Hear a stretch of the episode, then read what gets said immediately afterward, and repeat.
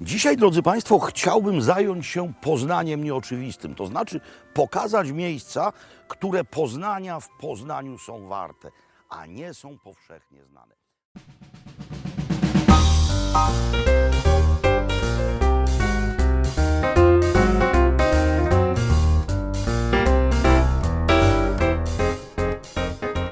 Dzień dobry, witam Was już w kolejnym odcinku Spoconych Bobrów. Mówię już kolejnym, ponieważ jest to odcinek jubileuszowy, bo aż dziesiąty. Tutaj myślę, że runda oklasków dla samych siebie. Brawo, gratuluję chłopaki. Jesteście z siebie dumni? Tak, bardzo. Rewelacja. E, super, że utrzymujemy taką e, równoległość e, i, i wypuszczamy odcinki co dwa tygodnie, tak jak zapowiadaliśmy. Ale ze mną, jak zawsze w niezmiennym składzie są Futrzak, dobry wieczór. Emset Dobry wieczór. Albo dzień tak dobry.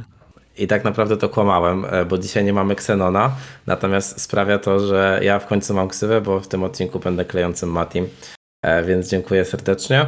E, Aczkolwiek e, fanom, fanom Xenona e, możemy trochę, trochę uspokoić e, serducha, bo, bo Xenon będzie z nami duchem, szczególnie w sekcji społeczności, także, e, także nic się nie musicie obawiać.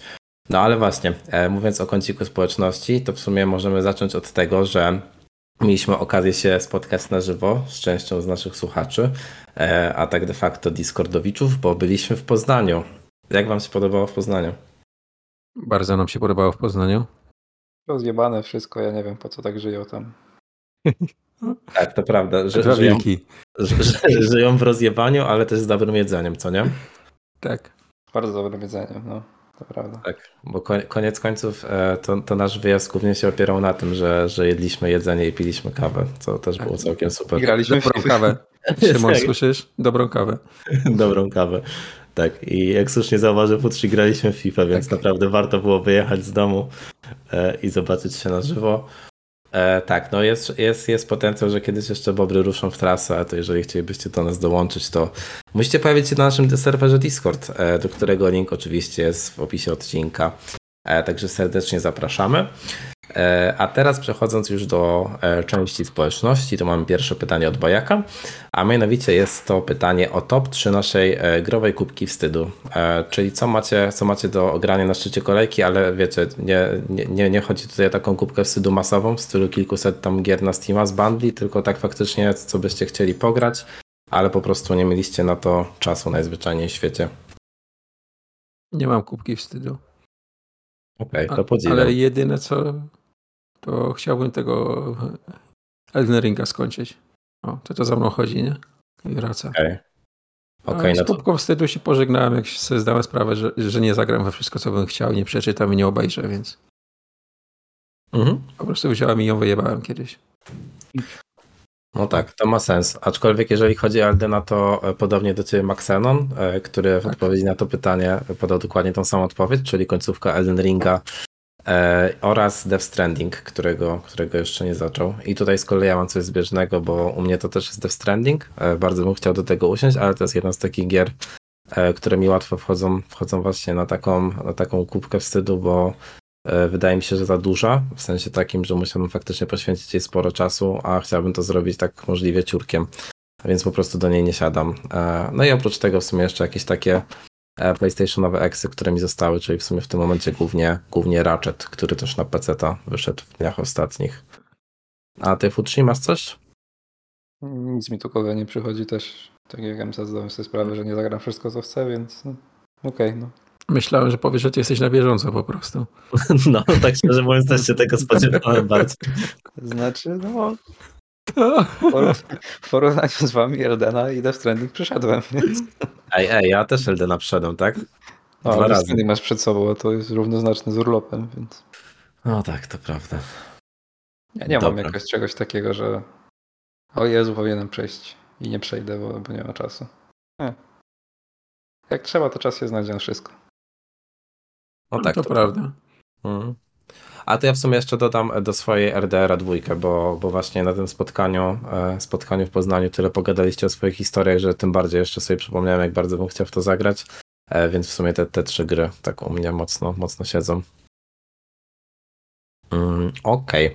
E, Następne pytanie mamy od Miszy, a Misza z kolei pyta o to, o październik, czyli nasz, nasz kochany październik, w którym wychodzi dosłownie wszystko i co byście z tego chcieli ruszyć w pierwszym, w pierwszym, e, w pierwszym rzucie. No i to co wyjdzie. Okej, A nie, no i i ja to jest Forza. realistyczne podejście. Ja czekam na Forzę, będę grał w Forzę. Jasne. Ja też myślę, że Forza jest najważniejsza dla mnie z tych październikowych. Okej. E, No to po- podobnie ma Xenon, e, bo Xenon powiedział, że skoro Forza wychodzi pierwsza, czyli też zakłada, że wyjdzie, to będzie to Forza, aczkolwiek główną premierą dla niego jest Spidey. E, No ja, ja, ja tutaj o Force, o Force nie planowałem zahaczać jakkolwiek, e, natomiast no, u mnie to jest taka, e, takie tak, trochę rozłamanie pomiędzy Spideym i Alanem Wake'iem.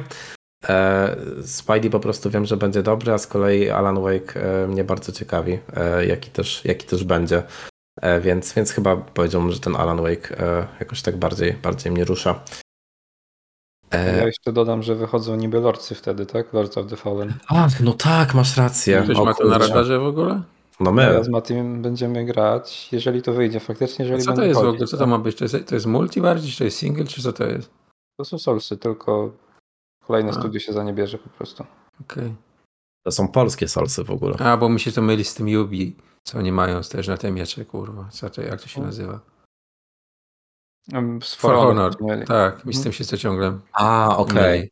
Nie, nie, to, to wiesz co, Lords of the Fallen już wyszło, a to jest Lords of the Fallen, tylko że... Tak, no, tak, już teraz kojarzę. Nie wiem, czemu mi się zawsze mylą te gry. Mhm.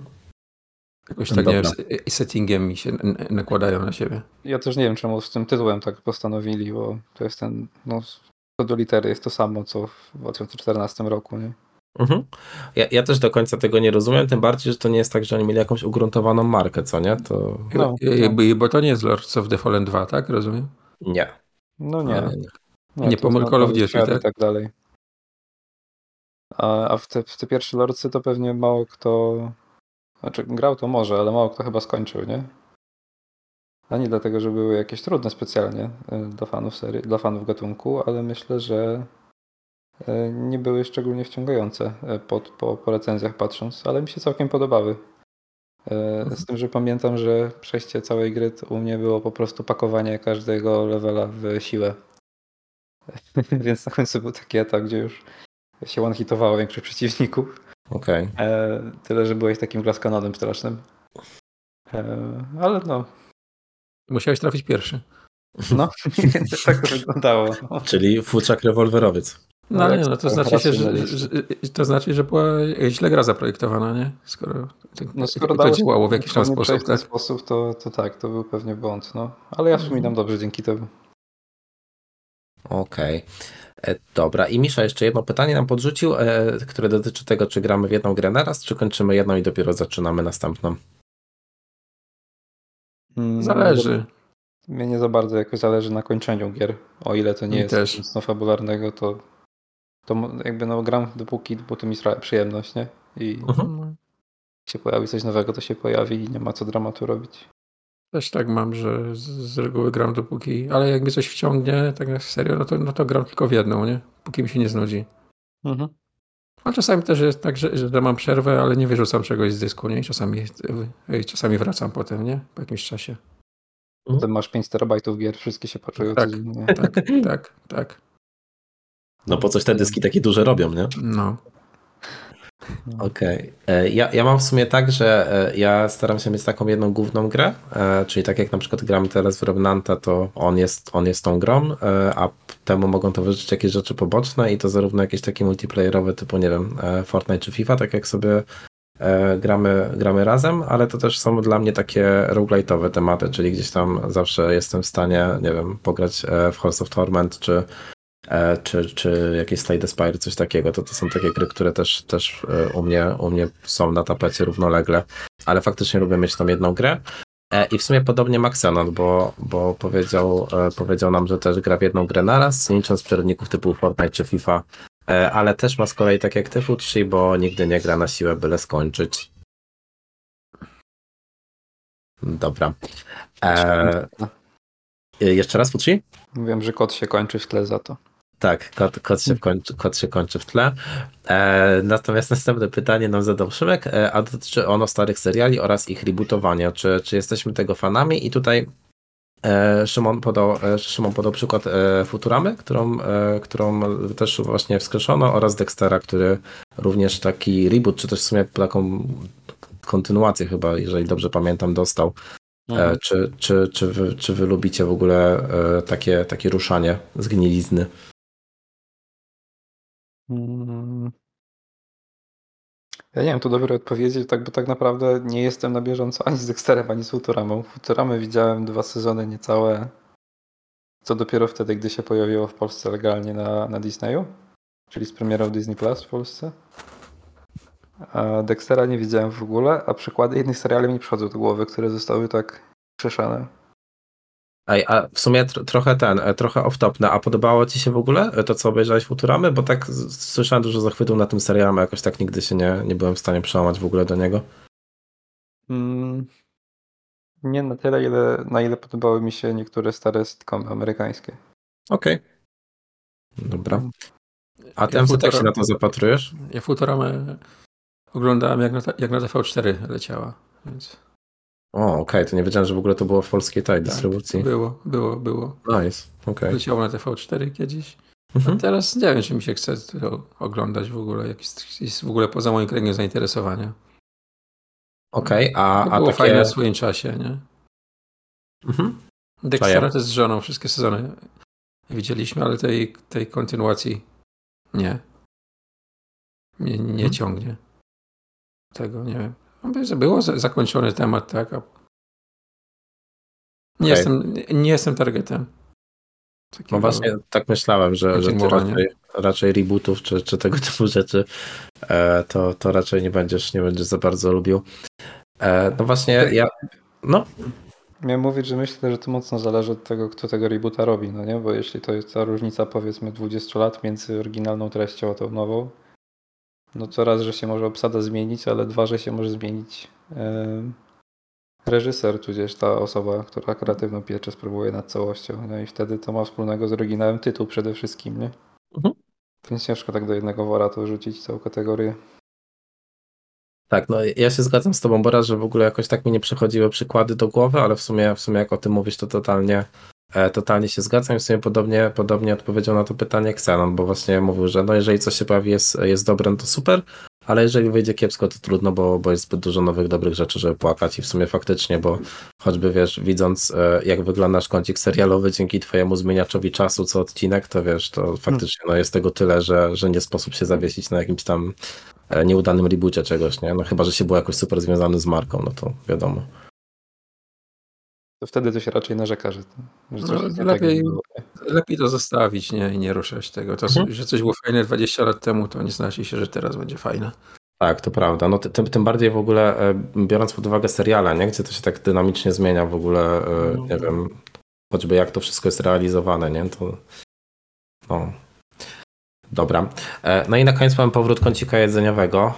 Kącik jedzeniowy podsunął nam w tym, w tym odcinku Sporniak.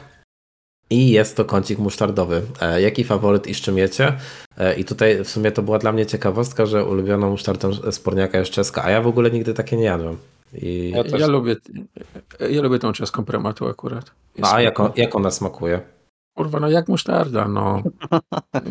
Jak gorczyca z octem, no Mati, co mam ci powiedzieć? Okej. Trochę kryliczki czujesz w tle, ale poza tym to to, to samo. No, z, z musztardą ciężko jest coś wymyślić, tak? No bo to... No nie. No, no co nie? No bo patrz, no na przykład dla mnie, dla mnie musztardy się bardziej różnią niż keczupy, no bo masz i na przykład takim moim klasykiem od zawsze była sarepska, nie? To od dzieciaka No. zawsze jadłem sarepską do wszystkiego. Ale potem odkryłem miodową, no to miodowa to jest zupełnie coś innego, No nie? to jest musztarda z miodem. No kurwa, ale smakuje zupełnie inaczej, nie? No to jak, jak do ketchupu dodasz miód, to też będzie całkiem inaczej smakował, kurwa. No ale potem na przykład odkryłem Dijon, też jest zupełnie inna, a potem jeszcze odkryłem francuską, która w ogóle już funkcjonalnie jest inna, bo jak sobie te kulki rozkładasz, to też w ogóle zupełnie inaczej możesz ją używać. A wiesz, że nie można ich gryźć, nie? Tylko trzeba połykać całe. Jaja sobie robisz chyba ze mnie teraz. Może. Jak pogryziesz, to przyjeżdża e, e, policja francuska, nie? Okej, a, a to, to brzmi jak, To brzmi jak rodzice mówiący, że ziarnko ci się w brzuchu zasadzi i tam No. rośnie Żandarm, wzrostu. e, żandarm Krisho przyjeżdża, jak on tam się nazywa. Ziarnko się zasadzi, słoik ci rośnie w brzuchu. Okej, dobra. A macie jakiegoś swojego faworyta tak konkretnie? Nie. Ksenon wspomniał o stołową musztardę Roleskiego i ja się jestem skłonny zgodzić. A, E, a jadłeś ją? No tak, tak, dla mnie to jest też myślę ulubione. Z tym, Okej. że chciałem dodać, że oni niedawno wprowadzali takie sezonowe, wydaje mi się, smaki. E, I jest jedna, która nazywa się California Style. Jest z mango czy z ananasu? E, Myślę, że przede wszystkim z jakimś barwnikiem ciekawym jest, e, ale bardzo smaczna. Tylko to jest taka słodsza i bardzo delikatna musztarda. To ja ich jadłem dobrą ten. mm, Z porterem. Dark Porter się nazywało czegoś tak. Mm, Okej. I była ten w stylu francuskiej, czyli były te kulki, z których nie można gryźć, nie? Zalane piwem. Ja, ja na, nadal nie mam pewności, czy, to jest żart ze mnie, czy nie, ale, ale pozwolę sobie sprawdzić to po nagraniu, żeby się teraz nie ośmieszać bardziej. E, ja, ja myślę, że e, ja, ja się nad tym zastanawiałem. Ja chyba myślę, że to będzie e, Kamisu, e, jednak e, ta sarepska, bo to jest takie go-to. Wiem, że zawsze mi Tak, a smakuje. to też, tego też jemy. Jak nie ma prymatu gdzieś, to, to bierzemy kamisa. Okej. No to dobrze. Kolejny będzie kącik ch- chrzanowy, rozumiem. Nie, kolejny Ja kącik chrzan. nam wisi parówkowy, bo to też Okej. zostało podniesiona No to dyskusja. jak, tak, no właśnie, no to. I, I też się wspólnie pytał, z czym jemy musztardę. A no właśnie, z czym jecie musztardę w sumie? Kiełbasą. Kiełbasa i parówki, no. Okej. I do No bo- grilla też się nadaje, nie? Do karkóweczki i tak dalej. Czy to, e, do kaszanki, o. Do, kusz- do kaszanki z grilla musztarda to jest must have, nie? Okej, no to u mnie w sumie tak samo, ale ja też właśnie e, o tej funkcji francuskiej to myślałem w takim kontekście, że na przykład jak robi jajka na bekonie, to jak się na to położy francuską, to to super smakuje razem. Polecam, jeżeli ktoś nie próbował. Okej. Dobra. Okay. Tak? Kładziesz ją na jajka czy, na bekon? E, no nie, no bo najpierw smażę bekon, potem rozbijam na to jajka A, i potem jak już tak, mam na ty talerzu, to tak. wtedy daję francuską, no. Okej. No, polecam. Bardzo ja fajnie. oddzielnie zawsze smażę. Okej. Na oddzielnej patelni bekon, na oddzielnej jajka. Powinien być teraz disclaimer na początku każdego Nie. że będziecie głodni, jak będziecie słuchać tak robię. społecznościowej. A próbowałeś kiedyś tak jak ja? Tak, próbowałem, bo ja tak robiłem ten. I, e, kiedyś tak robiłem takie e, muffiny, z- znaczy muffiny, no tak to się nazywa z, e, z chleba tostowego, nie? Że No, no, no, no. chleb tostowy z, e, z jednej strony smarujesz musztardą, z drugiej majonezem, No, w, w środek dajesz plasterek sera i to sobie tam e, po wierzchu z obu stron smarujesz masłem i to e, smażysz sobie na patelni, żeby ten ser się rozpuścił. okej. Na drugiej patelni smażysz boczek, na to dajesz jajko i potem tą kanapkę rozdziawiasz i w środek ten boczek z tym jajkiem wkładasz, nie? Mm, tuż, on tuż, on tuż, on tak, tuż. tak, tak, Tak to je, jest. ale, ale to jest tak zajebiste po prostu, że wiesz, Nie, że, to brzmi mega dobrze. że, że te muffiny z McDonalda to wiesz, chowają się, nie? Okej, to sobie A- spróbuję. No ale za, za często nie polecam, nie? Z, Nie, no z tak, przyczyn. tak. Le- Te wyniki, wyniki po te cholesterolu podziękują potem za No, to rozsądek prawda, ale, ale raz na jakiś czas lubię to sobie zrobić. Robię Okej. sobie takie dwie, jak zjem na śniadanie, to mam spokój prawie na cały dzień. No właśnie chciałem powiedzieć, nie, że to jest takie, że obiadu już, obiadu już nie No, no już tak. tak. ma. Okej. Nie, Trudno. nie zgubiłeś, jak powiedziałeś, że potrzeba dwie patelnie, żeby śniadanie zrobić. No, może zrobić na jednej, tylko, ty, ty tylko coś będziesz miał zimne, nie? Dobra. E, To jest w takim razie e, finał naszego kącika społeczności. Macie na co czekać, bo parówkowa rozmowa myślę, że może być mm, dosyć, dosyć intrygująca. E, Natomiast chciałbym, żebyśmy teraz przeszli do newsów. I pierwszym newsem, jaki mamy, jest to, że jej pokazało okładkę Simsów 5, a tak naprawdę to nie, bo pokazali okładkę wersji Ultimate EA FC24. No jest wesoło.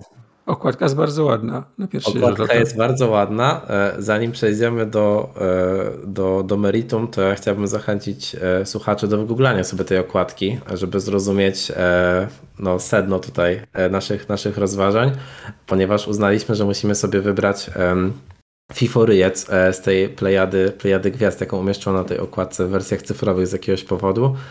E, Nie, no, czekaj, nie mówmy ludziom, tylko na okładce będą i będą musieli się sprawdzić. Okej, dobra, masz rację. W sumie okej, dobrze. To w takim razie e, zapraszamy do po prostu obejrzenia okładki. E, okładki tego odcinka. I, ale warto. I przyjrzenia się dłużej niż I kilka sekund. się, no, tak, zdecydowanie, bo, bo, bo właśnie uznaliśmy, że to jest taka okładka, na którą ma się tylko zerknąć, jak się bierze pudełko, ale czasem się nie przyglądać, bo naprawdę tam się dzieją takie abominacje, że to jest, że to Jak jest wszystkie, jak wszystkie te obrazki wygenerowane przez AI praktycznie, tak? Tak, tak, tylko że wyszło to spod ręki jakiegoś zapewne uzdolnionego, dobrze opłaconego grafika z jakiegoś Ja właśnie ja mam przeczucie, że mogli to e, e, rzucić na jakiś ten Znaczy, jak e, algorytm.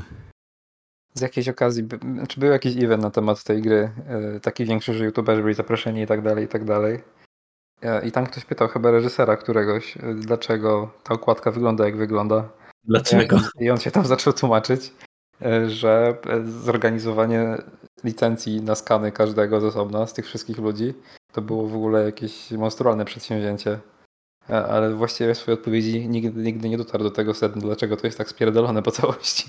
No ale to, ale to nie musisz zrobić skalów, no to ze, to ze zdjęcia zrobisz, nie wiem, No Wersję- skany, no, y, k- kartunową, tak? No ale po co to są skany? no, to już do niego pytanie. No. Kurwa, no. Możesz wysyłać na pewno, ja ci znajdę zaraz i adres do jej. Okej. Skany, skany możesz z, mieć w grze, rozumiem, no bo to jest trójwymiarowy model i tak dalej, nie? No to okej, wtedy to ma sens, ale to jest dwu, dwuwymiarowe zdjęcie. Na chuj tu skan, tak? Tylko wiecie, co mi się nie zgadza? Wiem, że nie mieliśmy gadać o konkretach, ale on, oni, e, bo zrozumiałbym to w przypadku tych ikon e, i no, no ty- tych właśnie tam powiedzmy z, z Card Hero e, ikon, tak? W sensie jakby piłkarzy, którzy tu są. Ale przecież oni wszystkie ligi mają już na tym skanie, oprócz, e, w sensie hiszpańska i Premier League na pewno są, e, są w tym full skanie, co nie? Że wszyscy przychodzą do nich. Czy wszyscy to mi się nie rozpędzał, ale na pewno sporo. No. Okej. Ci, co są raczej na okładce, to tak. Właśnie chciałbym powiedzieć, że Vini na pewno tam był na tym skanie, nie? A nie wygląda, nie wygląda, zdecydowanie. Ale Tam dobrze, nikt nie wygląda. no nie. Oprócz Halanda na środku. Tak. Okej, dobrze. E, to w takim razie... e, Ale z nim też coś jest nie tak, jak się tak przypatrzysz. Nie, nie patrz za długo mu w oczy, bo możesz się już nie obudzić nigdy. E, Jest takie ryzyko. Dobra. Słuchacze zachęcamy do wybierania swoich faworytów, bo jest, jest w czym przebierać zdecydowanie, także, także dobrej zabawy. I następnego newsa ma Futsi dla nas. Czekaj, muszę zaraz rozpisę zobaczyć, bo nie pamiętam. Um, Bo Microsoft sam się, podobno sam kupił się zgłosiłeś. No właśnie. a, no tak, to jest to, co ja wam mówiłem, że nic o tym nie wie i mi wkurwia już. Tak, E, dokładnie. Pan Microsoft prawdopodobnie w końcu kończy tą głupią batalię sądową i kupi sobie Activision. Więc Juhu. będzie na, będzie na Candy Crush wtedy zarabiał. Tak. I dostaniemy z- zepsute Call of Duty. Prawdopodobnie. Znaczy wy dostaniecie. My bo ja- dostaniemy, bo ja nie. będzie działające. Tak, warto, warto tylko z technikali wspomnieć, że ich goniły terminy dopięcia tego dealu e, pod tą, pod tą groźbą tej kary tak. finansowej, jeżeli nie dopną. Ale więc, przełożyli. e, Więc tak, więc przełożyli, ale to też z kolei oznacza, e, w sensie najważniejszy wynik dla graczy to jest to, że w Game Passie te gry będą jeszcze później niż zakładano, nie? Bo, bo się wszystkie te terminy przesuwają. No ale to miejmy nadzieję, że to już jest ostatni raz, jak o tym wspominamy, a potem Ale- tylko powiemy, że już No i Bobby musiał podpisać jakąś umowę z Filem. Lojalkę. Na gorszych warunkach niż mu Phil proponował wcześniej. na, na gorszych? Tak. Hmm, się, okej. Z tego co ja tam były gorsze warunki niż te, co przed tą całą sprawą wyszły to- z Microsoftu. To widzisz ciekawe, bo ja bym myślał, że e, z uwagi na to, że Activision tak długo trwa w zawieszeniu, to ma tutaj pozycję taką, No ale której- wiesz, no jak już, jak już, jak już Phil wiedział, że wygrali, no to, to on był na wygranej pozycji, nie? No tak, no też I to prawda. był na pozycji dyktującego warunki. Mhm. Teraz on jest sprite'a wypragnienia. Tak. Dosłownie, no. Okej, dobra, to już, już zostawmy ich w spokoju, niech sobie pieniążki przekazują pod stołem, e, a MSAT masz dla nas update, jeżeli chodzi Tak. o Force nadchodzącą. Tak. Był, był pokaz Forzy i dowiedzieliśmy się trochę więcej e, o tym, co w niej będzie. Więc tak pokrótce przelecę po tych. Mam trzy strony notatek, więc Rozsiądźcie się wygodnie. przygotujcie się, tak, rozsiądźcie się wygodnie. Jeśli chodzi o ilość samochodów, to będzie ponad 100. Niby nie jest to jakaś pokaźna liczba w porównaniu do poprzednich odsłon, ale ten nacisk mają być na auta stricte związane z motorsportem i torowym ściganiem się na asfalcie. Czyli będzie mniej takich y, wypełniaczy. Liczę, że nie będzie 17 wersji Nissana Sylwii i tego typu rzeczy, które mieliśmy, nie? Więc, więc dla mnie, jeśli to będzie 100, 100 fajnych i niepowtarzalnych aut, to będzie chyba bardziej na plus niż, niż na minus. 100 malowań nowego Cadillaca LMP.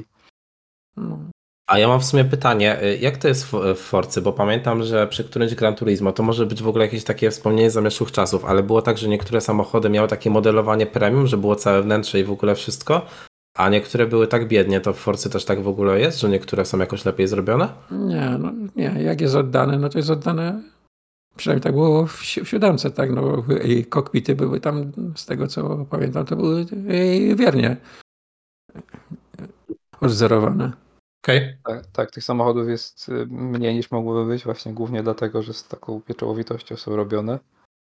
E, Tak No. samo jest w Gran Turismo obecnym, w sensie no, Mhm. ostatnim. Tym, że tam jest taki wyjątek, że są konkre- niektóre modele, e, nie wiem czy to są prototypy, czy to są robione tylko na potrzeby Gran Turismo. One się nazywają, e, jest nazwa tego modelu i potem jest dopisek Vision Gran Turismo, czy coś takiego, a może w innej kolejności. E, I w niektórych przypadkach tam wtedy nie ma widoku z kokpitu. W sensie w ogóle nie ma Mhm. opcji tej kamery, nie? Okej. Mm. Czyli nie zrobili po prostu. No, tam jest wyłożenie lachy. A poza tym to jest raczej, y, no, no zawsze poza tym jest, jest na poziomie takim naprawdę konkretnym. Okej. Także no jak robią, to robią, nie? Już tak wiesz, od A do Z.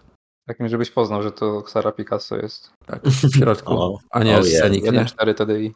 Poczułbym ten zapach tej tapicery. Mm. No. Dobra. Z, innych rzeczy tak, nie będzie dragów ani driftów, przynajmniej na, na początku, więc skupiamy się na stricte na ściganiu, tak? Natomiast no, pan, pan reżyser nie wykluczył, że w przyszłości kiedyś może dojdą. Yy, natomiast, natomiast takim korem był nowy system AI, który zaprojektowali specjalnie na potrzeby yy, tej Forzy. Z tego co mówią, to ma być bez cheatów, bez haków, bez rubber band- bandingu, bez naginania fizyki w grze. Mają te auta jeździć, tak? Czyli to, co było w, chociażby w, w Horizonie 5, że na najwyższym poziomie trudności yy, yy, przeciwnicy dostawali po prostu więcej przyczepności w zakrętach niż ty, nie? A, to, a to nie jest tak, że oni zawsze takimi rzeczami chwalą, a potem i tak chuj z tego wychodzi? No tak, tak, dlatego mówię, czym się chwalą, nie? Natomiast Okej. zobaczymy, jak to wyjdzie, tak? No, podobno poprzedni system drive ataru jest całkowicie zaorany, tak? Także oni go nie widzieli, tylko zaprojektowali całkowicie nowy. Obecnie jest skupiony na czystym, kompetytywnym ściganiu. Podobno. I tak jak w siódemce były trzy linie przejazdu yy, dla sztucznej inteligencji robione ręcznie przez niejaką Boni na każdy tor. Nie? Przepraszam, była Boni od linii przejazdu? Tak, tak, tak. Siedziała O. kobieta i robiła linię przejazdu dla sztucznej inteligencji. Miała stopce trzy, mailu. I były trzy na każdy tor tylko, nie? To tutaj jest y, 19 linii przejazdu na każdą trasę. I to ju- już jest y, y, y, y, y, machine y, learning, nie? A okej, Czyli myślałem, już że nikt razem... ręcznie nie siedzi, tego nie rysuje. Teraz była z kuzynką. Nie, tylko- myślałem, że Krajt ją zastąpił. Nie, nie, nie, nie, nie. Nie, już teraz, wiesz, Boni siedzi, znaczy straciła pracę pewnie, nie kobieta. Redukcja etatu miała miejsce. Tak. AI lepsze. Tak, a i lepsze. I było porównanie to samo auto na najwyższym poziomie z y, Forza Motorsport 7 y, kontra to samo auto y, na najlepszym tym poziomie z tej nowej Forzy na tym samym torze, tak? Było puszczone i na minutowym takim okrążeniu było 13 sekund różnicy, nie?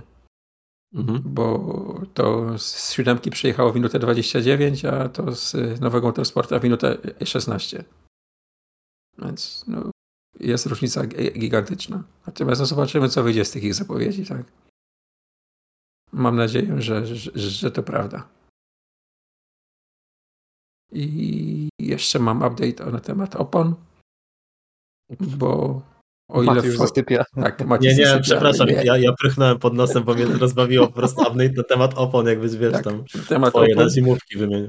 Nie, no bo tak, w siódemce mieliśmy jeden punkt e, kontaktu tylko opony z, e, z podłożem i to było jeszcze w 60 Hz liczone. E, W, w nowej mamy tych punktów kontaktu 8 i w 360 Hz. To jest, wiesz, odświeżane, Jezu, nie? Ale Więc- herców. Więc no, to ma radykalne przełożenie też na, na, na jakość przejazdu. Tak jak w siódemce na przykład w ogóle y, karby nie były brane e, pod uwagę. Nie? On, one niby były, jak na nie najeżdżałeś, ale no, to nie zmieniało w ogóle przyczepności. Maty bo nie ten silnik nie pozwalał na to. Ja się Tak. tylko domyślam. No nie, w sensie Takie- tak mówię, że może powiedzmy Y, dla y, Krawężniki y, biało-czerwone, co masz na O. zakrętach trasy. A, polskie, polskie okej. krawężniki. No, no Jak- to, to jak- są jak- karby. Jak w aucie wibruje. Tak, tak, ale to tylko robiło wi- wibrowanie i nic więcej. Tam była taka sama przyczepność jak na asfalcie. Okej, okej, okej. No, tu, tu, tu już tak nie będzie. Więc, więc tyle. A jeszcze temperatura wpływa na jakość przyczepności. O, Będzie się topił asfalt, jak na autostradach? Tak. Okej, zajebiście. Dobra. Także tyle. Czekamy na motorsport. No nie, to, to w sensie nie, nie ironicznie e, jakby brzmi jakby było na co czekać, nie? W sensie brzmi jak istotne zmiany. No, tak, no takie dosyć. Znaczy, no wiesz, no, od czasu siódemki nie wiem ile lat minęło, ale to jeszcze wyszło na. Na łanie, nie? Tak, i to jakoś tak na początku chyba, nie? Mhm, mhm. Też właśnie mi się wydawało, że to już kupa lat. w 17. No, to już 5 lat minęło, więc no, czas na taki update duży. No prawie 6. Na serio liczę na tą sztuczną, na tą sztuczną inteligencję, że rzeczywiście będzie Mhm. sensowna, nie? A nie taka, że znowu będziemy na nią narzekać. Ty jeszcze nie wspomniałeś, bo pokazywali gameplay na kierownicy. A, e, tak. a kierownice nie były za bardzo. W sensie nadało się grać na kierownicy w poprzednie motorsporty, ale to nie było optymalne doświadczenie. E, A teraz Tak. już mówią wprost, że od początku o tym, o tym myślą, e, sami grają na kierownicach, jak testują i, i że teraz to już ma działać. Nie? Grają na, na Logitechach G920. Tak, to jest trochę smutne, ale ewidentnie tak, tak, se, tak im ta- tabelki pokazały, że tak to się opłaca. Więc... Znaczy, no, że to jest na, więcej- najbardziej popularna kierownica, a tak wśród no. graczy. Także wszyscy teraz masterowcy i fanatykowcy trochę, trochę Tak. się śmieją, ale cieszą się, że coś będzie. Okej, no to dla ciebie też fajna zmiana, nie? Bo pamiętam, że ty chyba kiedyś na to No. narzekałeś. Tak. No, tylko będzie musiał sprzedać tego Transmastera i kupić Logitecha, nie? Okej. Dobra. E, Okej, następny news jaki mamy to jest informacja o tym, że wychodzi e, Call of Duty Modern Warfare 3. E, Któż się tego spodziewał? E, Ta wiadomość e, wyciekła dwutorowo. E, Po pierwsze są testy wewnętrzne i niektórzy na Twitterze zdecydowali się podzielić rzeczami, których pokazać nie powinni. Oraz wyszło promo bodajże z Monsterem i jakieś promo grafiki też, też pokazują, że to jest MW3. E, Czyli jak być może pamiętacie, w, w, na, na łamach podcastu wspominaliśmy Wam o tym, że najpierw miało być DLC, potem jakiś expansion, a koniec końców wyszła pełna gra. No i w sumie jest to MW3 i ja jestem trochę zdziwiony, że to jest MW3, tak szczerze. W sensie, że e, nie robią, wiecie, tej przeplatanki swojej klasycznej, nie? czyli Black Opsy czy cokolwiek innego. No może dlatego, że to się najlepiej sprzedaje? No, Modern Warfare tak. jakoś tak naj... Ja myślę, że jest I, łatwy pieniądz. Myślę, że jest problematycznie, jak robią to mieszanie Warzone'a z dwóch serii i uznali, że nie ma co, co utrudniać życia dalej. No. A potem to już niech się film martwi, nie? Ale właśnie wiecie co, ja się zastanawiam, kurczę, po cholerę jest ta odsłona tak, tak w ogóle. W sensie, e, no bo te multi, e, multi i tak właśnie zeszło na tą ścieżkę częściowego zaniedbania w MW2. E, No i jakby, znowu teraz multi ożyje jakiś czas, jak to wyjdzie, w sensie to zwykłe. Tak, no Bo bardzo ludzie kupią, nie? No i przypływ gotówki coroczny będzie, nie? No i tyle, no. hmm. No tak, w sumie macie rację, zważywszy na sprzedaż tego, to chyba zawsze się opłaca, No. co nie? Nawet jeżeli to miało Tak. coś nieznaczącego nawet z perspektywy gdzieś tam e, tego dedykowanego player base'u. Okej. No dobra, aczkolwiek jak wyjdzie to MW3, to w Tesco w UK nie kupicie go już w pudełku, e, ponieważ e, Tesco jako, jako jeden z największych retailerów w UK wycofuje się w ogóle z handlu pudełkami. W ostatnich miesiącach właśnie były gigantyczne przeceny na pudełka, totalnie się wyprzedawali z asortymentu, no i faktycznie całkowicie się z tego wycofują. Ja myślę, że Vivat Tesco UK. Brawo. Brawo. Niech żyje. Brawo. Niech żyje Tesco. coś Ale nie w Polsce. Coś, coś wam wyszło za tą miedzą i wodą, naprawdę. Jednak, jednak coś się udało. Jednak się opłacało wyjść z tej Unii, nie? tak, dokładnie, żeby podjąć dobre kroki. Ale nie, no fajnie, w sensie jakby to, to jest taki duży, duży krok, nie? E, wiadomo, wiadomo że, że pudełka, no to w tym momencie są już, są już trochę dziwną instytucją, e, więc, więc no, im, im bardziej w cyfrę, tym, tym lepiej. Mm. Pasjonaci plastiku muszą się na Lego przerzucić, tak. jeszcze tego nie zrobili. Mhm. Tak, no ca cała kolekcja na Xboxa 360 czeka do kupienia w cenach od 15 zł za sztukę, więc, więc można dalej się, dalej się ekscytować. E, ok, no właśnie, e, a jak już mowa w ogóle o Xboxie, e, to Microsoft zrobił niemałe zamieszanie, bo ubił całkowicie Golda, czyli w sumie coś, czego wszyscy chcieli. Natomiast to, co zrobili zamiast tego, wprowadziło takie zamieszanie w sumie w ich ofercie subskrypcyjnej, jak PlayStation, gdy wprowadziło te dodatkowe tiery plusa. Mm, bo zaprezentowano nam Xbox Game Pass Core. No i hmm, to jest Game Pass, który ma tak de facto granie po sieci, czyli wcześniejszą zawartość Golda oraz taki zestaw gier, który ma tam mieszankę first party od, od Microsoftu plus jakieś, plus jakieś tytuły first party. Natomiast to nie jest Game Pass, który daje wam Game Passa. Tak, tak de facto. To jest Game Pass bez Game Passa. To jest Game Pass bez Game Passa.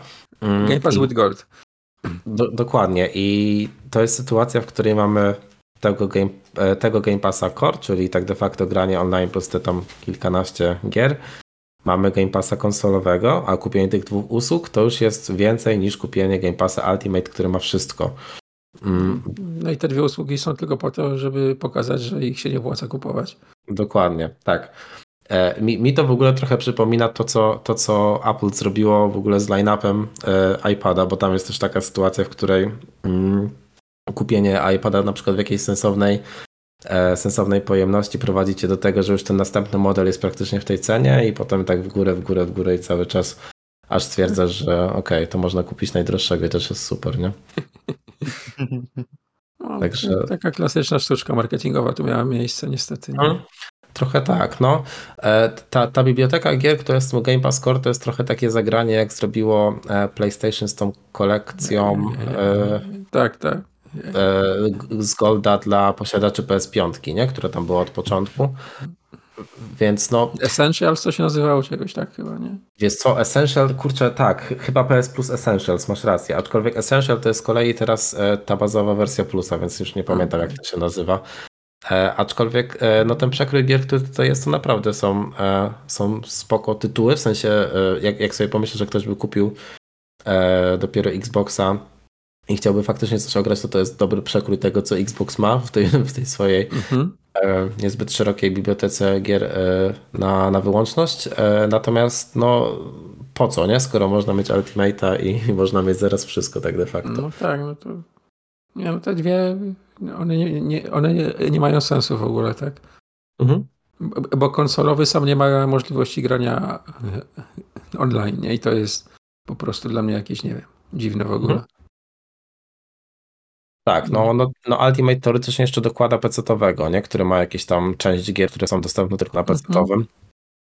A, ale no faktycznie e, faktycznie to zrobiło takie zamieszanie, e, że, że to, co zrobiło PlayStation, to, to jest prawie, że nic nie? w tej sytuacji.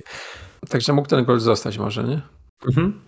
Tak, Bo ale... Się, no. Skończy się tani Game Pass, tak? Skończy się tania konwersja mhm. E, z Golda na Game Passa bo nie będzie gdzie co konwertować, więc w końcu trzeba będzie płacić full price. Tak. Kiedyś, kiedyś Polak musiał zostać opluty tak. e, przez, przez USA i to jest, to jest ten moment. Tak. E, aczkolwiek ja się zgadzam z tym, co ty Amsat mówisz, że to jest e, celowa taka sztuczka, bo wydaje mi się, że wprowadzenie tak dużego zamieszania w próbie zrozumienia, czym jest dana, dany dana jakby no, no dana, dany wariant usługi prowadzi do tego, że chcesz mieć tą, która ma to wszystko i mieć to tak, z głowy. Tak, tak, tak, tak. To, to księgowi I... z marketingowcami wymyślili, nie? Mhm. No, dokładnie. I głowa automatycznie idzie do tego, więc, więc no myślę, że to głównie tym podyktowane. No, a można też sprzedać Xboxa i nie mieć tego problemu w ogóle, co polecam serdecznie. E, Okej. Okay. E, problemu e, też po, pozbyli się w e, CD Projekcie, bo Redzi, Redzi ogłosili, że będą zwalniać niemal 10%, um, 10% ze swojego teamu. E, No i tłumaczenie jest, e, jest tak korpo, jak tylko może być, bo, bo CEO powiedział, że e, oni by bardzo chcieli, żeby ich teamy były agile oraz bardziej efektywne, więc no już, już bardziej, bardziej, bardziej się nie dało. E, Także no, jest to, jest to o, nie dziwne w ogóle w kontekście całej sytuacji, e, którą mamy, e, mamy na rynku, jakby oczywiście nie tylko giereczkowa, ale mnie w sumie dziwi w kontekście tego, ile oni mają rzeczy w rękach, co nie? Tak rozgrzebanych. Widać był Mhm. potrzebny wynik na szybko gdzieś tam w jakąś KPI-u. Tak, ja to myślę, prawda. że to jest tylko i wyłącznie kwestia tego. Znaczy, może tylko i wyłącznie to przesada, ale głównym powodem tego jest to, że pokleili Cyberpunka i pewnie dodatek też już kończą robić, bo premiera jest niedługo. No. E, Więc te taty, Hmm. co były do tego, no to galo, nie? No tak, w sumie masz rację. Nie pomyślałem o tym jakoś. Hmm. Bo na pewno było sporo takich e, pozycji, nazwijmy to, które się nie tłumaczą zbyt dobrze do powiedzmy kolejnego projektu z Wiedźminem, nie? Jak ktoś Mhm. powiedzmy siedzi w Cyberpunku albo siedzi w sensie w samym tym klimacie, albo siedzi, nie wiem, w, w historii Stanów, no to no po chuj taki ktoś jest do, do Wiedźmina. Mhm. Tak, tak, to prawda. No, no bo w sumie faktycznie wśród takich zapowiedzianych projektów to chyba zostało to, nie? Chyba tak, no No. nie wiem, czy coś jeszcze chyba głośno nie mówili o niczym innym, no. Tak, no w sumie jak ten. Jak, jak... myślę, że też się nauczyli na, na tej premierze, że marketing to lepiej zacząć, jak będzie faktycznie premiera w zasięgu, a nie. A nie 7 Mm. lat wcześniej. No, Ojej, no to Jakimiś- chociaż, jakimiś chociaż tyle. Tak, prawda. E, Okej, dobra, ale nie wychodząc z polskiego podwórka, to mamy, mamy jeszcze jednego ostatniego newsa, a mianowicie e, informację, że Techland został kupiony przez Tencent. Tak. No i Wszyscy powiem są wam, wszędzie. że tak, raz, że są wszędzie, a dwa, że się wyjaśnia, skąd oni mieli pieniądze na to, żeby wysłać spot na, do Jeffa, a jeszcze się cały nie wyświetlił, nie? Tak. No, no nagle, nagle wpadły pieniądze. No ale tak, tak serio, no to nie wiem. Nie wiem, co o tym sądzić. Poznaliśmy przy tym też y, faktyczną cenę Techlandu, która wynosi no, razy drzwi około 2 miliardów dolarów, bo tutaj Tencent kupił 67% udziałów i to było 1,5 miliarda. Czyli, czyli pan Marchewka za- zadowolony. E, pewnie tak, no. Nie, To nie była wiem- spółka nie- nie wiem, czy notowana na giełdzie, nie? Nie Eee. był na giełdzie. To była dalej r- prywatna, rodzinna firma chyba. No nie widzę, żeby byli, więc pewnie, pewnie masz rację. Mhm. Więc to pan Marchewka zarobiony, nie? No, szkoda, że tylko on jest szczęśliwy z tego powodu, no ale No, to prawda. E, no nie wiem, no oni się tak e, rozrastają embracerowo, jeżeli chodzi w sumie o, za, o, o zakupy. Natomiast no nie, nie wiem, czy, czy wy na ten moment byście czekali na coś od Techlandu. W sensie mm, ja mam wrażenie, Nie, że tam by może- się musiało coś, e, sorry, Fuczy, tylko dokończę myśl, że tam by się Mhm. coś musiało gruntownie zmienić w ogóle w ekipie, bo, bo to podejście do game designu jest jakieś takie bardzo jednorodne, mam wrażenie, u nich od lat. I bardzo widzieliśmy to w Dying Lightie drugim i tak, nie wiem. no tam jest albo Call of Juarez, albo Dying Light, nie? Nic innego nie ma. To jest bardzo archaiczne już podejście, nie? Tak, tak, I- dokładnie, archaiczne. No. I niczym Tak się nie robi gier. cokolwiek następnego od Techlandu, to myślę, że o Jezu, no nie no, bardzo długo to będzie. Ej, a, a słuchajcie, czy oni nie teasowali tego em, e, czegoś takiego średniowiecznego? Em, Coś mi się kojarzy, że na jakimś. E, Znaczy tam w maju był news, że oni pracują nad AAA-em jakimś fantazy. E, No. Open Worldem. tak, E, tak, tak, tak. Tak, tak, że- tak, no ale śnić mi to- się, że będzie reskin Dying Lighta, nie? Mhm, racja, racja, racja, No, racja. Bez parkouru może. I tam widzę, że są y, Narrative Director i Narrative Lead z CDP-u, co robili Wiedźmina dwójkę i Wiedźmina trójkę i DLC. Mhm. Tak, widzę, że jacyś ludzie z Ubisoftu, z Arkane, z Guerrilli. Okej. Że to chwalenie się obs- obsadą z CDP-u, to nie wiem, czy takie dobre jest, bo to ci menedżerowie tam głównie myślę zawolali terminy właśnie, nie? Jejku, tak. No ale Boże, to, to już w ogóle nie, nie wiem, to, to pewnie bardziej jest kwestia kompania się w tym... branży. No właśnie, nie? W sensie właśnie chciałem powiedzieć, że to już pewnie kwestia kompania się w tym takim polskim sosie, ale to już jest takie memiczne, w sensie jakby no tym się już nie chwalisz, nie? No, nie wiem, co to znaczy tak naprawdę na ten moment, bo wszyscy pracowali przy tym Wiedźminie już. Tak. Kto nie pracował, kurwa. Chociaż sprzątała wtedy lepiej. Tak, dokładnie. No, to, to no, na razie dostaliśmy jednego arta, nie? Jakiegoś konceptowego z tego. Ja to nie wiadomo, czy tam coś jest w ogóle, nie? No, Mhm. no. Myślę, że dokładnie jak to. zmienił się większościowy ten udziałowiec niby, że, że dostali wolność i tak dalej i całe wszystko zostało przy nich, ale to wiesz, takie pierdololo jest tak. Rządzi ten, kto ma 67% akcji i tyle, nie? Dokładnie. Czy tam akcji, czy tam, akcji, no, czy tam pakietu, tak, no. Nie wiem, jak oni tam sobie, sobie to wymyślili, tak, ale... Tak, uwielbiam właśnie jak w takich sytuacjach, e, no przejęcia praktycznie filmy, tak, w sensie większościowych udziałów jest właśnie ta narracja, że no tak, to dla nas jest głównie swoboda, a, a nie Tak, wiecie, tak. jakieś Tak. ograniczenie, nie? Tak, Wszystko musimy się martwić o pieniądze, nie? Tak, tak, tylko teraz strumyk pieniędzy będzie nas wpływał na Tak, konto. Nie, no Ktoś to, przecież y, charytatywnie będzie ich, wiesz, utrzymywał. Nie? dokładnie tak to działa. Miłośnicy polskiej kultury spod Wrocławia. Wiesz, chińska bandera będzie w tym open No world. ale to wejście tych Chińczyków na rynek, no ja tak nie bardzo wiem, po co oni wchodzą, tak? Bo u nich e, te gry są bardzo mocno, nie wiem, no nawet e, prześladowane można powiedzieć tak na rynku, więc No. oni, oni nie będą robić gier na, na chiński rynek, nie? No nie, nie, nie, nie. Bardziej może to jakąś tam e, e, kulturową e, dominację chodzić, no bo nie mam, nie, nie mam tak naprawdę pojęcia, po co ten cent dalej jest. No. Żeby robić cash. Tak, Do no. samego Techlandu to jeszcze wam powiem, że obecnie bardzo prężnie rekrutują, jeśli ich strona jest aktualna. I dosłownie co sobie nie wymarzy, że chcesz robić w game devie, to u nich jest, jest otwarta, otwarta pozycja na to. O, marketing. Także właśnie tak dobrze idzie chyba. Mhm. Okej. Dobrze, to ja w takim razie rozważę swoją przyszłość e, zawodową, Okej. ale, ale na ten moment e, chciałbym nas już e, przenieść do gier. E, no i na początek mamy grę, która się trochę stała taką grą, grą odcinka, a mianowicie Tak. Remnanta drugiego. Opowiadajcie, bo jestem ciekawy. Tak. E, się stała. No kurczę, tak. No już jest, jest tak dobrze. E, Graliśmy my z Futrzim e, i w sumie e, w sumie mi się, mi, się, mi się gdzieś tam e, podobały już te pierwsze zapowiedzi, ale to głównie dlatego, że właśnie ten pierwszy Remnant mi się zapisał w głowie jako coś, co chciałem sprawdzić, a nikt nie sprawdziłem. E, No i Futrzy namówił i kompletnie nie żałuję. Fajnie jest, co? Jest Wiecie, czym jest ta gra w ogóle? Jakby ktoś nie, Jak- nigdy nie widział. Jak W ja. każdej recenzji będziesz czytał porównanie do, do Soulsów, ale to wynika z tego, że jest relatywnie wysoki poziom trudności i każdy level jest wieńczony walką z bossem. Okej. Natomiast w podobieństwach chyba tutaj się, takie, no takie największe, to tu się będą pewnie kończyć, nie? W sensie, no to Strzelamy, jest przede tak? wszystkim, przede wszystkim strzelanie właśnie, a nie walka wręcz. Mhm. Jest jedna Tak. klasa, która ma rzeczy, nazwijmy to pod walkę wręcz, ale to jest no jedna, nie?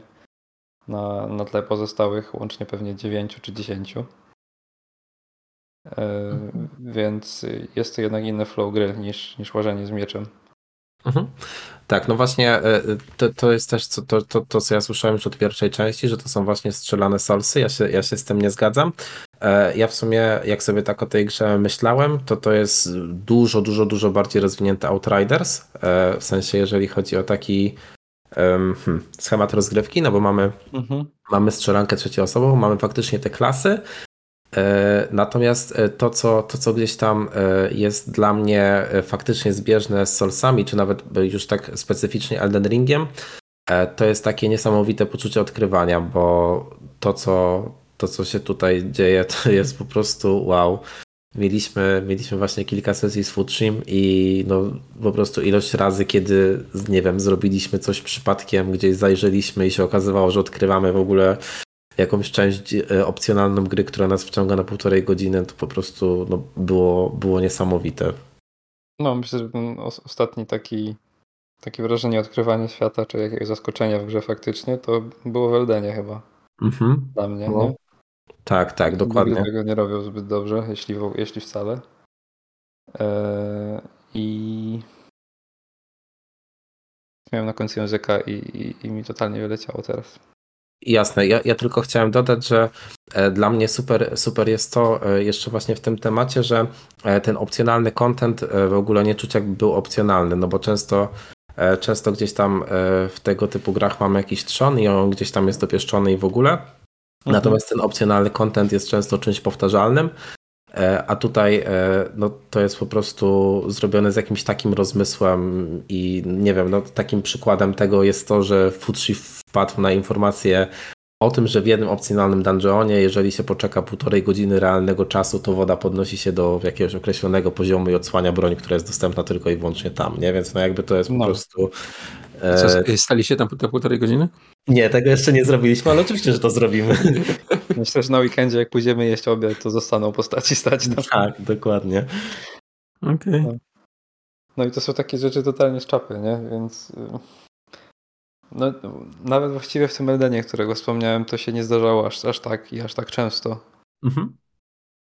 I to jest największa, e, największa moc tej gry, myślę. Bo to nie jest tak, że nie ma żadnych bolączek, ale te bolączki są przede wszystkim techniczne, a nie, e, nie gameplayowe. Nie? No to jest jeden z tych pierwszych y, dużych tytułów, które są tylko na obecnej generacji i są na Unrealu 5 zrobione.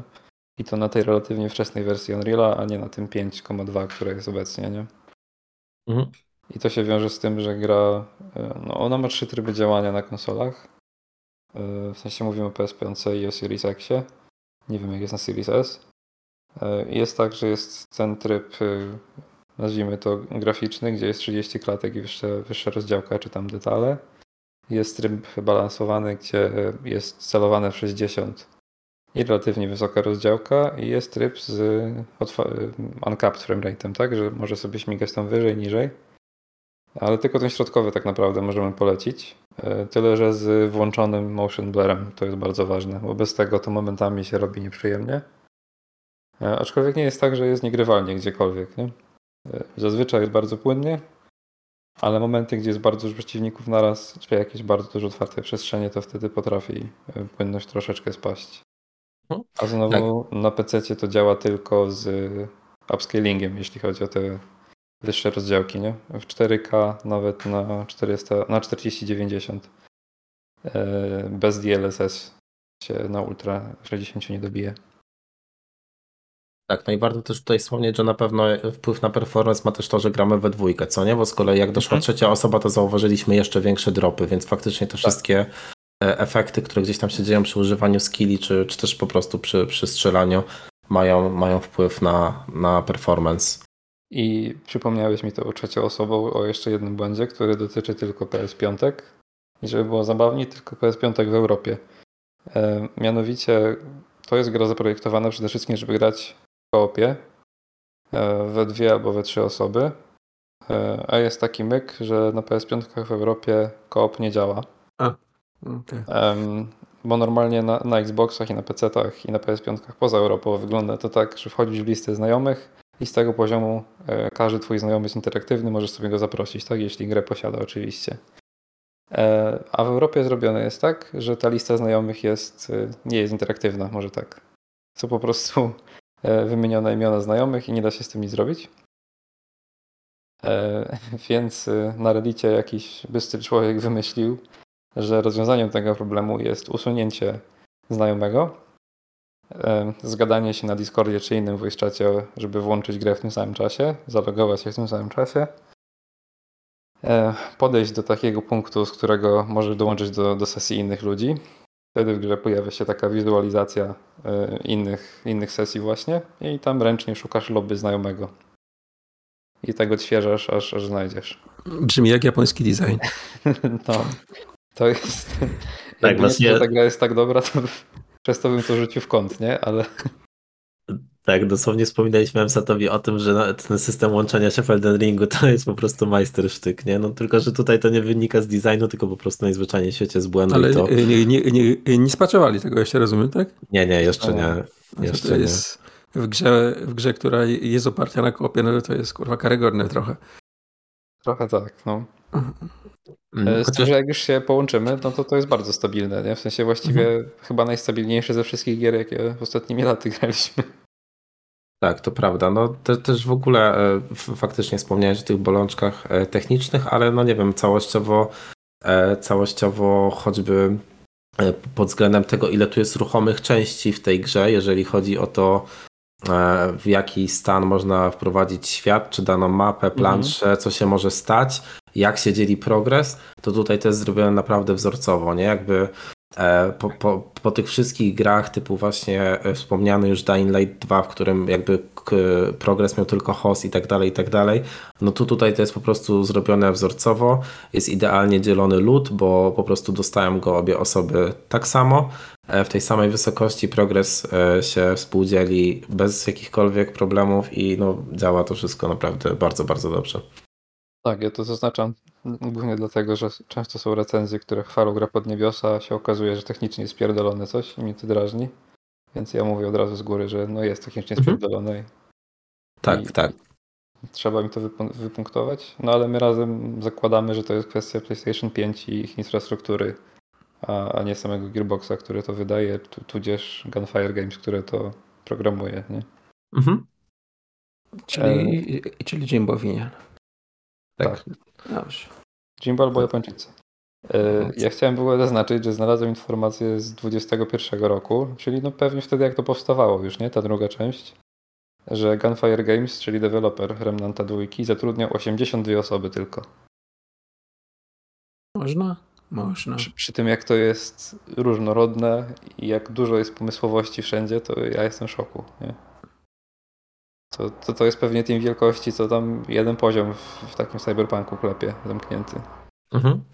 Tak, no właśnie biorąc pod uwagę dzisiejszy game dev, to to jest naprawdę relatywnie małe studio, nie? W sensie, że niektórzy by się pewnie pokusili o jakieś super rozwinięte indie e, Mhm. czy coś takiego, a, a tutaj no naprawdę, nie wiem, no robi, robi to ogromne wrażenie, jaki, z jakim rozmysłem jest robiony ten, ten design i e, tak jak właśnie e, mam bardzo dużo do zarzucania Ubisoftowi za tą taką, nie wiem, bezduszność tego wszystkiego, czyli właśnie to, to o czym też gadaliśmy w kontekście obaw, e, jeżeli chodzi o Star Wars Outlaws e, i jak będzie napchane zbędnymi side missionami ta gra, no to tutaj po prostu wszystko, wszystko jest napędzane jakimś ciekawym pomysłem i nie wiem, nikt nie każe nam szukać e, chuja w śmietniku, nie wiem, trzech skór bobra czy coś takiego.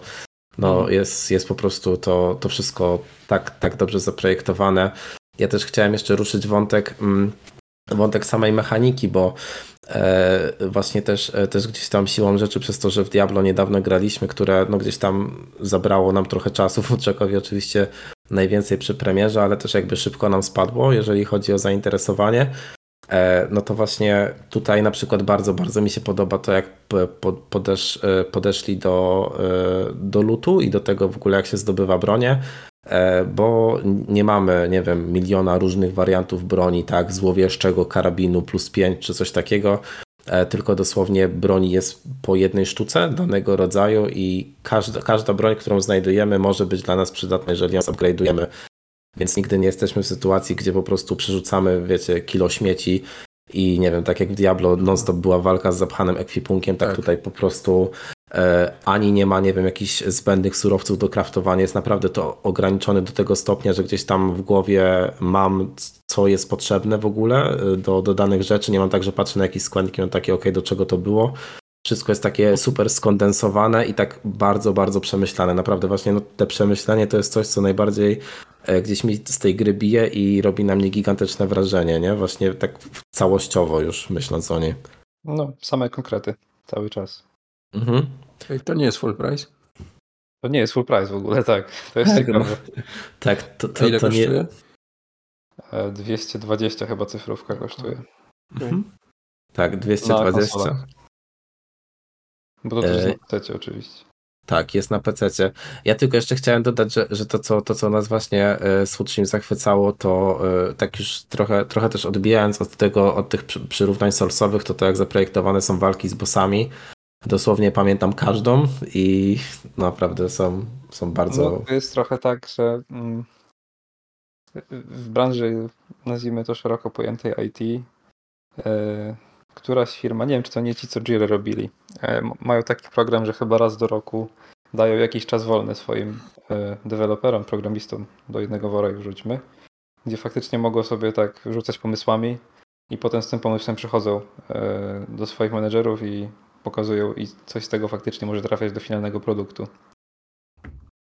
E, ja mam wrażenie, że to, tutaj tak e, większość gry powstała. że po prostu podzielili się na jakieś grupy i ktoś miał dobry pomysł i ten pomysł został rozwijany, nie? I tak każda grupa z osobna i potem dostajemy takiego składaka, gdzie wszystko jakoś zbierane do kupy jest bardzo, bardzo zgrabnie i, i wszystko się wyróżnia. Faktycznie super, że o tym wspomniałeś, bo, bo to jest coś, o czym, o czym też e, właśnie gadaliśmy podczas grania, że mm, ta gra ma na przykład bardzo duży miszmasz przeciwników w, jednym, w, jednej lokacji, powiedzmy, tak? W sensie, że nie jest Mhm. jakiś styl tych przeciwników narzucony, tylko dosłownie może mieć robota, szkieleta e, i nie wiem, coś takiego no bardziej w stylu jakiegoś robaka, tak? I w sensie jakby to wszystko jest w jednym powiedzmy biomie czy cokolwiek, ale nadal to nie tworzy jakiegoś takiego uczucia niespójności. Plus ten, ten design e, w ogóle całej gry w sensie wizualnym jest na tyle elastyczny, że wszystkie te biomy są naprawdę bardzo zróżnicowane wizualnie. E, jakby ta, ta gra nie ma, na przykład jak, jak o niej myślę, to nie mam jednego koloru w głowie, czy jakiegoś takiego e, charakterystycznego pomysłu na, na Enviro, tylko właśnie wszystko jest takie różne, ale jakimś cudem to gra, nie? Więc jakby totalnie, totalnie to, co mówisz Futrzy, to tutaj, tutaj jakby miałoby sens, nie? Że, że wiesz, że wszyscy mają jakieś swoje różne problemy, ale i tak jesteśmy w stanie to rzucić i jakimś cudem zrobić z tego w ogóle strawną mieszankę, nie? To jest no, niesamowite, naprawdę. Żeby takich więcej tylko było, no. Tak. Ale to, Żeby to jest też tak, że jak ktoś e, nie jest bardzo proaktywny w szukaniu wszystkiego we wszystkiego we w grze, w grze no to może tu trzy czwarte gry pominąć zupełnie, wydaje mi się. Mhm. Bo to, no nawet ten ostatni boss, z którym się biliśmy, e, możemy powiedzieć, że to jest duży obiekt latający po świecie. To było tak, że właściwie tego bossa się można w ogóle go nie spotkać, jeśli nie zaczniesz nagle strzelać do czegoś, co wygląda jak część otoczenia w danym biomie, nie? Tak, No, dokładnie. Nie, nie, nie triggerujesz na żadnym etapie, tylko trzeba faktycznie wejść, z nim- wejść z nim w interakcję, e, a przez większość czasu jest no nawet niewidoczne, jak kamerą nie spojrzysz w górę. Mhm. Tak, no ty, ty, właśnie to jest, to jest super, że y, tyle, tyle tego kontentu jest opcjonalne, ale właśnie jednocześnie czujesz, że ta twoja ciekawość jest wynagradzana, nie? Bo zawsze jak właśnie znajdowaliśmy już jakieś e, jakieś e, dodatkowe przejście właśnie czy do dungeona, czy czegokolwiek, to zawsze i tak to sprawdzamy, zanim pójdziemy tym głównym wątkiem, którego praktycznie w ogóle nie mamy ruszonego za bardzo, bo jakby te wszystkie opcjonalne aktywności nam zajęły tyle czasu, bo są na tyle dobre, nie? Jakby, no, to jest... Ale też wow. kolejny przykład mogę podać portal, który y, zmienia miejsca, do których teleportuje. Mhm. E, I są takie y, w tej rotacji tych miejsc, są takie, gdzie po prostu wchodząc umierasz od razu, bo spadasz w przepaść. E, A mimo tego, jak próbujesz dalej, no to w końcu dochodzisz do momentu, gdzie zyskujesz broń i pancerz, nie? Kolejny. Totalnie pochowany i opcjonalny w grze. Tak, dokładnie. No w, w tym portalu na przykład ten punkt spadku, powiedzmy, bo tam są trochę zabawy perspektywą, grawitacją i tak dalej, wygląda jakby się spadało w przestrzeń.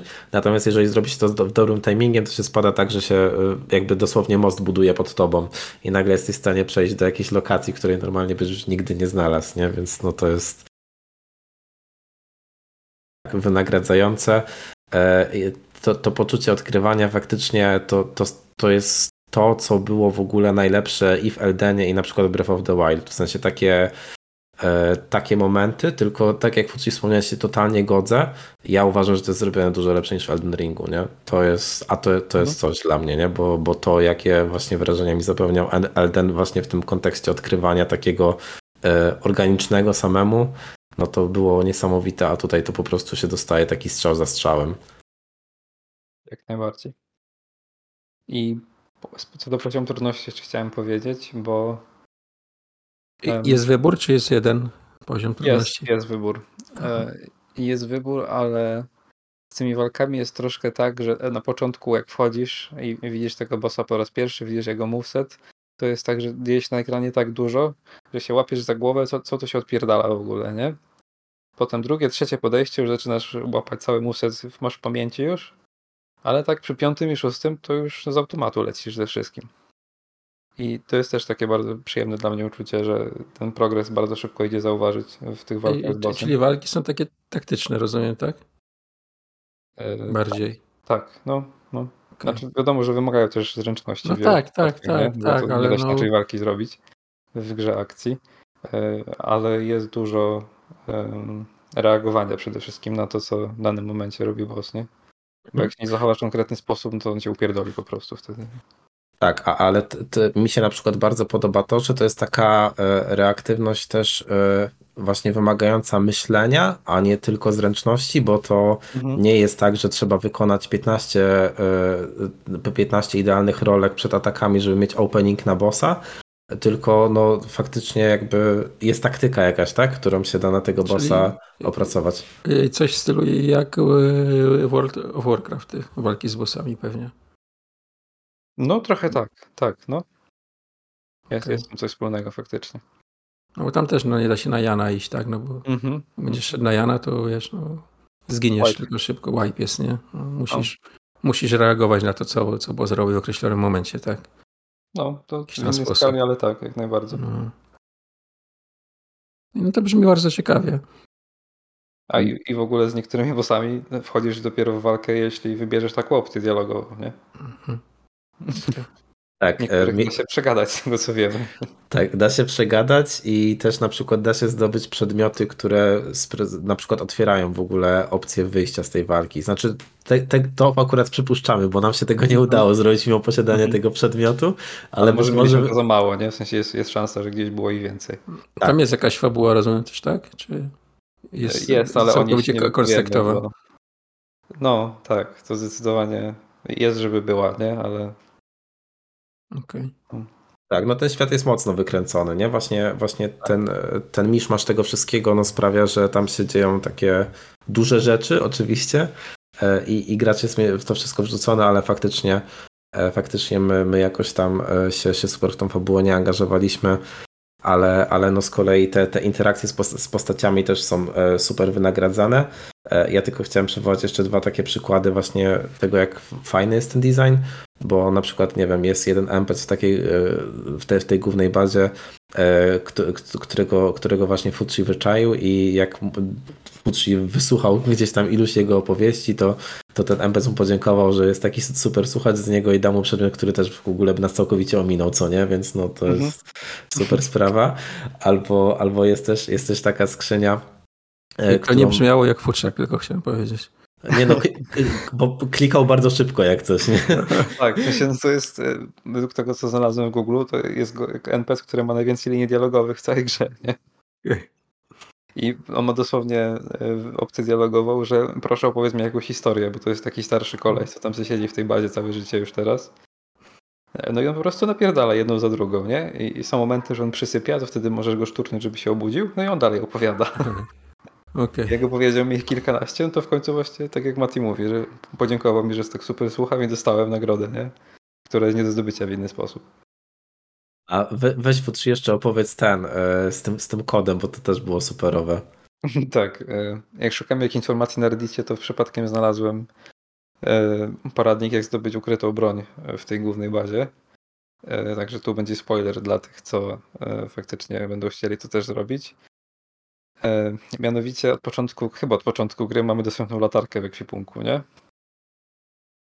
E, tak, od początku jest. Od początku, no. I, I to nie jest taka latarka ręczna, tylko taka, którą możemy sobie wsadzić w kieszeń i ona tam z góry wystaje, tak? Albo trzymać tak, że będzie świeciła e, do przodu, jak będziemy trzymać ją w pionie. E, Więc jest dość spora. E, No i większość, albo wszystkie przedmioty w ekwipunku możemy inspektować. Więc wchodzimy w ekwipunek, klikamy sobie inspekt na tą latarkę, czego w ogóle byśmy normalnie nie zrobili, no bo nie ma powodu, żeby to zrobić. E, I, i na dole tej latarki jest wyryty e, czterocyfrowy kod. Otóż w, w tym głównym hubie jest skrzynka, taka totalnie bez kontekstu rzucona. E, I jak na nią klikniesz, jedyną interakcją jest pisanie kodu. Tylko no, nie ma żadnego logicznego połączenia między tą latarką a tą skrzynką, nie? Więc nie wiem, jak ktoś na to wpadł. Może metodą prób i błędów po prostu. Ale jeśli przepiszemy wyryty kod z dołu tej latarki, którą trzeba inspektować, e, do tej skrzynki, no to ona się otwiera i dostajemy kluczyk. I kluczyk również jest, y, no jest kluczykiem po prostu, nie? Otwiera jakieś drzwi czy jakieś przejście. Taka jest informacja i tyle. Okej. A jak dojdziemy do jednej, do jednej z granic e, tego huba, znajdujemy właśnie drzwi. Ten kluczyk jest do tych drzwi. E, I tam nagrodą jest e, broń, e, której nie da się zdobyć w żaden inny sposób, tylko w ten. I, I takich pierdół jest, no im dalej w las, tym więcej, nie? Tak, to prawda. No właśnie y, dla mnie wyznacznikiem tego, że to faktycznie jest mój kandydat do, do goty, taki no bardzo, bardzo silny na ten moment, to jest to, że to jest e, raz, że gra, która w ogóle mi przejmuje myślenie też poza graniem, co już mi się bardzo rzadko dzieje, no zresztą sami wiecie, nie? jakby gramy tyle lat, trudno o to, E, a dwa to jest to właśnie ile jest historii z tej gry, nie? To jest takie coś, że e, właśnie jak z tej przysłowiowej e, Walhali nieskończonej MSATA, no to co, co opowiesz, nie? Że tam 15 obóz przejmowałeś, czy, czy cokolwiek. No. E, a, a tutaj po prostu, no nie wiem, mieliśmy z Futrzakiem 3-4 sesje, e, a po- no jest tego, jest tego garść, nie? I też jakby ju- już chce się życie układać pod to, żeby tylko w to pograć dalej, bo, bo jest po prostu no tak dobrze, nie? I, i co? I chyba kończymy tą część, nie? Tak, kończymy. e, Grajcie w Remnanta. Jak macie znajomych? Drugiego. Tak. Drugiego Drugiego. można nie grać, jak to, to jeden chuj to. No, nie stracicie nic z fabuły, jak coś, nie? No, to na pewno. Tak, ale, ale polecamy wszystkim. E, następna gra, e, którą mamy na liście jest ode mnie. To nie jest gra, która przejęła, przejęła mój umysł, ale była taką ciekawostką, którą miałem dodaną na deku. E, I jest to Murder of Sonic the Hedgehog. E, I to jest gra, która wyszła w ogóle od Segi na Prima Aprilis. E, No te żarty na Prima Aprilis to się na szczęście już w miarę skończyły w Giereczkowie, bo one z roku na rok były coraz, coraz dziwniejsze. E, Natomiast ten był całkiem, całkiem ciekawy, bo to jest takie, słuchajcie, e, to jest visual novela, jeżeli miałbym to określić gatunkowo, ale to jest takie klasyczne e, murder mystery i to, i to się dzieje w pociągu, więc jest w ogóle jak zabójstwo w. E, i Jesteśmy tam postacią takiego lokaja, który jest w ogóle jakąś tam randomową postacią, możemy ją nazwać. Moja nazywała się oczywiście Futrzak, bo jak żeby, jak żeby inaczej. E, tak, e, no i, e, i teoretycznie Sonic z ekipą przyjeżdżają na urodziny Amy do tego pociągu. E, i niby ta, e, ta zabawa w Murder Mystery jest grom w ogóle, e, takim wiecie, e, no e, taką, taką, takim larpem mini, tak, że, że właśnie e, ktoś tam dostaje jakąś określoną rolę i tak dalej, i tak dalej, no ale się zaczynają dziać dziwne rzeczy i nagle my musimy, my musimy jakoś rozwiązać e, rozwiązać tą całą e, tą całą zagadkę. No i to jest tam oczywiście kró- krótka gra na, na dwie godziny z hakiem, ale, ale ja mogę polecić, bo to jest naprawdę ciekawe doświadczenie, w sensie wrzucanie tych postaci w taki kontekst jest dziwne i bardzo takie nietypowe, w sensie ja nigdy nie miałem jakiejś tam strasznej sympatii do, e, do Sonika czy coś takiego, natomiast e, no, gdzieś tam wiedząc jak wygląda ten świat i w ogóle e, to to jest dosyć ciekawe. E, Dialogi są całkiem zabawne e, między tymi postaciami. E, oczywiście one wszystkie mają te swoje takie przerysowane, e, przerysowane charaktery, więc, więc tutaj to wszystko mocno wychodzi na, e, na, na pierwszy plan.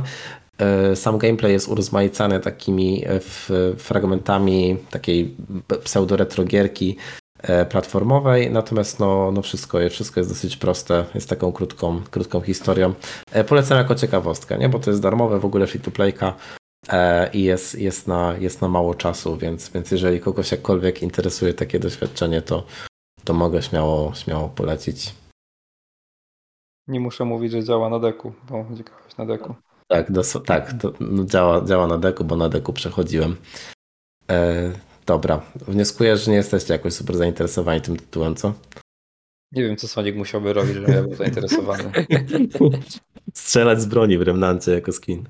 No, no. Albo w Fortnite to najprędzej. Okej, dobra.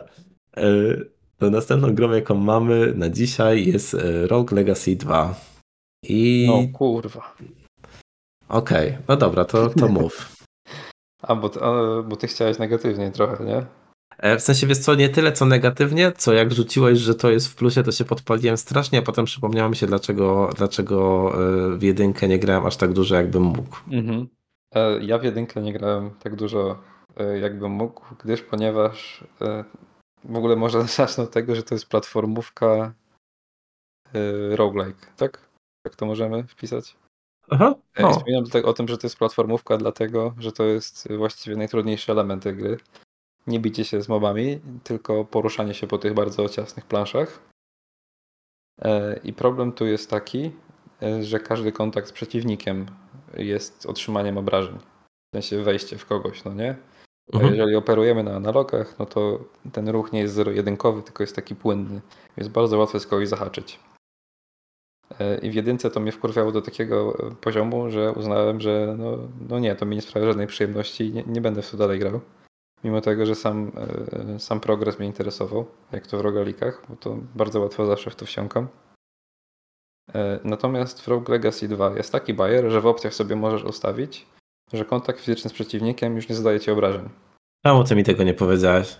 Nie pytałeś. Bo ty, to, to był dosłownie mój problem. I ja sobie przypomniałem, dlaczego mnie to tak w jedynce irytowało.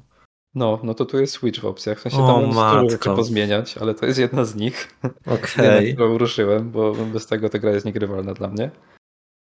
E, No i jak już to ustawiłem, no to się zaczyna przygoda. E, Przy czym nadal to jest pewnie jeden z trudniejszych rogalików, jakie mi przychodzą do głowy. E, W sensie, dla mnie to jest dużo trudniejsze niż, niż jakieś Soulsy, dużo trudniejsze niż Elden Ring, dużo trudniejsze niż Remnant, nie? Mhm. E, To, to naprawdę potrafi dać w kość ta gra. E, I faktycznie tu jest tak, że no, jak w większości roguelite'ów e, levelujemy, po, levelujemy postać, no i ona faktycznie dostaje stałe buffy, które się przynoszą z ranu na ran. Ale tu A jest to- tak, że wiele bossów faktycznie no, czujesz podczas walki, że wymaga, żebyś ty był na konkretnym poziomie, bo inaczej to ty gościa głaskasz, a nie się z nim bijesz nawet, nie? A to też w sumie może warto słuchaczom wyjaśnić, jak wygląda to rozpoczynanie kolejnych ranów, nie? Bo to jest w sumie dosyć unikatowy pomysł. Tak, to chyba tam się zaczęło w ogóle. Nie wiem, czy gdzie indziej to teraz jest, e, ale to wygląda tak, że zawsze wybieramy sobie jednego przedstawiciela dynastii e, i defaultowo jest chyba trzech do wyboru. Mówię defaultowo, bo to się może zmienia zależnie od tego, jak sobie wybierasz e, rozwój tam. No ale mniejsza. Powiedzmy, że jest trzech do wyboru i oni są jakoś zabawnie podpisani zawsze, w sensie losowo generują im imiona, e, ale są podzieleni na klasy. E, No i powiedzmy tak basicowo e, masz tam wojowników, tudzież rycerzy, e, bo tam jakieś tam odblokowujesz sobie kolejne i kolejne te klasy. E, No i każda z nich ma swój rodzaj broni przypisany, statystyki na zasadzie tego ile ma HP, ile ma many i umiejętność jeszcze się e, zmienia, tak w zależności od klasy. E, Ale do tego dochodzą jeszcze takie bariery, e, że losuje przypadkowe traity tym bohaterom i mogą to być traity pozytywne dla ciebie, mogą być negatywne, a mogą być takie, które są po prostu śmieszne albo głupie. Może być tak, że twoja postać nie rozróżnia kolorów, więc masz wszystko czarno-białe i to dosłownie cała gra się zmienia w czerni biel.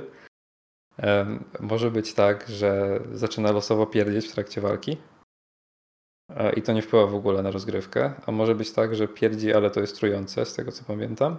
Dla przeciwników, nie dla ciebie. E, Może być tak, że rodzi się jako karzeł, e, więc jesteś fizycznie dużo, dużo mniejszy i trudniej cię trafić. No i mogę te przykłady mnożyć i mnożyć, ale no, e, rozumiecie o co chodzi.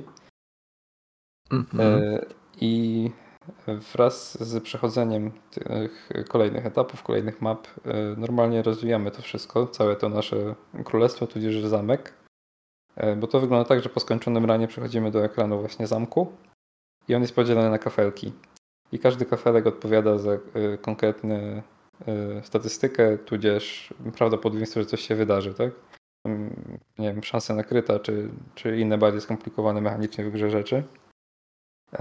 I odblokowując kolejne kafelki, widzimy, e, jak fizycznie na- nasz zamek rośnie. E, Ale no, to jest takie po prostu graficzne wyobrażenie sobie tego wszystkiego, takiego rozmaicenia, tak? No, no chodzi o konkretnie o levelowanie i cyferki tylko.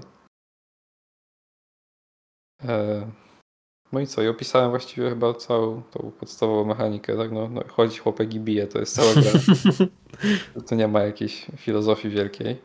E, Z tym, że jest bardzo duża różnorodność, e, bo tych klas do odblokowania jest, chcę powiedzieć, kilkanaście. No, na pewno przekracza to dziesiątkę. No. I co? No, ja serdecznie polecam. Tylko uprzedzam, że to jest chuj trudna gra naprawdę.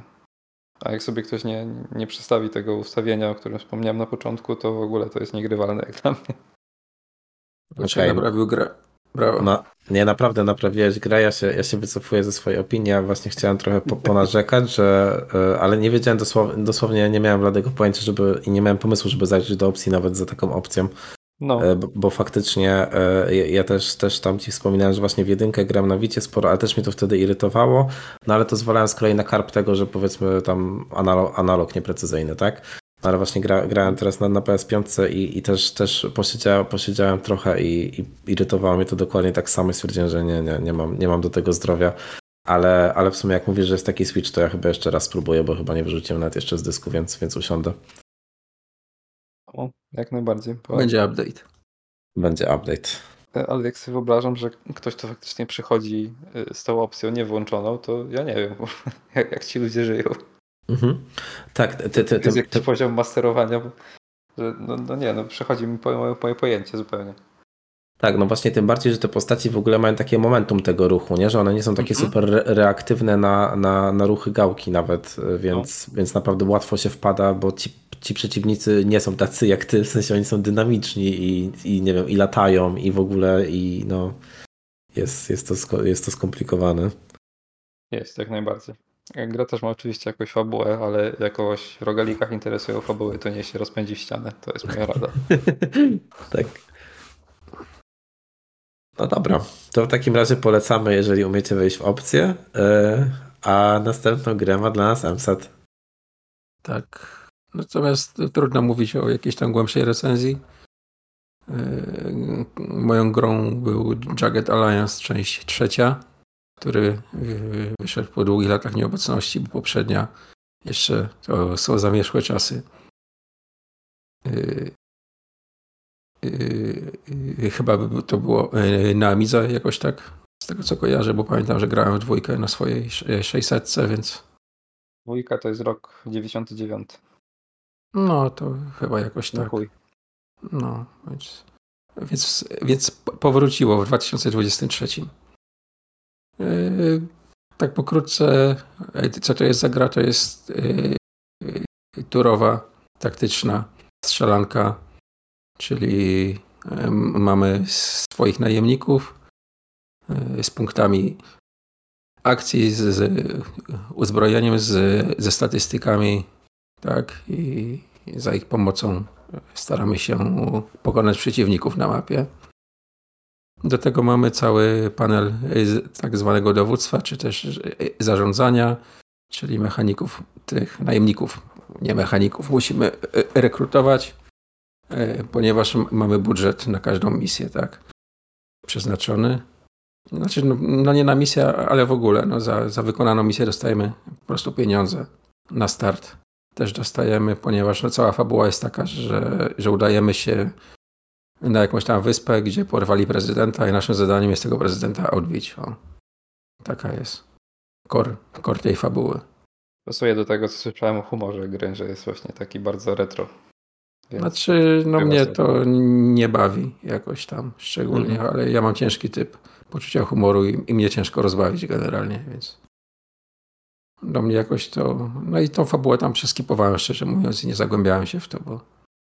Także jeśli ktoś, ktoś jest nastawiony na fabułę, to nie, nie pomogę, bo tyle, tyle, co zapamiętałem z początku. No i tą wyspę mamy podzieloną na takie e, kwadraty, tak, gdzie mamy jakieś tam punkty do zajęcia, bądź też misję mamy w określonym kwadracie i tam trzeba najemników naszych przemieścić.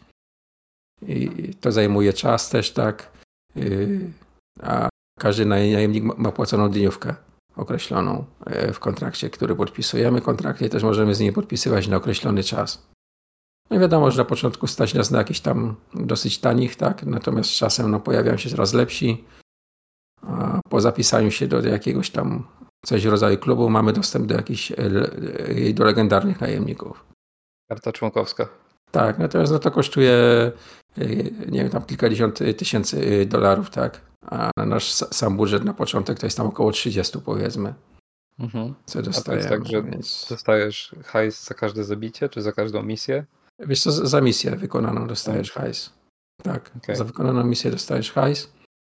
No i ci początkowi najemnicy, którymi ja grałem, no to byli z, y, y, z krótką bronią, ku mojemu rozczarowaniu broni nie można sobie y, kupować gdzieś.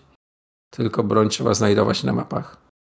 Albo się posi posiłkować tym, co najemnik przez nas zatrudniony ma w wyposażeniu. Więc no co z tego, że sobie wziąłem gościa, który był dobry w bazukach, jak on miał jakiegoś kolta, tak? Tylko i wyłącznie, więc no. Takie... Że tak powiem, no nie, nie, nie, mnie to nie, nie, bawiło za bardzo, nie? Bo myślałem, że sobie gdzieś wejdę w sklep, kupię mu tą bazukę jakąś czy coś i będę mógł to taktycznie rozplanować. Natomiast no, jak można mówić o jakiejś taktyce, jak masz trzech czy czterech gości z krótką bronią tylko, nie? Ale to jest tak, że, że wtedy na, na tej określonej mapie misji wisi jako stały unlock jakaś broń, czy, czy jak to jest? Wiesz co, nie wiem, ja znalazłem jeden karabin w tych trzech misjach, który okay. był w skrzynce schowany. A do tego okay. karabinu nie mam nigdzie naboi. O Boże. No. O Boże. No, więc nie wiem, czy to moja jakaś ułomność, czy ja nie mogę znaleźć, czy ich po prostu nie ma, no ale wiesz, no patrzyłem, wszystkie skrzynki mi się wydawało, które były i to, co z przeciwników wypadło, no to pozbierałem, tak. A e, ten karabin znalazłem chyba w pierwszej misji w ogóle w skrzynce, a w trzeciej dalej nie mogłem z niego strzelać, no bo, bo nie miałem e, pocisków do niego. To brzmi dla mnie jak takie okrutne pececiarstwo. Tak, tak, tak. I generalnie same walki też do mnie przemawiają, bo to jest takie strzelanie do siebie na wyniszczenie typowe, nie? No bo trudno mówić o jakiejś, jakiejś tam taktyce, bo yy, trudno ich podzielić na klasy, że masz, nie wiem, nie wiem, snajpera, masz jakiegoś tam, wiesz, szturmowca z dużym HP, który idzie, skoro wszyscy z krótkimi pistoletami biegają. Nie? No, ty masz koltowców, nie? Tak, no masz koltowców, więc no takie taktycznie na początku to jest dość średnio. No może potem, jeśli ich, ich wyposażasz w te bronie, bo stać się na lepszych najemników, którzy mają już lepszą broń przy sobie, to rzeczywiście bardziej można mówić o taktyce, ale tak no to jest strzelanie na, takie na wyniszczenie, nie? Jak kto kogo pierwszy zastrzeli, czy ty ich, czy, y, czy oni ciebie. Ale to, no. to mechanicznie to ta walka wygląda jakoś tak x-komowo, że ich tam staje tak, za jakieś tak, osłony tak. czy coś? Tak, okay. no możesz się schować, możesz się czołgać, tak. Okay. Schować się za osłoną, możesz ich zostawić, wiesz, na tym takim y, na pogotowiu, tak, że jeśli ktoś się ruszy, to będą strzelać, nie? No to to jest tam trochę tej taktyki, no bo czasami się zastanawiać, czy lepiej strzelać, czy, y, czy go zostawić, żeby strzelał, jak przeciwnik się ruszy, nie? Mhm. Więc no. Natomiast no, przyszedłem te trzy misje, nikogo nie straciłem, ale raczej nie wrócę do tego, no nie chce mi się w to, że tak powiem, grzebać, bo tam gdzieś za, nie wiem, 5-6 godzin naprawdę zrobi się fajnie. No ja nie, nie mam czasu na to, żeby było za 5-6 godzin fajnie. Ja ubolewam, że to tylko na PC wyszło. E, Czemu? Z takiego powodu, że to ma koopa dwuosobowego. I można całość przejść w dwie osoby. I jakbym sobie mógł na kanapie siedzieć i, i się śmiać z Matim, że jak debil się wywraca tam, to, to bym wtedy chciał w to zagrać. Ale jako, że muszę przy komputerze siedzieć i prawdopodobnie sam, to, to nie. Ja, ja nie jestem. Znaczy, no ale to co koop, że co, ja steruję jednym najemnikiem, ty sterujesz drugim, czy co? No, bo... no zagrać nam powiesz. Ja widzę tylko, że jest. Tak nie, w ogóle nie bardzo rozumiem. I, I, na Steam Decku jest playable jakby co. E, ale granie takich rzeczy na Steam Decku to może być... No i się zastanawiam się nad sensem tego kopa w ogóle, nie? Nie, no myślę, że to jest... typowo tak y, koleżeńsko powiedzmy, w sensie, że to no, nie jest jakiś tak, tam, wiesz, tak. hardkorowe tak. nie wiadomo co, tylko siedzisz, siedzisz sobie i śmiejesz razem. Bo no to może. Ja jestem ciekaw tego humoru trochę, no, który mi reklamowano. E, ja wam wspominałem, jak byliśmy w Poznaniu, ale jest, y, jakbym zapomniał o tym, że tym najemnikom się płaci za te ich kontrakty, mhm. to jest taki baj, że jak ten najemnik umiera, to dostajesz normalnie fakturkę na maila za jego zgon. No być może, być może tak jest. No. Nikt mi nie umarł. No. Nie postarałem się. A jeszcze co mnie irytowało, to że idziesz gdzieś powiedzmy dwa kwadraty gdzieś tam musisz przejść. No i w tym jednym kwadracie po drodze, który masz do celu, trafia ci się walka. Oczywiście najemnicy są poranieni, żeby ich wyleczyć, to musisz, to musisz wrócić e, do wioski, nie? Więc się wracasz. I wtedy od nowa lecisz jakby... Tak, tak. Aha, od nowa ja musisz tam iść. Okay. W ogóle. bo oni dostają takie rany y, głębokie, niektóre im trwale, wiesz, zbijają jakby y, Mhm. zdrowie i je możesz tylko wyleczyć w obozie za pomocą tam środków leczniczych jakichś, nie? To O też zajmuje czas. To taka gra w czekanie też jest, nie? Nie wiem, Wiadomo, to, no, to, potem możesz sobie możesz zatrudnić graników na tyle, że nimi e, rotujesz, tak? Bo tam można mieć kilka kilka grup tych najemników, nawet wiesz, możesz sobie tworzyć, możesz, nie wiem, z tego co widziałem, to, to dwie, ale będzie wykluczone, że, że, że jak dodasz kogoś do drugiej, to się pojawia trzecia grupa, którą możesz stworzyć, nie? Możesz się między nimi przełączać, może wtedy rzeczywiście, rzeczywiście jak masz ich dużo, to sobie rotujesz. Ci, którzy są poranieni, to się leczą, ci, którzy są zdrowi, idą walczyć. No, to może tak być, ale no mówię, to będzie, nie wiem, za kilka godzin, tak? A mi się nie chce do tego ciągnąć. Mi się to wizualnie podoba, jak oglądam screeny z tego i filmiki.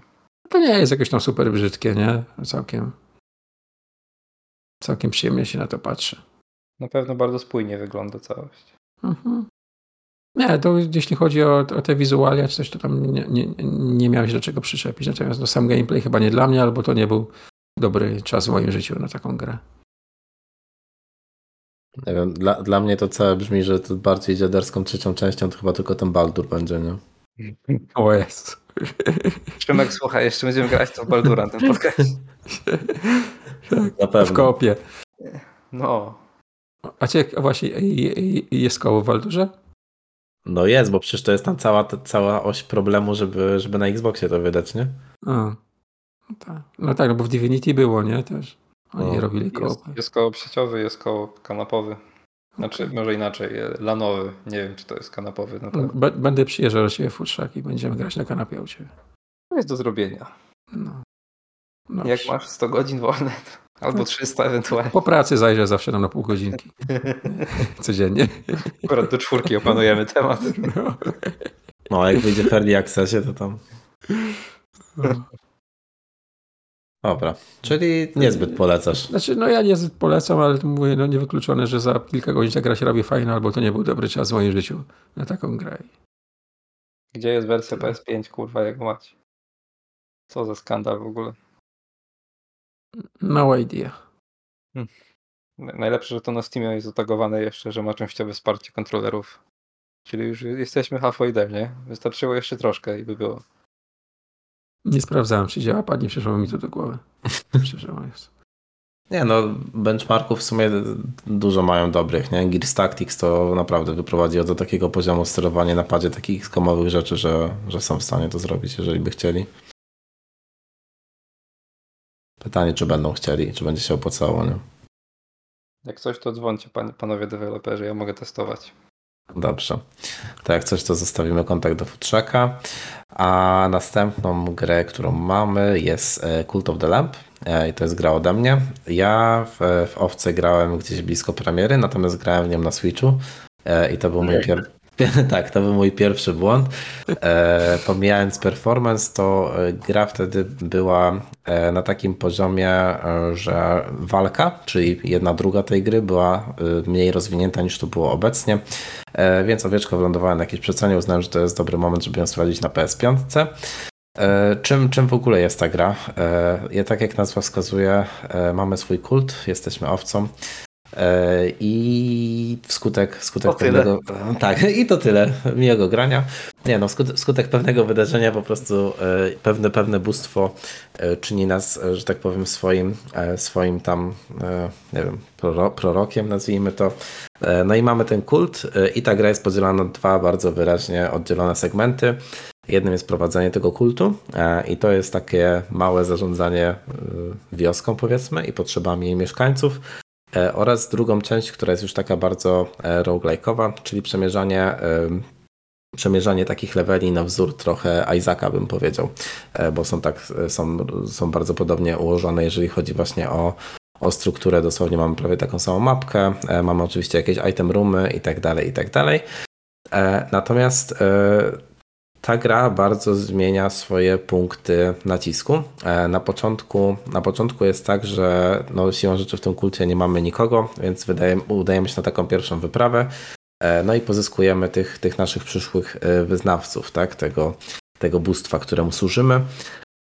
I musimy zadbać o ich potrzeby, więc te wyprawy, na które idziemy, one bardziej służą temu, żeby pozyskać jakieś surowce i różne inne potrzebne przedmioty, czy też właśnie kolejnych tych followersów, żeby z kolei jakby robiąc takie różne czynności w tym kościółku, które sobie budujemy, wzmacniać samą postać, co z kolei się przekłada potem na łatwiejszą walkę, E, na, na, wzmacnianie, na wzmacnianie tej naszej owieczki.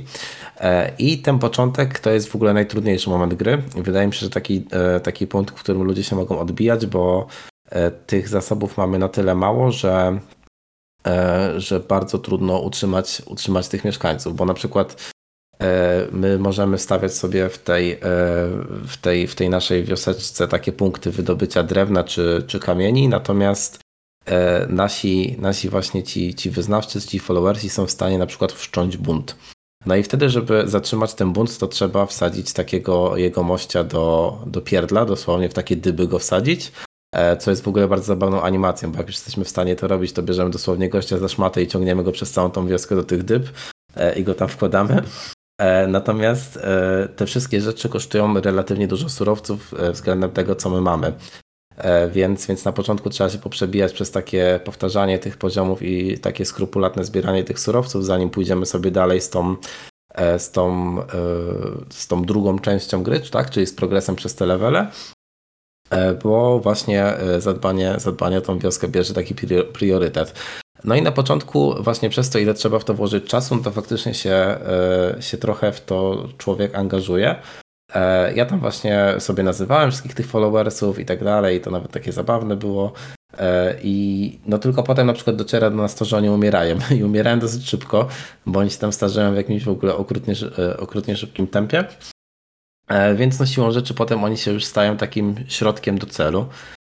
Więc ta, ta część gry z kolei schodzi już na dalszy plan i robimy tylko wszystko, żeby zabezpieczyć sobie, że tak powiem, tyły, a jak już mamy wystarczająco tych followersów, którzy dają nam ten, te punkty wiary do rozwoju samej wioski, czy też właśnie tej postaci, e, to już potem tak chodzimy na te wyprawy, byleby tą grę przejść. I ta gra się kończy, w sensie to nie jest roguelike e, w rozumieniu, w rozumieniu takim, e, takiej struktury, że ona nigdy się nie kończy, tylko właśnie powiedzmy ta część, ta część z walką ma zbliżoną strukturę.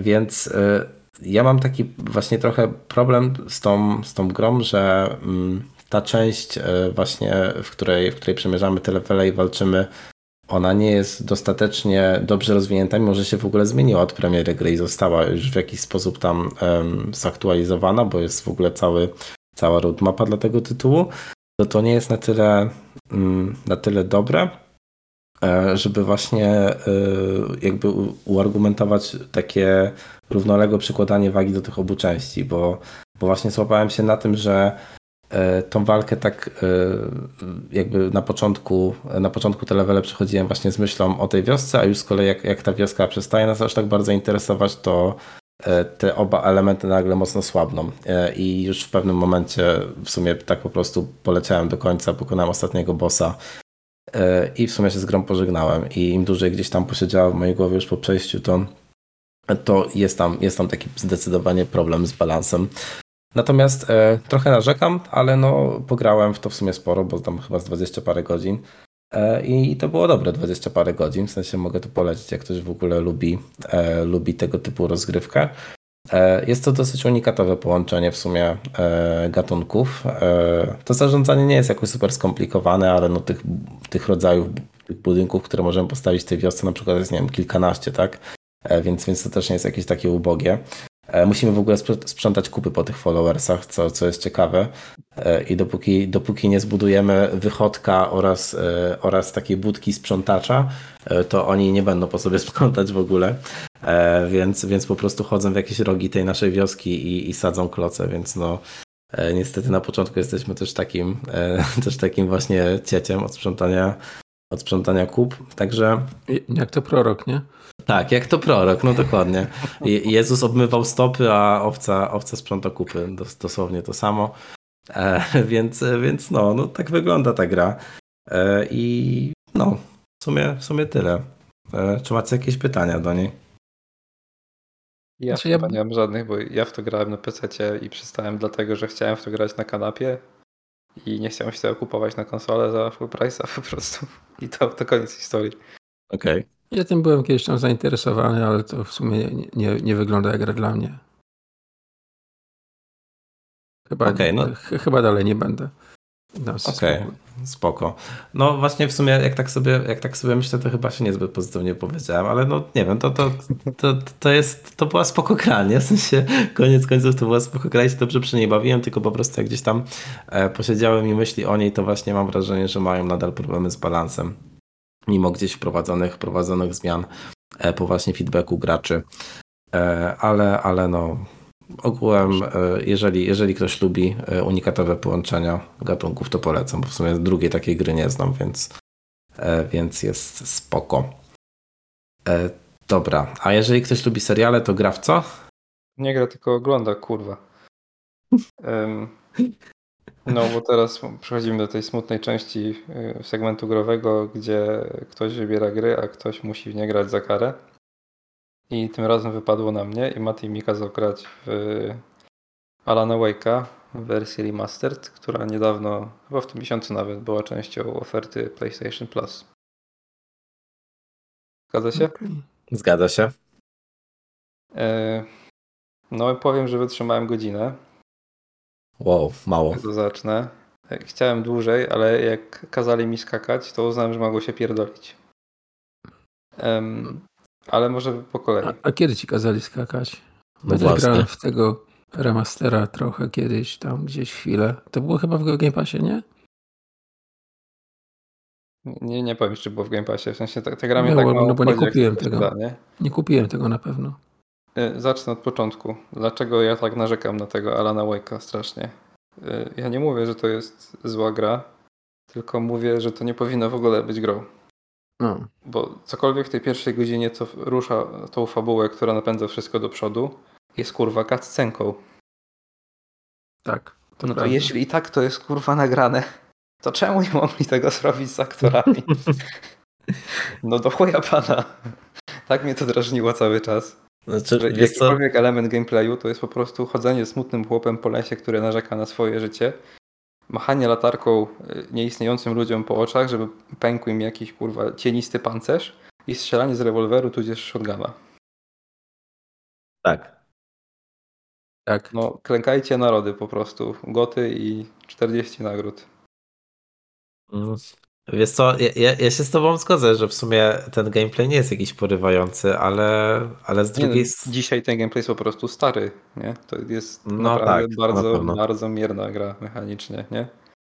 Ja Nie neguję, że fabuła jest dobra, bo właściwie nie wiem, no widziałem sam początek i coś tu może być, nie? Mimo tego, że horrorów nie trawię i uznaję je za niepotrzebne, to, to może coś tu faktycznie jest, no. No, ale, nie wiem, bo nie, nie przemęczę się przez to. I jeszcze będziemy. i- i Zrobimy się horrorowca. No, wielu próbowało, nie? Nam się uda. Na następnym zjeździe maraton piły będzie. tak.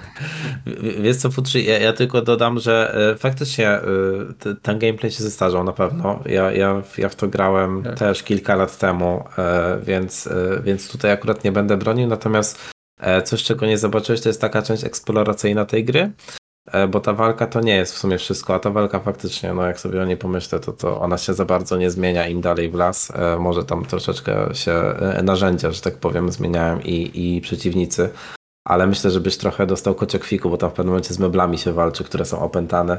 E, więc, Serio? E, tak, i się świeci w nie latarką, aż się, a może to było w Control, bo już teraz, nie dobra, nieważne, okej. E, Mam wrażenie, że się tam walczyło z czymś dziwnym, a może to był huragan, który, w który się świecił latarką, nie wiem, coś takiego. W każdym razie, Bo jeszcze E, jest, na początku jest taki moment, że nagle z offu w ogóle światło księżyca do ciebie przylatuje i zaczyna do ciebie mówić, no tu jest rewolwer, tu jest latarka, nie? tak, Tańce wariacie. a, ale o co chodzi? Kurwa. No bo właśnie, wiesz co, bo to się dzieje w nocy, ale w ciągu dnia masz takie, e, masz takie e, cichsze momenty i nie wiem, na przykład trafiasz do, takiej, e, do takiego dinera mocno inspirowanego Twin Peaks i jest no ja tam... wiem, wiem, no. Mhm. Widzę. W sensie, No. Widzę te wszystkie inspiracje, to jest bardzo, bardzo jasne. Tak, to prawda, no. Tyle, że no, jak mnie to w ogóle nie rusza, no to nawet nie mam, nie mam motywacji, żeby przez ten strasznie suchy gameplay się przebijać, nie? Mhm. Jeśli No ja też gra ma odpadłem być- jakoś tak. Po jakiejś godzinie chyba. Jeśli gra ma być serialem czy, czy filmem, to ja zdecydowanie wolę konwencję Telltale'ową, gdzie de facto podejmuję jakieś decyzje, które niekoniecznie nawet muszą być, nie, nie muszą wpływać na przebieg wszystkiego, ale że to jest kliknięcie przycisku, nie? Czy jakieś tam QTE szybkie. A nie chodzenie smutnym chłopem po lesie i świecenie ludziom po oczach, no. Ech, no, Dlatego nie, nie rozumiem zachwytu nad Alanem Wake'iem 2, nie? Poza tym, że to wygląda ładnie, to ja nie wiem, jakie to ma zalety. ale to będzie, nie, w sensie y, gameplayowo ja właśnie myślę, że to będzie inna gra. W sensie wygląda na inną grę trochę. Do mnie I po mam- baterię do latarki nie przychodź. No. Dobrze, nie będę do ciebie przychodził. Naładuję Ale co, akumulator. m- taki. myślisz, że bardziej rezydentowo będzie, tak? Tak, tak, zdecydowanie. No tak to wygląda i wydaje mi się, że wydaje mi się, że w ogóle zważywszy na to, że mam tą drugą postać, no to, to jeżeli A- Alan nadal będzie z latarą latał, no to ta druga chociaż nie będzie latała, nie? Mam nadzieję przynajmniej. I druga z No, shotgunem. Ona będzie latała z latarką UV jakimś, nie? Mm. To niebezpieczne rzeczy są. Są, zgadza się. Lepiej nie Lampy- patrzeć. Lampy UV są niebezpieczne, zgadza się. No czyli źle wybrałem. No, no myślę, że wiedziałeś, co robisz.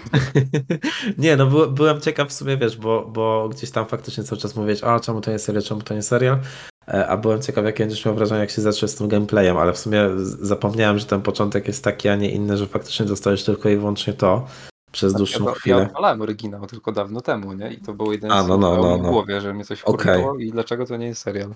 No i teraz Okej. odpalam i mam to samo. Dalej jestem wkurwiony i dlaczego to nie jest serial. No. Rozumiem. No dobra. Ja, swoją drogą to osoba, która pisała ten scenariusz jest chyba absolutnym fanatykiem pana Kinga, nie? Ojajku, tak, no. Hmm. Tak. E, I jego w ogóle myślenia o pisaniu i byciu pisarzem, to nie, to tak się mocno przewija. Oj, oj. No dobrze, no. Czytała poradnik rzemieślnika pewnie. No bo King napisał taką książkę, nie? Tak, tak, no, napisał, napisał. Dobrze. E, no, taką rzemieślniczą robotą na pewno za to nie jest e, Holstein, e, którego, którego domy mają ograć, więc zostajemy jeszcze chwilę w horrorowych klimatach. To jest coś, co mnie całkowicie ominęło. Futrzak twierdził, że już dawno mi to pokazywał, ale ja tego, ja tego nie widziałem. Więc, więc pozostaje mi tylko uwierzyć, uwierzyć na słowo, że faktycznie. Mi się oczy zamkną, to wam się otworzą. No. Dokładnie, no mi się otworzyły ja właśnie jak zagrałem w Holstina. To jest obecnie takie demo, które jest w ogóle wycinkiem, którego w grze nie będzie. Dostajemy od razu taką informację. E, Jest to gra e, polskiego studia i to widać bardzo mocno. Ja tego nie wiedziałem, że to jest gra polskiego studia, jak sobie e, tego Holstina zainstalowałem. Natomiast no, od razu dostajemy żart, żart papieski, a mianowicie kodem do drzwi jest 2137. E, I takich, I takich akcentów jest wiele, gdyż ponieważ akcja dzieje się w ogóle w Polsce, E, więc lądujemy w takim mm, PRL-owym. I, gdzie, poczekaj, zgadnę. To będzie miasto Olsztyn. E, Wiesz co, chyba nie, nie, chyba, chyba to jest jakaś fikcyjna miejscowość. Okej. Ale, ale jak powiedziałeś Olsztyn, to nawet by mi pasowało w sumie do tego, co tam jest, ale to okej, to zaraz, zaraz dopowiem. E, No i właśnie lądujemy w takim mieszkaniu e, właśnie mocno, mocno przy, przypominającym klimatem PRL, łącznie z tym, że mamy takie, wiecie, tapicerowane drzwi, jest domofon, e, który, który piszczy co jakiś czas. No i lądujemy w skórze takiego agenta, który bada sprawę. Tą sprawą są jakieś dziwne szmery, bajery, które słychać w tym, w tym domu. E, No i my odkrywamy, że to są szmery bajery jakiegoś dziecka, które w ogóle cho- chodzi w ścianach, nie wiadomo co, przemieszcza się za nami i coś do nas mówi. E, Co ciekawe, w ogóle jest voice acting w tej grze pełny polski. E, Byłem trochę w szoku, bo no, gra wygląda jakby nie miała tak dużego budżetu, żeby od razu mieć voice acting, ale ma go z marszu. A czym to jest? To jest taki horror, który e, trochę przypomina Signalis, które Xenon omawiał, e, właśnie też w ramach My Wybieramy Ty Grasz. E, Też mamy taki rzut izometryczny, natomiast mamy możliwość obracania tej kamery jakby z czterech różnych kątów. Nie, w sumie z ośmiu, przepraszam. Tak, tam jest osiem, osiem kątów po prostu tej kamery do wyboru. No i e, to, to jest w sumie e, taki, taki bardziej puzzlowy horror, tam nie ma jakoś dużo akcji, aczkolwiek widziałem na trailerach tam akcję i co ciekawe, ona wtedy z tego izometrycznego rzutu w ogóle przechodzi na taki rzut z nadramienia, który wygląda mega rezydentowo, e, w sensie z, z trzeciej osoby. Więc, więc to jest bardzo w ogóle fajny, fajny akcent i w sumie to, to, to jak sobie tak pomyślę, to to zwróciło bardzo moją uwagę, jak sobie oglądałem Steam Page o tej gry. E, natomiast no, e, całość jest unikatowa, e, bo tak jak medium było osadzone w Polsce, te, tak ono korzystało, że tak powiem, z dobrodziejstw kulturalnych, tak nam bliskich w bardzo nikły sposób. Tak właśnie dosyć, dosyć ubogo to wyglądało. Tak tutaj no to jest wszystko, wszystko tym przesączone. Mamy wścibską sąsiadkę, która w ogóle się pojawia w tym mieszkaniu nie wiadomo skąd. Wszystko ma taki bardzo, bardzo creepy wydźwięk. E, I to chyba, to chyba było coś, co mi się najbardziej w tym wszystkim spodobało, bo ja mam straszny problem z horrorami, które e, albo są, nie wiem, takimi e, side-scrollerami 2D, albo właśnie są w tym rzucie izometrycznym, co wspominałem przy Signali, że mi trudno jakby czuć grozę tego. I chyba najlepiej to działa, jak jest się w stanie wytworzyć po prostu taki klimat niepokoju i tutaj on faktycznie jest. Jest bardzo spoko udźwiękowienie, są fajne, są fajne efekty, jakby cały czas gdzieś tam sobie siąpi deszcz za oknem. E, no i tam rozwiązujemy oczywiście w ramach tego demo jakąś, jakąś prostą zagadkę. E, to jest, to jest gdzieś tam kilkadziesiąt minut zabawy. E, natomiast no bardzo mi się to spodobało i ja czekam aż wyjdzie pełna wersja tego, bo wygląda to, wygląda to bardzo obiecująco i no na pewno hmm, nie wiem czy to może być super hitem, bo wydaje mi się, że to uderza na tyle mocno w te polskie tony, że będzie bardzo trudne do złapania jakby zachodniemu odbiorcy, bo Czyli takie mm. hermetyczne dosyć. Tak, wydaje mi się, że jest moc, mocno hermetyczne w odbiorze, tak, bo, bo pewne rzeczy będą po prostu niezrozumiałe, bo mm, hmm, same dialogi często nawiązują do jakichś takich e, rzeczy, które my od razu złapiemy, nie? E, więc, więc jak sobie pomyślę, że, że ja bym był zderzony właśnie e, z jakimś tam skrawkiem e, kultury innego kraju w ten sposób, to miałbym problem, żeby zrozumieć pewne klimaty i tutaj właśnie to może być tak samo tak samo dla odbiorcy, który, który tego nie zna, nie? No. Mm, ja może y, taką, tak woli rozszerzenia czy uściślenia niektórych rzeczy, bo ja nie oczywiście nie grałem, bo to nie jest mój klimat zupełnie, e, ale oglądałem na YouTubie sporo z tego i oglądałem też wywiad z reżyserem całości. E, I tam całe studio y, to są tacy totalni pasjonaci gatunku. I co do tej pieczołowitości wszystkiego, no to ten y, główny dom, o którym tam wspominałeś, gdzie się jest, e, to jest w ogóle wzorowane na podstawie jednego z deweloperów faktycznego domu czy mieszkania. E, już nie, nie pamiętam z których lat, ale tak, taka ciekawostka. E, całość dzieje się w miejscowości pod Olsztynem. Nie wiem, czy ona jest realna, czy nie. Z nazwy w sensie. No właśnie mi się kojarzyło coś z tym Olsztynem w materiałach z tej gry. Mhm. E, co do voiceoveru, to jest tylko polski i angielski. W żadnym innym języku tego nie robili. I nie planują, z tego co wiem. E, I co jeszcze chciałem dodać? A, o kamerze chciałem dodać. E, tam są fragmenty FPP. Tak, faktycznie nie wspomniałem o tym, są fragmenty FPP, no. Mhm. I całość ma poza PC-tem wyjść również na konsolach. Tylko z tego co wiem, to nie ma jeszcze daty wrzuconej. Chyba, chyba tylko, że przyszły rok. Albo nawet tyle, nawet, albo w tym roku jeszcze. Okej, okay, jest. Sometime in 2023. No to może jeszcze o, w tym roku się Super, byłoby ekstra. E, jako, że wychodzi na konsolach, to może nawet nie skusisz, Mati. O, fajnie. Bo o ile klimat ma w dupie, to takie pieczołowicie oddane wszystko i takie przełożenie do roboty, to, to szacun. Mhm. Tak, no to, to, to zawsze, zawsze, robi, zawsze robi fajne wrażenie. Zresztą tak jak wspominaliśmy, e, wspominaliśmy o Remnancie, nie? W sensie, że jak czuć, że jest jakiś taki duży, duży zamysł i jakaś dusza w ogóle e, no. w, tym, w tym developmencie. Tutaj też, też zdecydowanie coś takiego czuć. Także no ja czekam, czekam. Bardzo, bardzo fajne demo. E, ja w ogóle jestem fanem fanem tego rodzaju dem, które są wyodrębnione od, od głównej gry i właśnie gdzieś tam są takim, są takim slice'em, nie? Tego, co, co gdzieś tam jest pomyślane mhm. mechanicznie, mechanicznie dla gry, a niekoniecznie już jest jej częścią. E, tym bardziej, jeżeli trzeba to przechodzić drugi raz w pełnej wersji, to już jest w ogóle e, problem. A co Dobra. do tej her- hermetyczności jeszcze, Hmm? to pan reżyser mówił, że oni to traktują tak, że dla zachodniego odbiorcy to jest porównywalne z tym, czym dla nas jest gra o kulturze azjatyckiej na przykład. Mm, To jak się pojawia jakiś stary sprzęt w mieszkaniu, który dla nas jest y, częścią no, no tego, jak się wychowywaliśmy, no akurat takie, takie wtedy rzeczy były, nie? To jak na to patrzy ktoś z Azji, to sobie właśnie patrzy na to jako coś zupełnie y, retro, czy z, innego świata, powiedzmy, właśnie tak jakby na ich kulturę. Mhm. Tak, tylko wie, wiesz co? E, kurczę, ja się zastanawiam nad tym, bo jak tak porówna, po- porównanie do tej Azji, no to tam masz takie coś, że jest jakieś e, globalne zainteresowanie, nie? Tą odmiennością. A ja się zastanawiam. Jak najbardziej, to skala jest zupełnie inna. To No, no właśnie się, się zastanawiam, nie, czy to jest takie, wiesz, bo e, tak jak Disco Elysium e, robił bodajże team e, z Estonii, nie? Oni chyba Mhm, tak, Estończykami Estończycy, są. No i tam też e, e, wydaje mi się, że e, nie, nie, nie chcę ręczyć za to, bo, bo ja się troszeczkę odbijam od Disco Elysium, ale to już tak e, in, inna rozmowa oczywiście. Natomiast wydaje mi się, że oni też wspominali, że tam są jakieś takie e, regionalizmy, tak? W sensie z braku lepszego określenia, w sensie właśnie w tym stylu, nie? Tak jak tutaj. Mhm, mhm.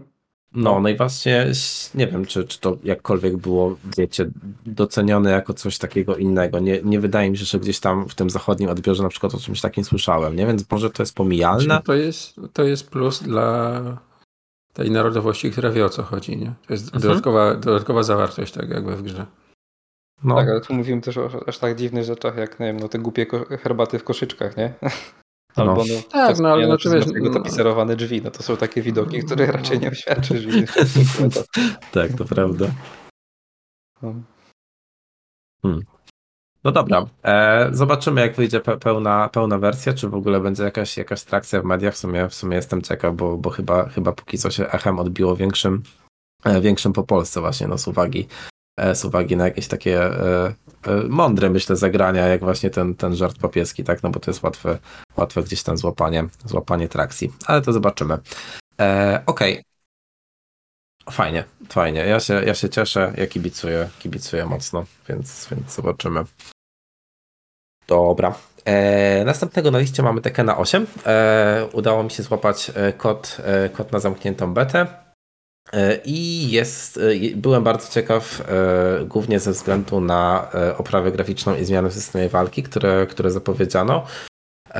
No i oprawa graficzna to takie mini rozczarowanie, bo co prawda, e, jak miałem okazję odpalić Tekena 7 jakiś czas temu, niedawno już na konsoli nowej generacji, czy to chyba jeszcze na Xboxie, e, to jakoś lepiej zapamiętałem wygląd tej gry, więc, więc no tutaj faktycznie mamy duży upgrade. E, Natomiast po prostu to, co nam pokazywano takim cinematiku wymieszanym z fejkowym gameplayem, myślę, wyglądało no lepiej, lepiej niż ten ostateczny produkt, natomiast no jest, jest dobrze i jest super funkcjonalnie, co jakby istotne, istotne w bijatyce. E, Ta zamknięta beta jest e, no, takim już naprawdę dosyć kompletnym produktem, e, ponieważ mamy, mamy 16 postaci w rosterze, mamy, mamy cały, cały, cały taki główny skład, powiedzmy wszystkie, wszystkie główne punkty zainteresowania, jeżeli chodzi o gdzieś tam klasykę Tekkenową plus jednego nowego fightera Claudio. Natomiast no, ta gra jest gotowa, tak, tak de facto. W tej, w tej becie jest tylko i wyłącznie walka online. E, Natomiast e, to co, to, co gdzieś tam mnie interesowało, to jest oczywiście, oczywiście zmiany e, od strony gameplayowej. Pierwszą rzeczą, o której chciałem powiedzieć, jest to, że wzorem Street Fightera, czyli właśnie tak jak opowiadałem na, na, na ostatnim odcinku, tutaj również wdrożono takie uproszczenie dla, dla nowych graczy.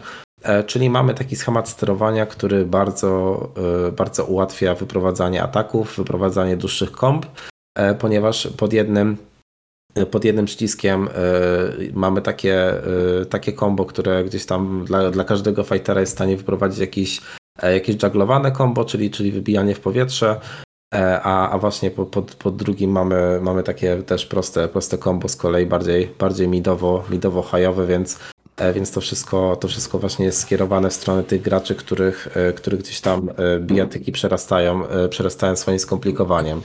Dla mnie coś. Tak, tak. Dla No, nas wszystkich poza Matim tak naprawdę. Mogę być dobry w Tekkena, tak?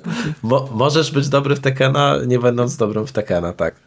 Super. E, w, sensie, bo, bo to autentycznie jest coś takiego, że e, wy, wyrównuje trochę te szanse, nie? Właśnie, właśnie mieliśmy okazję w Poznaniu trochę, trochę się pobić.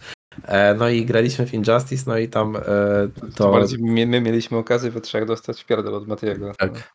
Tak, tak. Graliśmy, graliśmy na zasadzie King of the Hill, e, no i sobie trochę, trochę na tym wzgórzu, wzgórzu posiedziałem, więc faktycznie na przykład widzę, że jakbyśmy grali w tego Tekken na 8, to byłoby o wiele więcej sytuacji, w których jakby ja bym przegrywał, nie? Na luzie, bo bo y, to, to, to już by wymagało ode mnie tego kolejnego poziomu, żeby na przykład, wiecie, znać każdą postać na tyle, e, że wiem na, jakieś, nie, na jakiej wysokości jest wyprowadzane dane combo, nie? żeby na przykład zmieniać tam blok czy, czy cokolwiek. No jakby chodzi po prostu o to, że faktycznie taki świeżak ma o wiele większe szanse w tej sytuacji, żeby po prostu nie dostać perfekta na koniec. E, więc to jest super zmiana. Ja jestem, jestem mega zadowolony, bo też, też Fuji e, o tym wspomniałeś, e, że wiesz, że no nie na przykład Street Fighter już się wydaje być taki skierowany do prosów, nie? Czy w ogóle, czy w ogóle bijatyki, bo, no bo tylko te osoby przy tym siedzą, nie? No to wydaje mi się, że jeżeli przyciągnąć nowych graczy, to właśnie w ten sposób, bo, bo to jest jakby no, jakiś tam próg wejścia, tak? Właśnie, żeby tych, żeby tych bęcków tak nie zbierać. E, więc... Skoro, skoro robi to i Bandai Namco i Capcom w przypadku Street Fightera, to znaczy, że to, że im faktycznie maleją słupki sprzedażowe w tych mhm. częściach? E, aha, pytasz. To jest pytam, bo je, no nie wiem. No. Nie, nie, wiesz, wiesz co, te gry się cały czas dobrze sprzedają, tylko mi się wydaje, że mm, to może być owoc jakiegoś badania faktycznie, nie? Co, żeby się sprzedawały lepiej pewnie. Żeby się sprzedawały lepiej, ale mi się wydaje, że um, tu może być problem e, z, z retencją tych graczy, tak szczerze, bo e, mo, jak tak sobie pomyślę o bijatykach, to chyba one cały czas, e, tak nawet jak sobie pomyślę o takich moich e, znajomych nie grających, w sensie grających w stylu FIFA, to oni będą też mieli jakiegoś fightera, w sensie tak wiecie, żeby się pobić czy coś. E, mhm. Więc wydaje mi się, że taki, taki system jest tym krokiem, który przeprowadza ich do takiego punktu, w którym powiedzą, a to sobie posiedzę w online trochę, no to już może wtedy kupię jakąś kosmetykę i wiecie, i, i wydaje mi się, że, że to jest trochę celem, nie? Żeby ten gracz właśnie z takiego totalnie casualowego e, złapał w ogóle poczucie, że mu coś wychodzi, nie? A, a, a nie, że tylko, wiecie, maszuje i, i się dzieją jakieś takie losowe ataki, wszystko jest jakieś takie rwane. No tu tutaj nagle dostaje płynność i jest takie od razu poczucie, wiecie, że o kurczę, ale zajebiście mi idzie. No i potem wydaje mi się, że tym kolejnym krokiem ich wymarzonym jest oczywiście to, że on przełącza się na to standardowe sterowanie i w ogóle zaczyna sobie, nie wiem, masterować jakąś postać czy coś takiego, bo, bo, bo oczywiście e, no tutaj e, idzie, idzie ograniczenie, tak, za tym schematem sterowania, czyli, e, czyli nie dostajemy pełnej kontroli nad postacią, no bo siłą rzeczy ona, do, ona ma zbindowane jakieś określone ataki, czy już w ogóle całe komba e, do tych przycisków, więc, więc pewne ataki są dla nas niedostępne, tak, więc no jeżeli już tam myślimy o jakiejś taktyce i tak dalej, no to e, to powstaje ograniczenie.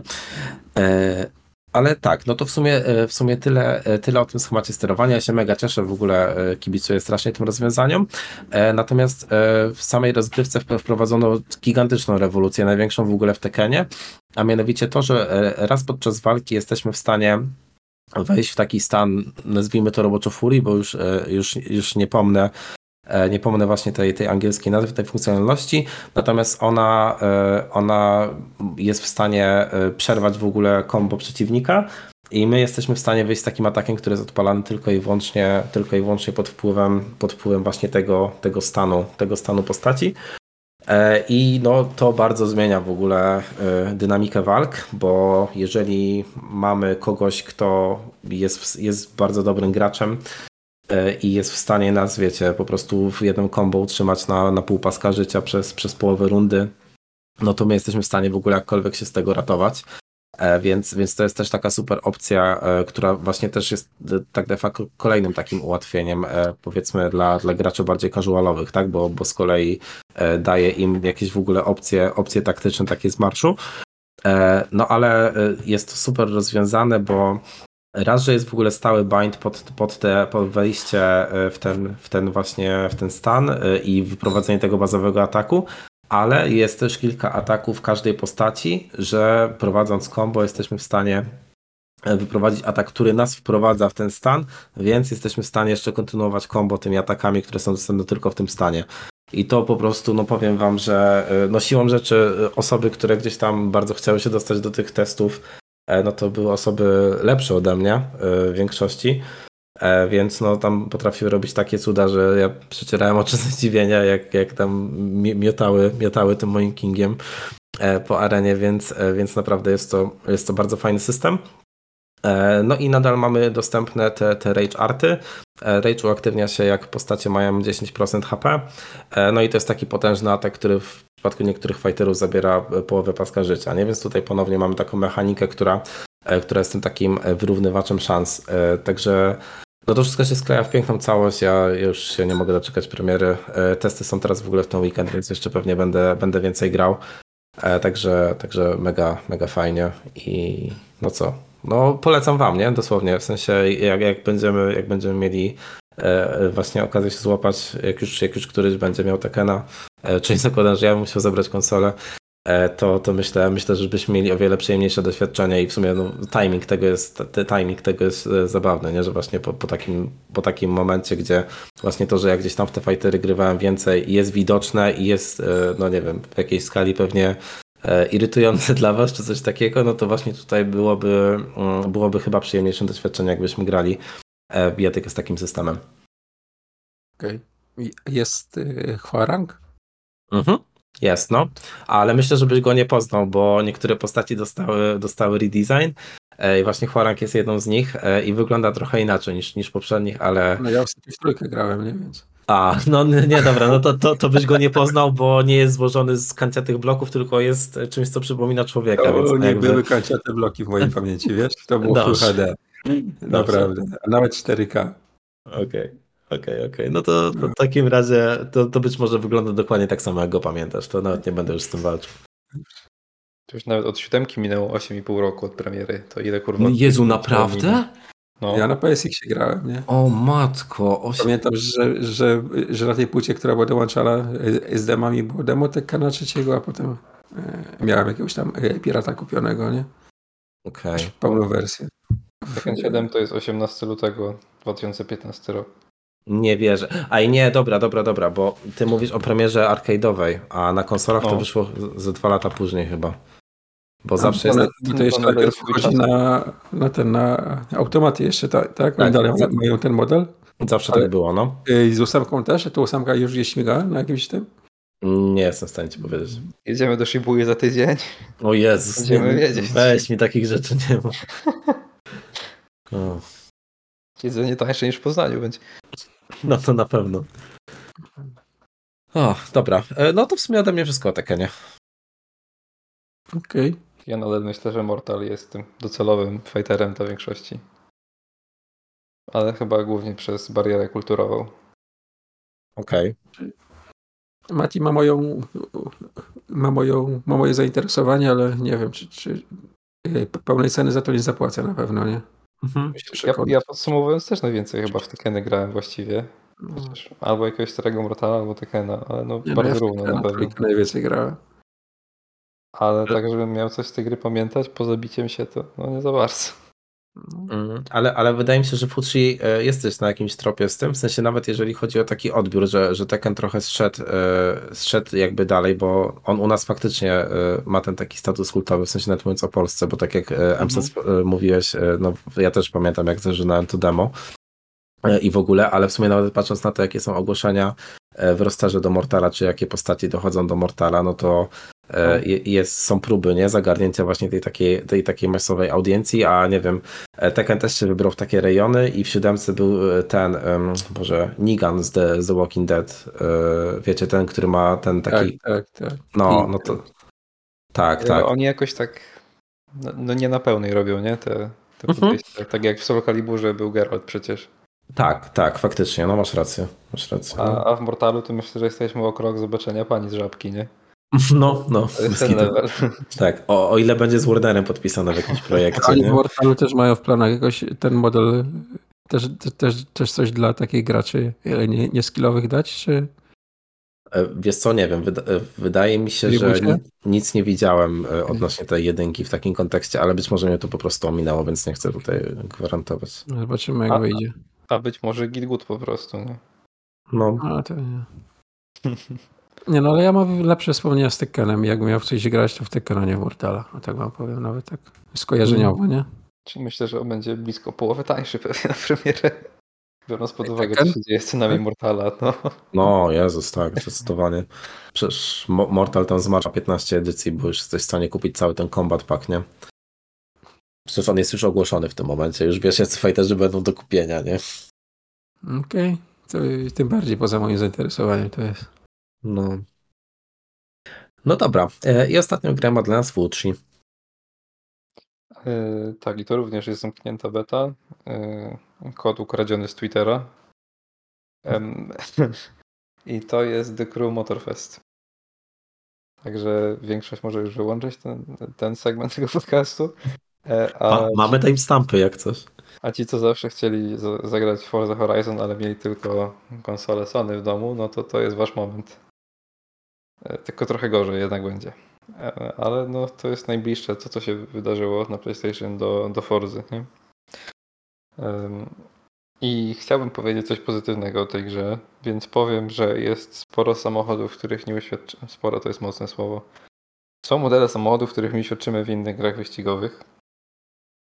I dla mnie to jest zaleta na pewno, e, bo mnie zawsze takie te pojedyncze, e, rzadziej spotykane modele interesują i narzekam, że tu nie ma tego, tu nie ma tego i tu nie ma tego. E, A tu jest naprawdę tego od zajebania. E, Z tym, że no, nawet, w, nawet w tym miodzie jest łyżka dziegciu w postaci takiej, że tu nadal utrzymujemy ten model e, The Crew, gdzie mamy i samochody, i motocykle, e, i łódki, i samoloty. E, Więc oczywiście tych wszystkich pozostałych środków poza samochodami jest tyle, co kot napłakał. E, No ale i tak zajmują deweloperom czas i niepotrzebnie miejsce. E, No ale już, już zostawiając to, o, o podstawach trochę powiem. To jest jak najbardziej arkadowe ściganie, tak samo jak w Forzie Horizon. Tyle, że tutaj mamy taką bardziej hybrydę tej wspomnianej Forzy z Need for Speedem nowym. E, A ta hybryda się objawia przede wszystkim w tym, że jesteśmy magicznie w stanie wprowadzić samochód zawsze w drift. Może nawet niekoniecznie drift, ale po prostu ślizg bokiem, bo to rza- rzadko z tego drift wychodzi, ale, ale no. I E. się szybciej wtedy jedzie, czy nie? Mm, W ten sposób jesteś w stanie wchodzić w zakręty, w których normalnie byś nie wszedł, nie? Okej. Może tak. E, Z tym, że no to jest takie kurwa, no takie mydelniczki jeżdżące z tych samochodów na- nadal dla mnie, nie? Ja na pewno jestem mocno skrzywiony pod tym względem, bo ostatnia samochodówka, co grałem, to była Assetto Corsa e, na, na kierownicy, więc to jest totalnie inny świat. E, Ale arkadowe ściganie też bardzo blisko było mi długie. E, Boże, długie, bliskie. Bardzo długo było mi bliskie. I no to, to nie jest to, co bym wybrał na pewno jako swój pierwszy wybór. E, Także ja mocno jednak odradzam. E, Aczkolwiek, no tak jak wspomniałem, na PlayStation nie ma i nie znosi się, żeby było cokolwiek podobnego. Nie? Bo NFS-y to już jest totalny odlot w arcade'owość dla mnie i to jest niegrywalne.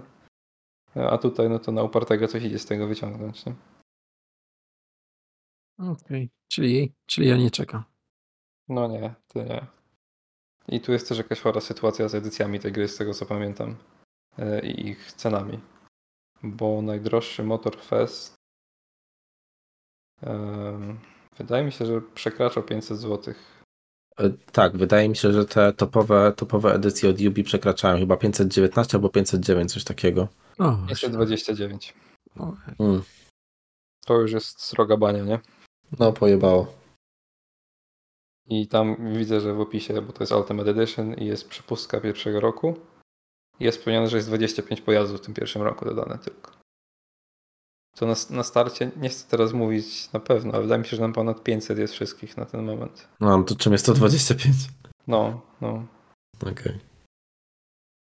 A, i jeszcze nie wspomniałem czegoś, co może niektórych przychyli na tą stronę naszą, w sensie moją MSATA. Prawie wszystkie kategorie pojazdów mają nitro, łącznie z motocyklami, samolotami i łódkami. No, da się butle wmontować? Ja nie wiem, kto to klepnął, ten pomysł, nie? W sensie to, to musiała być osoba, która nigdy w samochodzie nie siedziała. może w szybkich i wściekłych. To jest, to mnie tak Widziała, nie? że... Ale wiesz, to, to kreuje sytuację, że ja sobie podkręciłem poziom trudności i jedziemy równo, równo. Ja jestem do przodu powiedzmy półtorej sekundy na okrążenie i nagle jest moment prostej, gdzie sobie kolej za mną zachomikował to nitro i on na prostej popierdala nagle tak, że to nie jesteś w stanie. nic 600 na godzinę. No to są absurdy, nie? I mi to w ogóle zabiera cały fan z jakiegokolwiek taktycznego myślenia nawet o wyścigu, no bo to no po chuj, nie? No tak, Musisz ten nieprzewidywalny element w to wszystko podliczyć jeszcze. no. no to nie, nie. I Tędy droga, pani Ubisoft. Ja no wiesz, no może się im sprzeda, no może się spodoba, tak? Mm, No może, może. No. No, no, nie jesteśmy targetem tutaj na pewno. Mm. Yy, Nie wygląda źle ta gra, ale też, też nie jest jakim, jakąś topką graficzną w gatunku. Yy, Natomiast ta wyspa, yy, no ja nie wiedziałem jej bardzo dużo, yy, bo to była zamknięta beta na weekendzie, akurat w tym weekendzie, gdy byliśmy w Poznaniu, więc pograłem tyle co w niedzielę. To były raptem chyba 3 godziny, yy, więc nie widziałem zbyt dużo tej wyspy, ale to co już widziałem, to jest całkiem spora różnorodność. Myślę, że to są i lasy, i miasto, i, i plaża że taki pełen pakiet wizualny jest wrażeń. Mm, Wiesz co, ja w sumie bym się zaliczył do potencjalnie zainteresowanych. Tak właśnie sumie... myśl, pomyślałem o tobie, Mati, że a, a, ale właśnie wiesz co, nawet nie, bo, bo jak, jak tak ciebie słucham, to nawet dla mnie to już jest trochę przesada. W sensie, tak jak mówisz, że wszystko wchodzi bokiem, wszystko ma nitro i tak dalej. To ja szczerze mówiąc wolałbym, żeby y, Nintendo zrobiło y, Mario Kart Horizon i żeby oni sobie wymyślili coś takiego i żebym dostał to w ogóle w całej tej stylistyce, żeby to już było w całości, w całości po bandzie, a nie udające jakkolwiek rzeczywistość. Bo wtedy w ogóle mi się to wszystko bardziej klei, wie, tak wiecie, jako całość. mhm. No E. jest mocny kryzys tożsamości. No. No, E, Zakładam, że jak ktoś samochodami nie jeździ, w ogóle go motoryzacja nie kręci. A, no miałem mówić, że wtedy to jest wszystko pozytywne, ale do, dotarło do mnie, że no tu jest 500 licencjonowanych modeli, nie? Ponad. No to po chuj one wtedy są, jakoś to nie obchodzi. no. A są zniszczenia samochodów, czy? A... Wiesz co, nie rozbijałem się ani razu, nie wiem. Okej. E, No nie, nie powiem ci. Ale są tak niespotykane w grach samochody jak y, Koenigsegowa Gemera na przykład. Nie ma chyba Czyli- innej gry, gdzie jest zrobiony ten samochód. No musieli sporo hajsu na licencję wywalić, nie? No, no. Poszło. Przepalone jest. Jest y, obecnej generacji Continental GT zrobiony, którego też nie ma w innych grach, tylko zawsze jest stary wrzucany. E, Bugatti są robione nawet takie te one-offy, które oni robią na zamówienia, nie? Mhm. które są de facto innymi wersjami Chirona, no ale, ale różne troszkę. Em, z motocyklami jest tak, że albo to albo Ducati, albo Kawasakiego jest kilkanaście modeli. Ja się na motocyklach w ogóle nie znam, e, ale one wszystkie są zrobione też z takim no, konkretnym detalem, że to jest naprawdę imponujące, że ktoś komuś się to faktycznie chciało robić, biorąc pod uwagę, że interesuje to pewnie, nie wiem, jakiś promil grających w te gry, nie? Powodzenia życzymy Ubisoftowi. Niech tam się im sprzeda.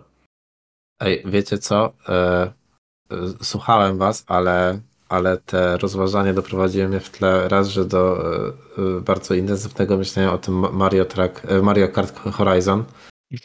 To w ogóle mi się wydaje jakimś totalnie zajebistym pomysłem nagle. A dwa, że sprawdziłem, jak powiedziałeś, że tam jest tyle samochodów, w jakich, e, w jakich grach jest Xara Picasso. I właśnie widzę, że w Eurotracku można jeździć Xarą, więc e, e, ja się Ale żegnam. jako, jako modyfikacja Mati, nie, No. Tak. tylko. No. Tak, ale jest widok z kokpitu i to jest ten kokpit. No, tylko weź pod uwagę, że tam jest silnik jazdy z ciężarówki nadal, nie? I on się nie tłumaczy nijak na, na osobówki. A, okej. Dobra, to nie, to żartowałem. Już A nie nie, bo, a w, w, jakimś, w jakimś starym Gran Turismo nie było?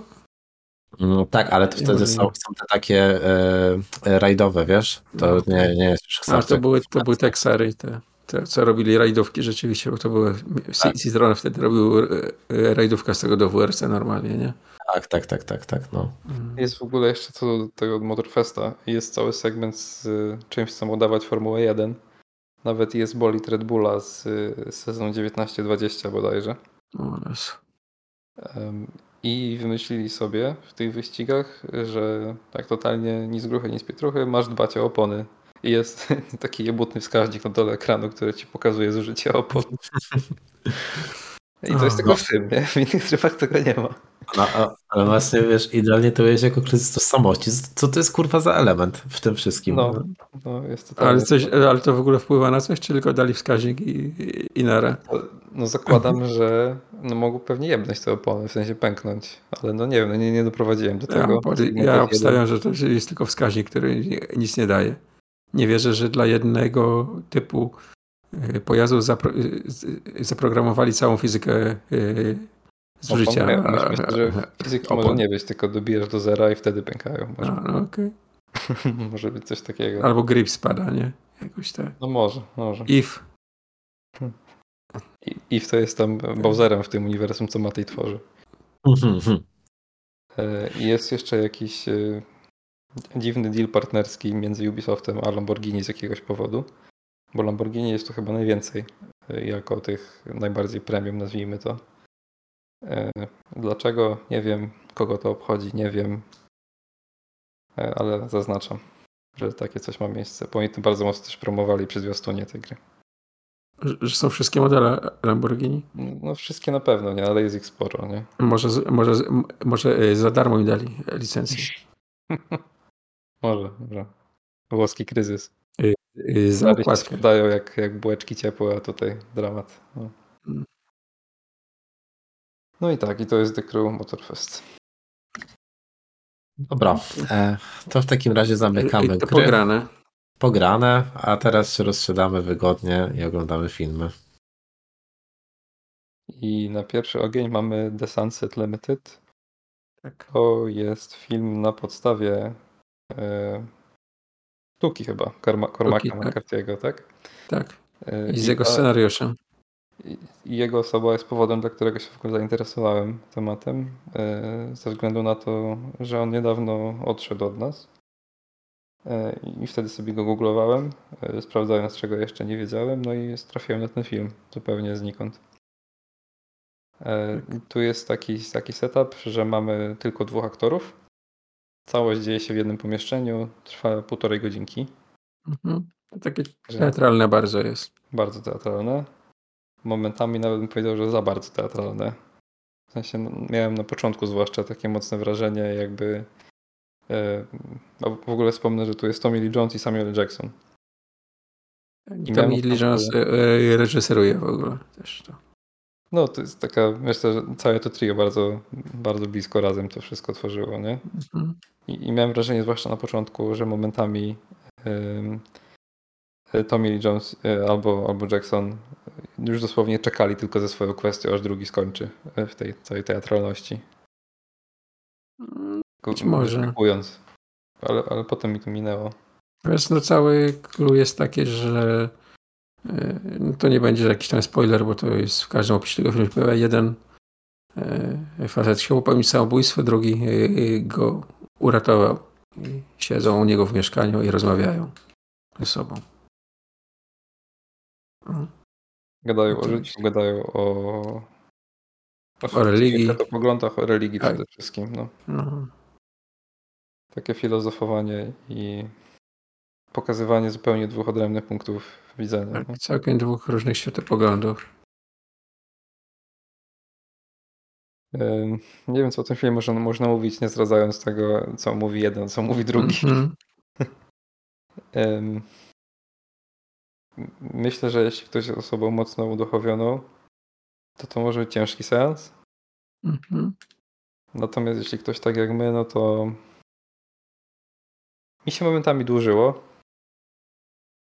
No, całe szczęście, że tylko półtorej godziny, bo już rzeczywiście tak. mogło być Bo ta formuła się wyczerpowała około, około godziny 10, tak mm -hmm. powiedzmy już mocno, nie? Tak, tak, tak. E, no ale właśnie to chyba kwestia tego, że niekoniecznie jesteśmy takim rodzajem osoby, do której to bardzo mocno przemawia. No byłeś team czarny czy, czy team biały? E, znaczy mówimy o kolorach skóry? Czy... Wow, wow, wow. Nie, no, nie tak, tak, tak, się nazywają postacie przecież na, w episach końcowych. Wiem, wiem. No, no biały, biały, zdecydowanie biały. No, samo nie, no, fajnie, fajnie, fajnie. No. Tak. Także. Natomiast no, to jest film dobry, żeby go obejrzeć i sobie też tam porozmawiać w jakimś stopniu. Natomiast to też nie jest coś bardzo mocno odkrywczego, co zmieni e, wasze życie, moim zdaniem. Chyba, że nigdy o wierze nie myśleliście No. w sposób inny niż przedstawili wam rodzice. No to wtedy to Wtedy jest tak. bardzo mocny punkt wstępu. Tak, tak, tak. Ale... Jesteś zainteresowany, czy nie? No, nie wiem w sumie. Rzuciłem na konia i teraz tak... eh. Nie no, w Znaczy- sensie... Trudno mi powiedzieć, bo tak trochę, trochę mi to en- enigmatycznie wybrzmiało. Musiałem sobie, musiałem sobie poczytać trochę o tym filmie. No to co byś chciał wiedzieć jeszcze, to ci powiemy, tak? No, Bo w momencie, jak zaczniesz czytać, to sobie całą, y, no, całe clue filmu zespoilujesz, nie? Okej, okej. No to może faktycznie bardzo, bardzo, bardzo... Znaczy, wiesz co, no tam ciężko też zaspoilować, no bo to, to jakichś tam plot twistów wielkich nie ma w tym filmie, tak? No ludzie ze sobą rozmawiają i jest to całkiem przyzwoicie zagrane nawet, bym powiedział, nie? No, Chociaż- jest jak najbardziej okej. no. No. Okej, a to jest u nas na maksie, tak? Jest Tak, najlepszy. tak, jest na maksie. A, okej. Także no to nie jest długie, nie? Bo tam godzinę 27 całość, ale pewnie tam, be, tam bez napisów to pewnie jest z, z godzinę 20, tak? Mhm. Podejrzewam, więc no. Ja dzisiaj przed podcastem to obejrzałem sobie. Hmm, no, jako, że ktoś już tego słucha, no to on wie, co tu się dzieje, aczkolwiek jeśli tak totalnie w ciemno się podchodzi, y, to tutaj kilka minut może zająć w ogóle y, zorientowanie się, czemu oni siedzą w tym mieszkaniu, do czego tu doszło i Tak, tak. No ale no mówię, no to co ja powiedziałem, to jest jak klikniesz w- na Ja w ten film, to się pojawia w pierwszym zdaniu, nie? Więc no, to nie jest jakiś tam silny spoiler, tak? Jakbyś musiał w ogóle kliknąć i nie czytać tego, co tam jest napisane przy tym filmie, nie? Tak, Tak. tak, jak najbardziej. No.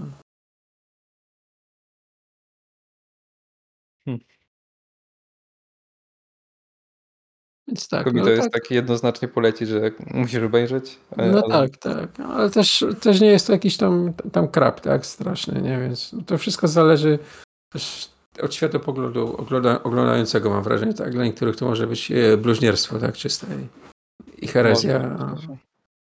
I mocno zależy, jak, jak, jak kto ma tolerancję na filmy kręcone w jednym pokoju, nie? Bo to też. No, no. No tak, dla niektórych już sama ta forma ilością jest... osób. Mhm. Moim ulubionym filmem ever jest Lock, gdzie jest jeden aktor na ekranie przez półtorej czy dwie godziny, nie? Więc to jakby totalnie w moje rejony uderzyło, jeśli o to Mhm. chodzi. E, A widziałem też porównania z dwunastoma gniewnymi e, ludźmi, o których mówiłem ostatnio. E, właśnie tam to też się tą dzieje w jednym formę, pokoju, nie? Że też jest w jednym, w jednym pokoju. E, I, I też wszystko to jest tego odbijanie dialogu, nie? Bez przerwy Mhm. bez chwili zastanowienia nawet. No i, no i to jest właściwie ta sama kategoria filmu. No. Z dużo bardziej, e, może nie dużo, no ale jednak z bardziej, bardziej ruszającym tematem. I wiecznie aktualnym. Prawda, to prawda. No jednak wniosek taki, że oglądajcie. Zobaczcie. dobra. Zobaczcie nawet tak. Czujcie się ostrzeżeni też. Bo To, to dużo zależy, mówię od, od Od wszystkiego. tak. Ym, Dobra, kolejny film. tu mamy taki segment y, trochę przypadkiem wymyślony, bo te filmy pozostałe dwa akurat premierowały w tym okresie. Jak na Sunset Limited wpadłem.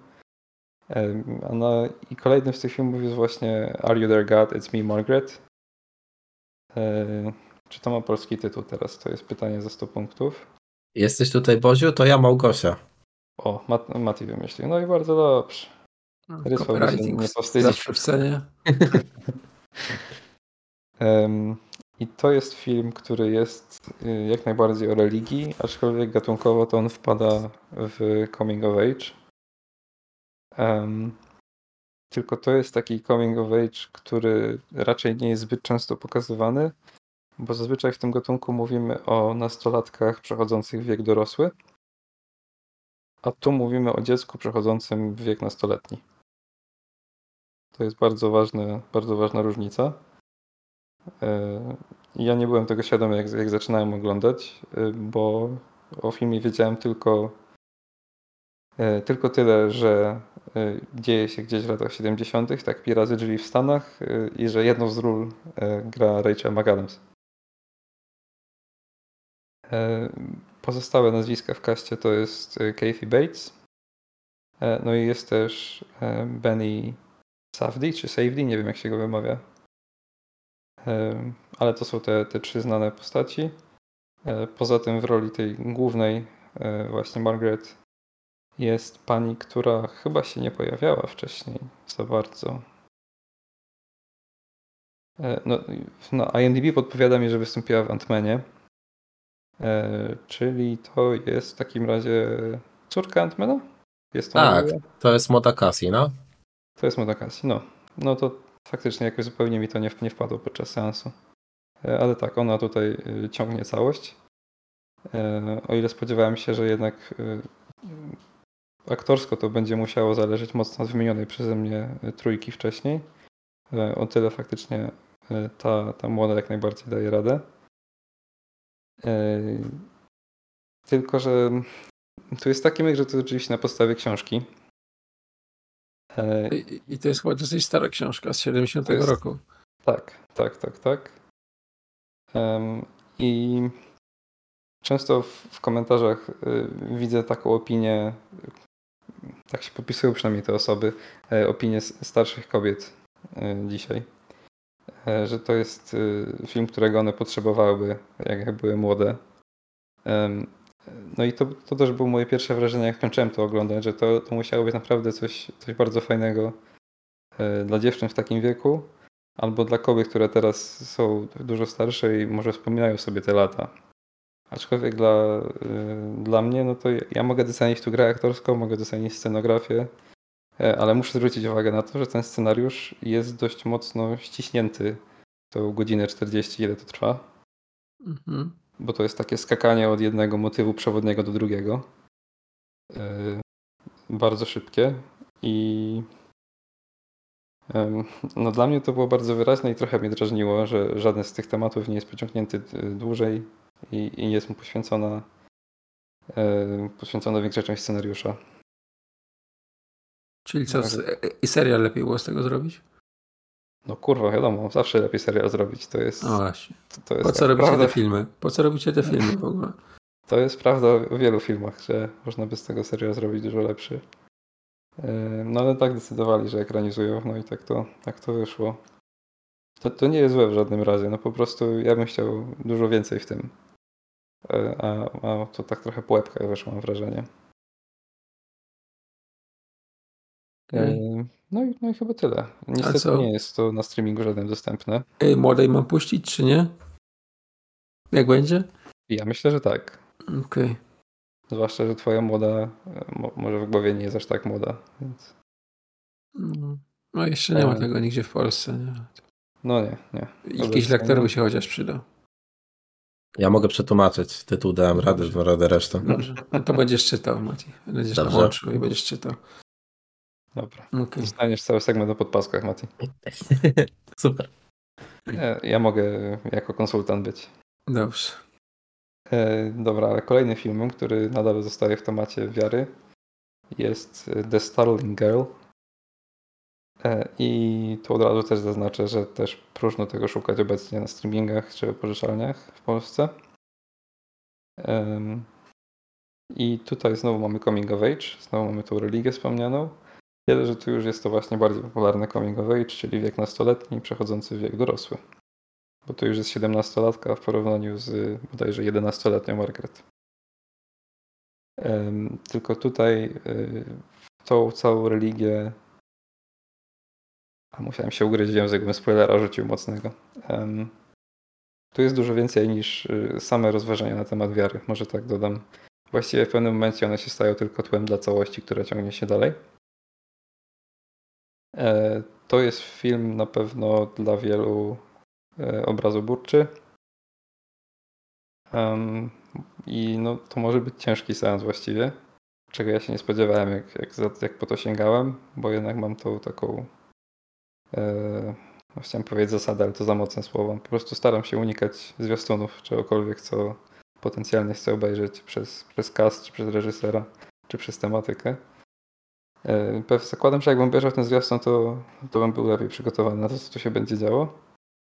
E, Natomiast tak pokrótce tu mamy tu do czynienia z bardzo ortodoksyjnym, powiedzmy, e, katolickim środowiskiem w relatywnie e, małej, e, małej wsi czy małym miasteczku e, w Stanach. E, I główną bohaterką właśnie jest e, 17-letnia e, Jem. Tak jest, tak jest nazwana. E, I jak powiem cokolwiek więcej, to już będą spoilery, więc nie będę zdradzał. To polecam zdecydowanie obejrzeć, tylko to jest dużo mocniejszy film od Margaret. No Okej. i, i teraz Mati całe na różowo. Tak, ja cały na różowo. Em, Jestem e, dzisiaj na świeżo po seansie Barbie. E, I w sumie to ja sobie tak pomyślałem, czy wy macie jakieś pytania przed seansem? Ja chcę jak najmniej wiedzieć, także może ja się wyłączę w ogóle. No, Ja spoilować nie miałem zamiaru, ale, ale no coś, coś, coś na pewno opowiem, więc No, więc- zaryzykuję. zaryzykuj. Tak z marszu mam w ogóle wrażenie, że większość ludzi, co na to idzie, w życiu nie widziała filmu Grety Gerwig żadnego. E, Tak, to jakby. Hmm. Ja, ja jestem bardzo zadowolony z tego seansu. W sensie, aż się nie spodziewałem, że ten film mi się tak bardzo spodoba. Em, ale tak, czym, czym jest ten film? Bo ten film jest dziwny, jak najbardziej. W sensie, y, to jest, to jest takie sprytne, sprytne poprowadzenie całym w ogóle marketingiem e, i tym, co pokazywano przed premierą. E, Natomiast, e, natomiast to, jest, to jest taka dziwność, której się, której się poniekąd spodziewałem, bo, bo oczywiście te, ten, ten film e, ma przesłanie. I mi się strasznie podoba, że e, efekt tego filmu i w ogóle jego wydźwięk e, pokazuje, jak mało trzeba, e, żeby, żeby skruszyć, skruszyć męskie ego, biorąc pod uwagę gdzieś tam odbiór w mediach społecznościowych. Bo ten film nie mówi nic szokującego. To nie jest tak, że to są jakieś rzeczy, które są odkrywcze. Natomiast sposób, w jaki sobie wybrano opowiadania o tych rzeczach jest niesamowity. Mm, No bo dosłownie e, tak sobie myślałem po seansie o tym, że wiecie, jak się, nie wiem, na lalkach czy na czymkolwiek pokazuje jakieś rzeczy, żeby coś wyjaśnić, co nie? W sensie dosłownie nawet w stylu, nie wiem, planowanie jakichś bitew, tak? Pokazujemy coś na jakichś y, nieruchomych obiektach, to tutaj jakby to jest wykorzystane do przedstawienia e, właśnie rzeczy, rzeczy związanych e, z tym, jak, e, jak wyglądają e, stosunki wobec, wobec płci w naszym dzisiejszym świecie i co to, co to tak de facto oznacza dla przedstawicieli tych konkretnych płci. I no, jest to w takiej formie, która miesza, nie wiem, klimaty troszeczkę z Lego e, z Toy Story, uderzając w taką nostalgię, nie wiem, do zabawek, po takie mocno, mocno satyryczne tony i naprawdę dobry humor.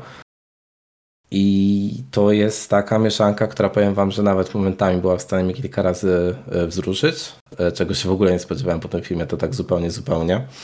Mm, I nie wiem, naprawdę jestem, jestem pod, dużym, e, pod dużym wrażeniem. E, Aktorsko jest super. E, Margot robi tutaj no naprawdę e, bardzo, bardzo, niesie, bardzo niesie ten film.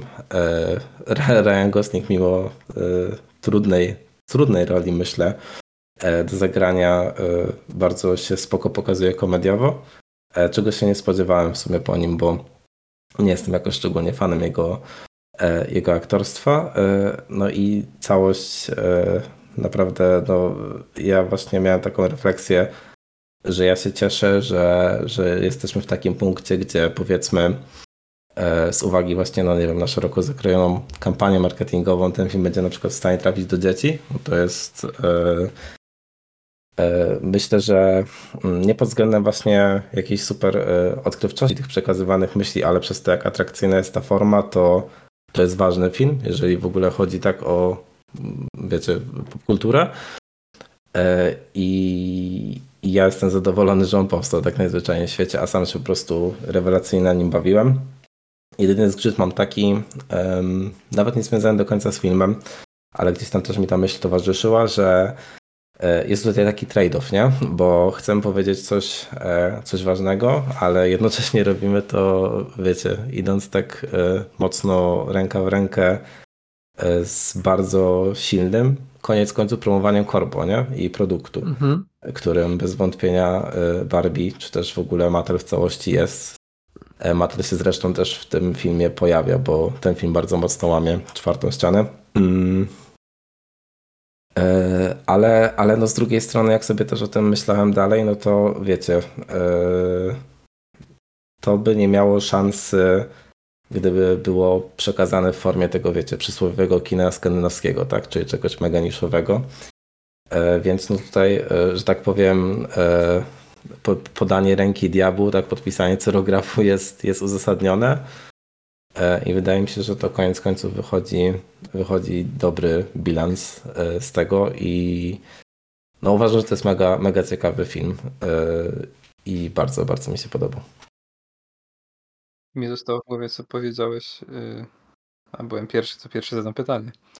E, Jakim cudem Ryan Gosling gra rolę komediową, jak on w swojej karierze zazwyczaj mówi po trzy zdania na film? Tak, no właśnie, właśnie dlatego, dlatego byłem bardzo pozytywnie tym zaskoczony, co nie, bo e, no, w mojej opinii jego najlepsza rola to jest Drive, gdzie nie mówi nic, niemalże. E, Więc, e, więc no e, tutaj, tutaj faktycznie, faktycznie jest to zaskoczenie, ale myślę, że jak najbardziej pozytywne. No też e, z uwagi na, e, na to, w jakim świecie się poruszamy e, w większości tego filmu, e, no to e, siłą rzeczy ta gra aktorska jest przerysowana, co nie? Jakby wiadomo, ale jednocześnie tam są takie okienka na emocje, nie? Jakieś i, i gdzieś hmm, poprzez, właśnie, poprzez właśnie ten humor, czy gdzieś tam odnoszenie się do tego, e, czym w ogóle te zabawki są, tak? Jakby jak są, y, jak, jak się nimi dzieci bawią, cokolwiek, nie wiem, jakieś, jakieś tam e, rzeczy, rzeczy związane właśnie z, z, z całym e, z całym konceptem właśnie no, bawienia się lalkami Barbie, e, no to to jest właśnie zagrane bardzo, bardzo fajnie i zabawnie. Naprawdę momentami po prostu są, są bardzo śmieszne sceny. Ryan Gosling nie gra w jakimś musicalu tym głośnym takim? No, E, grał On w La La grał Land, ale La La to Land, była- no. No To dalej właśnie. była bardzo goslingowa rola, bym powiedział. no to trudno, trudno określić komedią raczej. E, Ale, ale tak, no, no tutaj, tutaj zagrał bardzo fajnie. Czy Ale- to jest film ale- dla dzieci, czy nie jest film dla dzieci? Mati? Mm, Wiesz co, to jest film dla dzieci i, i myślę rozmowy z dzieckiem trochę. Dobra, E, bo- to pozwy na, na maila Matiego, nie do nas. E, tak, O, znaczy... Nie, no- no jest, jest od 8 lat, nie? Więc wiesz. E, Wydaje mi się, że to, że to e, nie jest film, em, tak jak się czasem mawiało o filmach Pixara, że wiecie, e, dzieci dostają tą kolorową fabułę i tak dalej, i tak dalej, a dorośli łapią szerszy kontekst Mhm. fabularny, co no, nie? no, no. To, tu, to tutaj tego szerszego kontekstu się nie da pominąć, nie? To jest jakby Okej. tak, tak w twarz. To nie jest tak, że, e, że, że Barbie leci na kolorową przygodę swojego życia, tylko jakby ten kontekst jest kluczowy dla całego filmu. E, Natomiast jego zrozumienie w pełni nie wiem, czy byłoby super przejrzyste dla dziecka, nie? Okej. Wspomniałem, że jest od 8 lat, Tak. bo w Stanach jest od 13. Tak, koliście No to u nas jest, e, z tego co widziałem, to- to 8 plus, nie? No tylko, że u nas, Sześciu. u- u nas filmy nie mają ratingów usystematyzowanych, co nie? No Bo tam masz to, to, y, to tam PG-13, nie? I, i, Mhm. i, No tak. i masz, masz te ratingi, a u nas to chyba są takie, nie wiem, czy z kina to narzucają? Chyba Nie, no jest, jest jakaś, jakoś to, jest jakaś, ktoś to robi, nie? Panie Okej, to, to nie, nie, nie, nie kłócę się, bo, bo zupełnie nie mam pewności tutaj, więc, więc nie wiem. Bo ja teraz przeglądam certyfikację na IMDb tego Proszę. i jest rozstrzał od 6 do no, zostało 18, ale to w Emiratach, także No. poza Emiratami 13 to jest góra. Okay. Mhm. Poczekaj, chyba ja coś pomyliłem, nie? No, Nie, nie, możesz mieć rację. No, Finlandia ma 7, Niemcy mają 6, Okej. Szwecja 7. Tam im bardziej do przodu, tak wiesz, mentalnie powiedzmy, to tam Mhm. tym niższa ta, yy, ta bariera wiekowa wymagana. Okej. A nie szukam nawet. No ja na pewno pójdę, nie? To nawet, czy, no nawet jakbyś mówił, że jest ultra chujowe, to bym poszedł. W sensie Hmm. poszedł, no obejrzę w domu, no. Może tak. No, ja Ja- nie wiem, może pójdę z młodą. No jest, jest to mega ciekaw waszej opinii, ale, ale u mnie przekroczyło wszelkie w ogóle oczekiwania. Tylko ja z dubbingiem będę musiał iść, nie? Mm. To dubbinguje polskiej wersji tych ludzi. Kurwa. Nie wiem. No, mo- może, może to zostawmy na tym, na tym etapie, ale, ale serdecznie polecam wszystkim. E, Jeżeli ktoś wyjdzie z tego seansu obrażony, to, to proszę sobie zdać sprawę, że problem leży, leży właśnie, właśnie w tobie. E, Więc no, tyle, tyle ode mnie. To ja dodam, Okej. że Kena dubbinguje Marcin Czarnik, a Barbie dubbinguje Paulina Gąska. Nie znam ludzi. A, absolutnie nie znam tych ludzi, no. A może to dobrze. No. Może. Mm, No dobra, to lecimy dalej, Futsi. Jezu, pani Paulina gra też w Warszawiance w jednym odcinku. To O jest nie, okej, dobra, to koniec. Będzie z Warszawianki update na- w przyszłym odcinku. Kurwa. Co tam się dzieje? Jestem bliski s- skończenia, więc. O kurde, okej, to jestem ciekaw. No. Smutek poczyniłeś w moim sercu. Dobrze, kolejnym filmem jest y, Wes Anderson i jego Asteroid City. Y, Co o tym filmie można powiedzieć, poza tym, że to jest kolejny film Wes Andersona z kolejnie absurdalnie wypchaną po brzegi obsadą. No nie wiem w sumie, co o tym można innego powiedzieć. No, to, jest, to jest tak, że jak podoba Ci się jeden film Wes Andersona, to spodobają Ci się wszystkie inne. Przynajmniej mówię o tych ostatnich, nie wiem, trzech. E, A jeśli nie spodobały Ci się poprzednie, no to ten nic nie zmieni. Mogę dodać, że to jest według mnie najbardziej em, przystępny. To jest chyba najniższa bariera wejścia tutaj. e, Z tych dotychczasowych, tych nowych przynajmniej. E, aczkolwiek to nadal nie jest coś e, lekkiego i gdzie nie trzeba w ogóle myśleć, nie? A nie, nie masz wrażenia, że w ogóle y, jak na jego filmy, to o tym jest bardzo cicho? W sensie relatywnie w ogóle do, do, te, do obsady i tak dalej? Mm. No ten rok w ogóle został totalnie przyćmiony przez y, Barbie i Oppenheimera, nie? Mhm. E, Ale no może faktycznie, może masz rację, że tutaj było aż nadto cicho. Aczkolwiek w moim przypadku e, The Grand Budapest Hotel też był film, o którym nie było dla mnie głośno w mojej bańce wtedy, a dużo więcej o nim słyszałem po premierze, tak lata po premierze, nie? Mhm. E, Jak dwa lata temu wychodziło The French Dispatch, to też dużo jakoś medialnie nie pamiętam, żeby się działo. E, Tylko przez to, że no dużo siedziałem ogólnie w kinie, no to byłem zainteresowany tematem, nie? I, i tak, tak znowu tutaj jest teraz. Też jestem zainteresowany na bieżąco premierami. Może nie chodzę do kina, ale oglądam sporo i tak nowych rzeczy. E, No i też czekam, aż tylko będzie dostępny. I obejrzeliśmy niedawno i kurczę, no, no mi się podobało. Ale żebym miał od filmu miał skleić dwa, trzy zdania tak z sensem, to byłoby kurwa ciężko, naprawdę. Okej. A jakiś taki zary, zarys fabularny czy coś? Em, Zarys fabularny. Jest miasteczko e, na amerykańskim Zadupiu, tym takim pustynnym, nazwijmy to Zadupiu. Tam się dzieje bardzo dziwna rzecz, która powoduje, że wszyscy e, obecni, e, obecni w tym miasteczku ludzie muszą tam zostać na jakiś czas. To jest zarys fabularny. Okej. No to, to co się potem może wydarzyć, to już, to już raczej I, i jest wiadomo. duży powód, dla którego w ogóle tam przyjechali wszyscy i on nie jest tym, tym samym, dla którego muszą zostać w tym miejscu na jakiś czas, nie? Tak jeszcze Mhm. pomieszam, może tak. Okej. No, ale to wiesz, każdy dialog u Andersona to jest jakaś taka osobna abstrakcja zupełnie, nie? Co- Coś, co ma sens tylko w, tylko w tym danym, e, w tym danym e, tam dialogu, w danej wymianie Mhm. zdań. Nie? Mhm, mhm. Prze- Przedziwne filmy ten człowiek robi, naprawdę. Ja jestem tym zainteresowany, mam na liście. A poprzednie jego rzeczy oglądałeś? W sensie mam konkretnie na myśli ten e, The Grand Budapest Hotel i The French Dispatch właśnie. E, Wiesz co, Grand Budapest Hotel, widziałem, ale French Dispatch nie. Okej, no to e, to jest podobnie przystępne co, e, co Hotel. Mhm. A French Dispatch to jest jeszcze większy odjazd, wydaje mi się. Może nie, Okej. nie sam fabularnie, ale żeby nadążać tym, co się dzieje zawsze w tym filmie, to jest wyższa półka już, no. Okej. Y, Jestem zaskoczony, do jak szerokiej widowni to trafia. W sensie y, faktycznie tego marketingu może nie być jakoś dużo, ale myślę, że te nazwiska jednak sprzedają ten film, nie? No ja, ja też myślę, że, e, że to jest jeden z niewielu twórców w ogóle, który ma styl wizualny, który wiele ludzi jest w stanie określić, nie? E, Jako, jako jego. Tak, tak. No, na Discordzie ostatnio mamy taką w cudzysłowie zabawę, że ja wrzucam jedną klatkę z filmu, serialu czy gry, co się ma pojawić w kolejnym odcinku.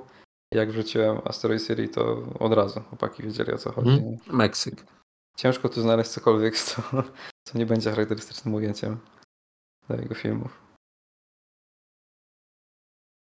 E, I nawet jakby fabularnie uzna, uznacie, że to jest totalne chujstwo, e, to wizualnie to wow.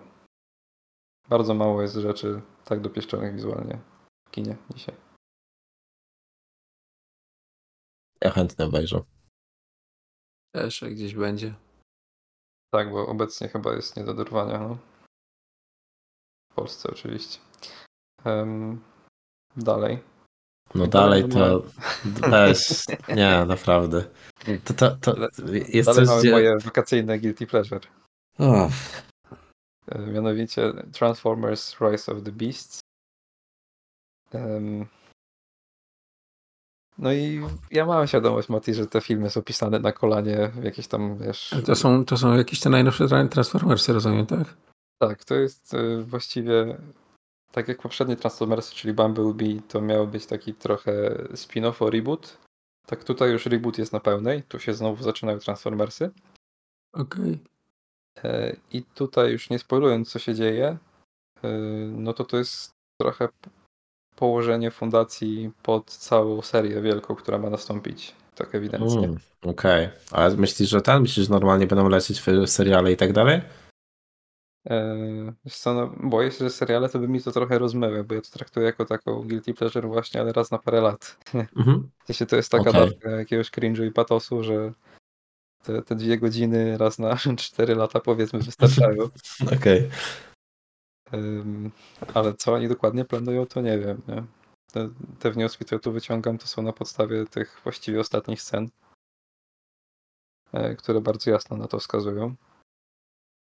E, No i tak jak mówię, no, mam świadomość, że to jest napisane na kolanie w jakiejś tam kanciapie w 3 minuty. Cała ta fabuła. e, I to absolutnie nie ma żadnych zaskoczeń. Natomiast oni tutaj celowali bardzo mocno w uchwycenie tego vibe'u lat 90. w Nowym Jorku. I to się przede wszystkim objawia w, nie tyle może w stylistyce całego filmu, co w muzyce. E, Bo bardzo dużo rapu tu znajdziemy z tamtego okresu. E, No i to nadaje taki, wiecie, no, klimacik luzacki strasznie, trochę gangsterka. E, Nie. Czy, czy, No nie. tak. tak, czy tak, ty tak. mi próbujesz powiedzieć, że Optimus Prime się w rytm Tupaka bije z jakimiś małpami? E, Nie. Ale zdarzają się Beastie Boys, zdarza się nas. Jezu, jeszcze jedna grupa, która mi totalnie wyleciała teraz, a była na początku. E, No mniejsza, no ale jest sporo tego, tej klasyki e, rapu z tamtej epoki. E, Nie jest to w trakcie scen z Optimusem, to ci muszę przyznać. Mm, Bo te sceny nadal zachowują ten swój taki. E, No, no właśnie, może trochę taki patos, nie? Okej. który jest tu postacią kojarzony dość mocno. E, Ja nie wiem, czy w ogóle Optimusa dubbinguje ten sam koleś od wielu lat, ale dla mnie zawsze, przynajmniej w pamięci, brzmi tak samo. To jest niepo- niepodrabialny głos. Optymalnie. Optymalnie, jak najbardziej. E, Prime'owo nawet można powiedzieć. I na co chciałem zwrócić uwagę, że to jest no, poza awatarem to jest chyba najlepsze CGI w kinie obecnie. Cały ten proces, jak one się składają, rozkładają, unikają jakichś ataków, właśnie biją się po prostu. To, jest, to są jakieś wyżyny dla mnie CGI, naprawdę. Czapki z głów i klękajcie narody, co oni tam robią. Nie wiem, ile studiów graficznych brało udział przy tym filmie. e, ile to było roboczo godzin, ale naprawdę wow.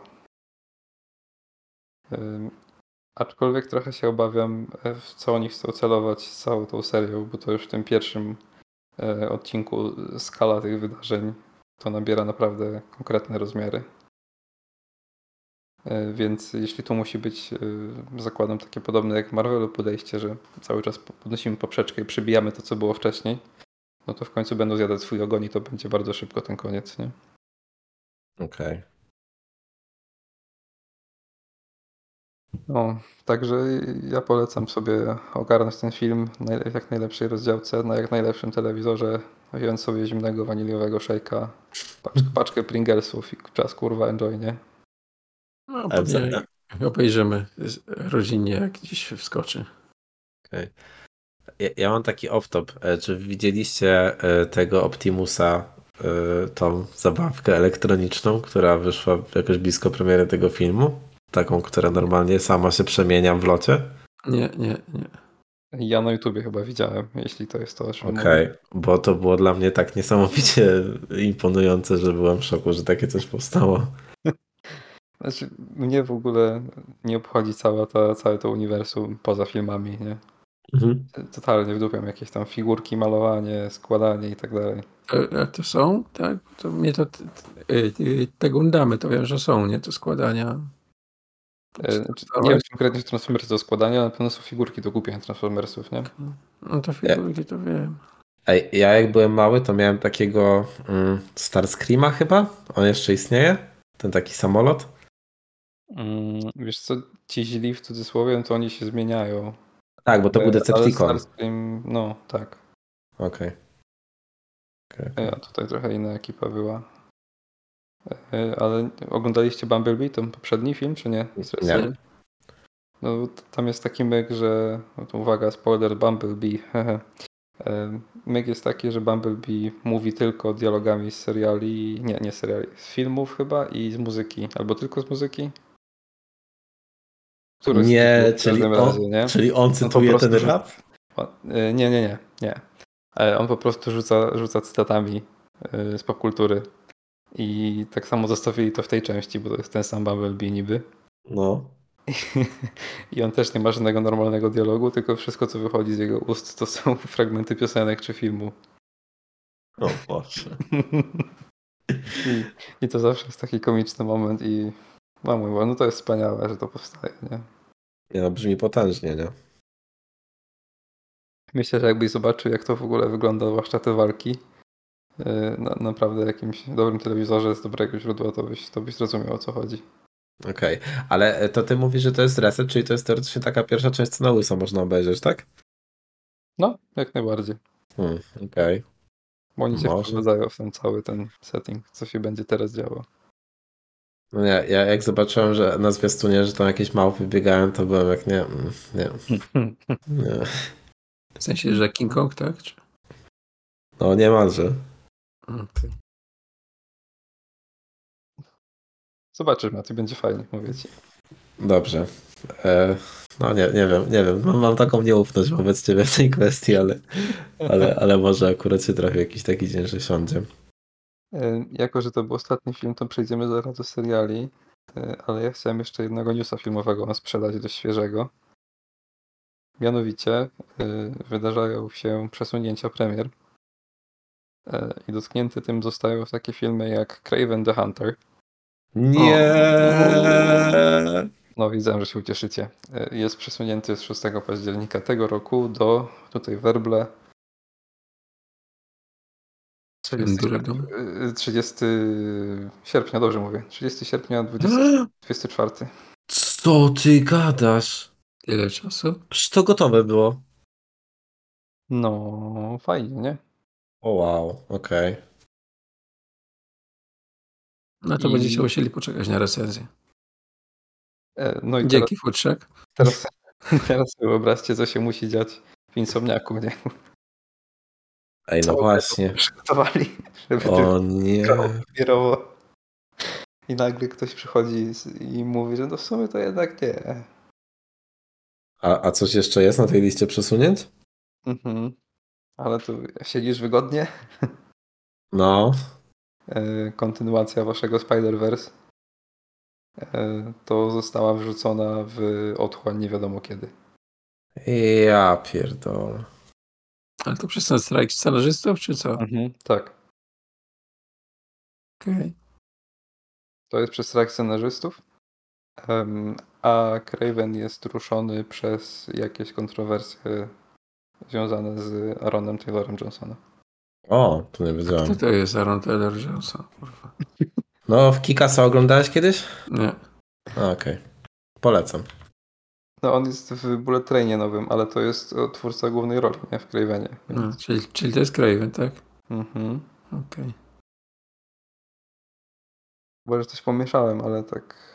Yy, to jest. Nie, nie, dobrze dłu- mówisz. Długi artykuł, a no. No ale co, że będą go wycinać z tego filmu i kto innego będzie grał? em, no nie powiem ci, no. No, dobrze. Że mogli puścić na szybko, a potem kontrowersje wypuścić. Tak. Weź, zgwałć tam kogoś później, nie? Tak, to, taką dostał komunikację od PR-u. Tak. Ach. Więc takie, takie smutne wieści.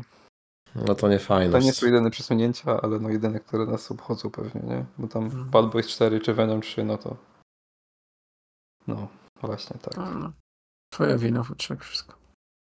No i git, no, wezmę to na klatę. Gdyby nie ty, to by, byśmy recenzowali w październiku Cravena. Tymczasem Tymczasem. segment serialowy. E, A Jest tak w całości- naprawdę twój segment. Jest w całości Tak. mój, więc mogę sobie tu kolejność e, obrócić jak chcę. E, I właściwie zacznę, tego krótszego.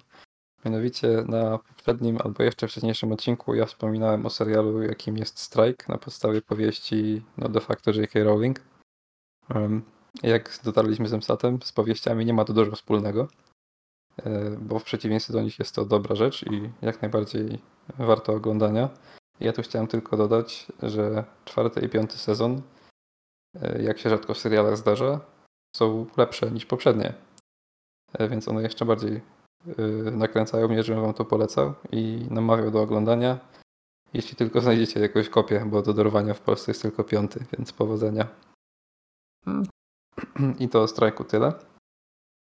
Em, I pierwszym serialem poza strajkiem dzisiaj jest American Rust.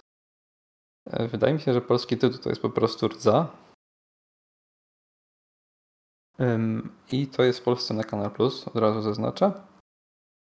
I tutaj mamy taki setting, że mamy podstarzałego pana policjanta, którego wciela się Jeff Daniels.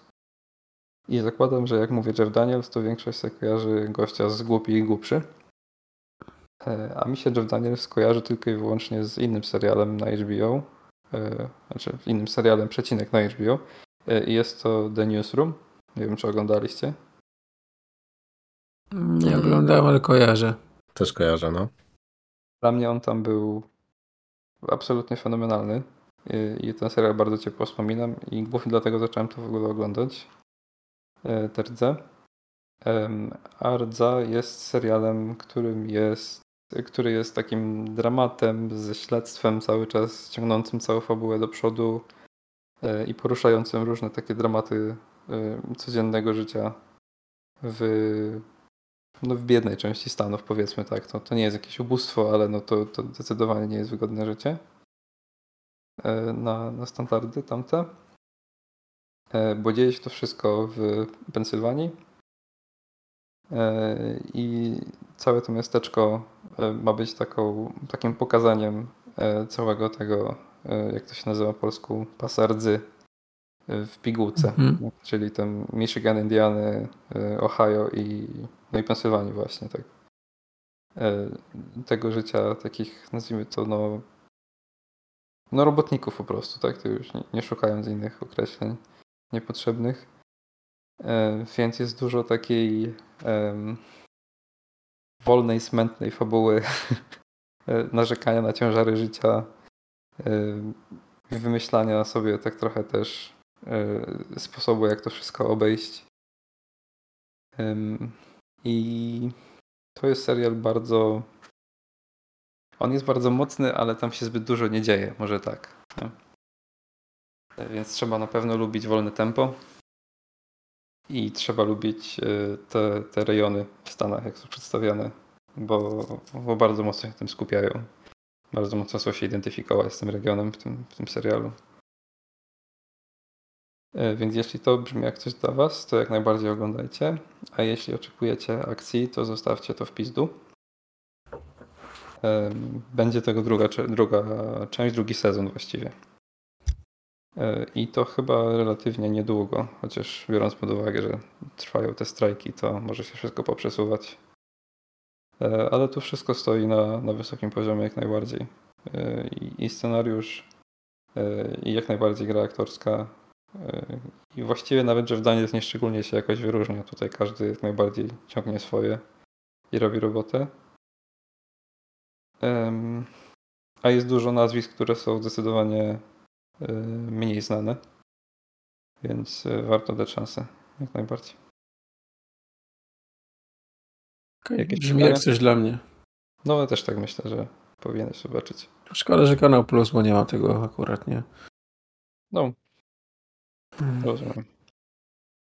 Zdecydowanie nie dla Matiego za to chyba. No nie brzmi jak dla mnie. Dobra. Kolejne na liście mamy The Night Of. E, To jest na HBO. To jest miniserial, więc jest cała zamknięta historia.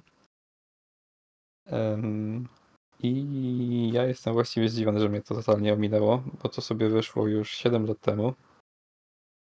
Em, Tutaj cały serial opowiada nam historię o tym, jak ktoś, kto znajduje się w złym miejscu o niewłaściwym czasie, e, zostaje wkręcony, znaczy wkręcony, wplątany może tak w zbrodnie i związany z tym pobyt w zakładzie karnym tymczasowy, może dłuższy i cały proces sądowy. E, Całość się dzieje w Nowym Jorku, no i okolicy oczywiście w związku z tym procesem. Em, I tutaj główną rolę gra Riz Ahmed, gra John Turturro. I jeszcze pojawia się Michael Kenneth Williams, którego pewnie większość kojarzy z The Wire. Omar here is here. No, tak jest. Omar jest z nami. Znaczy, no już niestety nie jest, ale ale tam jak najbardziej jest. E, Nie gra w tam jakiejś dużej roli, ale bardzo przyjemnie było go zobaczyć, jak najbardziej, jak zawsze przekonywujący. E, Natomiast John Turturro i Riz Ahmed to no, myślę, że wchodzą na wyżyny swoich umiejętności tutaj w tym serialu. E, Chciałem znaleźć jakąś, e, jakąś negatywną cechę tych ich e, tych, tych występów, ale nic mi nie przychodziło do głowy cały czas. Znaczy, John Turturro, to ja nie pamiętam jego słabej roli, szczerze mówiąc. Tak. Gdzie bym go nie oglądał, to się go dobrze ogląda. Ja go nie widziałem zbyt dużo wcześniej, nie? W sensie jak, jak zobaczyłem mordę w jak się ten Apple'owy nazywał? Mm, Severance. Jak Severance, zobaczyłem go w. Severance, to od razu wiedziałem, że ja go skądś znam, bo tam od razu już Mhm. skojarzyłem oczywiście. E, Ale tutaj, e, no tutaj jest zdecydowanie dużo więcej przede wszystkim niż Severance, nie? On Mhm. tutaj ciągnie wszystko do przodu. E, No, no jestem pod wrażeniem gościa, naprawdę. Na robota Znaczy- tutaj. Znaczy, I albo ten serial miałem obejrzeć, albo go widziałem, ale go nie pamiętam. Mhm. Bo, bo, ja, bo ja go ko- kojarzę, tak? Tu też jest tak, że podobnie jak w American Rust dzieje się tyle co nic y, przez większość, nie? Jest po Mhm. prostu tam postępowanie, nazwijmy to prawne. I, i, no i wszystko jest ciągnięte przez te y, wymiany dialogów, czasem szybkie, czasem bardzo, bardzo rozciągnięte. I i chciałem zaznaczyć, że to jest strasznie takie nie wiem, czy naturalne to jest dobre słowo, takie surowe pokazanie, jak wygląda cały ten, ten świat. Yy, Jest słowo karceracja po polsku? Chyba brzmi jakbym wymyślał, nie? Mm, No, chyba. Inkarceracja jest takie słowo, więc zostaniemy przy inkarceracji. Yy, No, tego całego procesu, jak zostajesz zakuty w kajdanki w Stanach, jak trafiasz na, najpierw na posterunek i spisywane są zeznania, e, potem tymczasowo do zakładu karnego, potem na rozprawę i tak dalej, i tak dalej, nie? To Mhm. wszystko jest tak, z taką dużą dozą surowości podane. E, I no, na mnie zrobiło mocne wrażenie, mimo tego, że spodziewałem się tutaj no, no wszystkiego, co widziałem, to już gdzieś zobaczyłem, ale to wrzucenie tego w jedną taką pigułkę bardzo mocno e, duże wrażenie na mnie zrobiło. To brzmi I to- ciekawe dla mnie już. I 8 odcinków, tylko spoko. Tak, zamknięta historia. No jak najbardziej, bardzo, bardzo polecam. Dziękujemy. I ostatnie mam e, fundację Apple'ową, która wróciła z drugim sezonem. E, Tutaj dopiero będzie mi ciężko coś powiedzieć, kurwa. Fundacją jest tak, że zakładam, że jak ktoś czytał książkę, to tutaj narzeka co chwilę, że coś jest nie tak, jak było w książce. A jak ktoś nie czytał książki, to w drugim sezonie łapie się za głowę i myśli, co ja kurwa oglądam, jakim cudem minęło 130 lat serialu na przestrzeni jednego sezonu. No Ale- właśnie. Bo to było moje pierwsze wrażenie, jak odpaliłem ten drugi sezon, że w ogóle co tu się kurwa dzieje Yy, i, i dlaczego ja sobie muszę przypominać tak dużo rzeczy, żeby w ogóle odnaleźć się w fabule, nie? Ty MC czytałeś tą fundację w końcu, czy nie? Bo już nie pamiętam. Ja czytałem pierwszy tom chyba. Ale to Okej. już się trochę tak zestarzało, No, jeśli chodzi o czytanie. tutaj pan Asimow, jeśli trzymałeś się materiału źródłowego, to poleciał srogo w tym swoim sci-fiowym fantazy. Znaczy, no bo ta cała fundacja, tak właśnie ona opowiada historię tej całej fundacji, tak? I te książki które opowiadają to właśnie na przestrzeni tam i, i nie wiem, czy setek, czy tysięcy lat w ogóle, nie? O, ja Zaczyna się, zaczyna się ten początek tam i, od, Mhm. I, i potem oni tak właśnie przeskakują chyba w tych książkach, coś tak mi się kojarzy. Że to nie jest taka ciągłość, wiesz, typowa, nie? Mhm. Potem są, są jakieś nawiązania, nie? Do, wiesz, no, do przyszłości, ale no. No to tłumaczę po, pokazanie, pokazanie jakby, wiesz, no procesu tego całego, tak? Mhm. Mm. Ja, się, to, ja nie chcę, żeby zabrzmiało, nie? Bo, to- bo to nie jest zły w żadnym razie. Yy, Jest bardzo imponujący wizualnie i jak to jest yy, ze strony producenckiej zrobione. Myślę, że to jest w ogóle taki Apple'owy odpowiednik tego, jak, yy, jak ze strony produkcji zrobiony jest Władca Pierścieni, ten prime'owy, ten serial, nie? Myślę, że to jest Mhm. taka naprawdę, jest przepych, jest pompa. Totalnie palenie budżetu, jakichś absurdalnych sum pewnie. E, ale no mi się s- no, no po drugim odcinku już dużo lepiej było, ale po pierwszym ciężko by się było jeszcze z powrotem odnaleźć w tym całym settingu. E, I, I myślę, że nie jestem tym odosobniony. E, Jestem ciekaw, co będzie dalej, no bo to jest dopiero początek. E, I chciałem też wspomnieć o grze aktorskiej w tym serialu. Bo nawet jak ktoś, znaczy oczywiście postaci kojarzę to, co, co się pojawiały wcześniej, ale wszystkiego, co się, co się działo, nie pamiętam. Ale tutaj od razu każdy wydaje mi się idealnie trafiony w swoją rolę. Nie? Zwłaszcza ten, który gra. E, No jak powiem dzień, to nic to nikomu nie powie, kto nie oglądał, ale jedną z Mhm. głównych ról powiedzmy. Cesarza Imperium, tak to rzućmy w cudzysłów. E, To wow, co koleś robi z tą rolą, to szapowa. I co? Co jeszcze chciałem dodać? Chyba tyle, no. Dla mnie fundacja to jest nadal duży, duży pytajnik, ale jestem cały czas pod wrażeniem, jak jest produkcyjnie wszystko zrobione, jak jest zagrane. Czyli rozmach ci przekonuje. Tak, zdecydowanie, no. Okej. Rozmach i, i, i, i to takie przyłożenie dużej uwagi do tych detali tam. Znaczy, nadal wizualnie, nie? I, i, i tyle. No. Fabularnie to ja dalej nie wiem, co, co, co tu się będzie działo. Nie pomogę, bo, bo ja na pierwszej książce chyba skończyłem swoją przygodę, więc. Ty nie oglądałeś, nie? I Nie, nie, ja nie oglądałem ani nie czytałem Fundacji. No, to, to ja po 12 odcinkach dalej nie za bardzo wiem, co, co się wydarzy. Wiem, wiem już, jaki jest setting teraz, ale co dalej, to nie. Okej. Tam książek było, nie wiem, y, z- y, ze 20 chyba, więc. Wiesz. Ale- jest, jest bogaty materiał źródłowy. A- Ale y, ty, y, tu chodzi o to, że jest jakaś tajemnica, której ty, której, która jest niewiadomą, czy co masz na myśli, mówiąc, że nie wiesz, co się wydarzy? Nie mogę ci na to pytanie odpowiedzieć, nie, nie mówiąc ci konkretnie o wydarzeniach. Hmm. Okej, spoko, spoko, spoko. No więc to tak. No. Mhm. Ja no to uważam, że to jest jak najbardziej serial warty oglądania. E, Ale ten drugi sezon zaczyna się tak strasznie. Mm, może, może po prostu powiedzmy, zaczyna się powoli, nie? Bo może tu faktycznie trzeba dać miejsce na rozruch znowu. Bo z jedynką też nie było tak, że od, od początku była jazda, jazda, jazda. Tam też było takie kładzenie fundamentów bardzo długie, które to, e, to budowały. Tylko no liczyłem troszkę, że jak już drugi sezon wchodzi, no to już mamy te fundamenty i będziemy jechać z tematem, powiedzmy, nie? Tak. A to zaczyna się od nowa jakby, tak? Bo, A, bo a to znowu kręcenie i kręcenie nie? i Okej. wprowadzanie nas w to wszystko. No dzisiaj wyszedł trzeci odcinek, ja go jeszcze nie widziałem, bo już nagrywamy. E, może tam już coś się wyjaśnia znowu z tych kwestii, nie? Wbijajcie na Discorda i pytajcie Szymona o zdanie. Co wam powie. Okej, Tak, zapraszamy na Discorda. zaraz go zapytam. Dobra. E, No i tym samym kończymy seriale. Nie, nie, nie, nie, nie. Ja mam pytanie. E, Aha, no to nie kończymy seriali. do ciebie, Futsi. E, czy masz dla nas relację z pierwszego odcinka Twisted Metal, który wyszedł przedwczoraj? A ty chuju. Albo to już wyszło. tak, pierwszy odcinek wyszedł 27, no. Okej. Kurwa, dla kogo to jest? Ja nie wiem.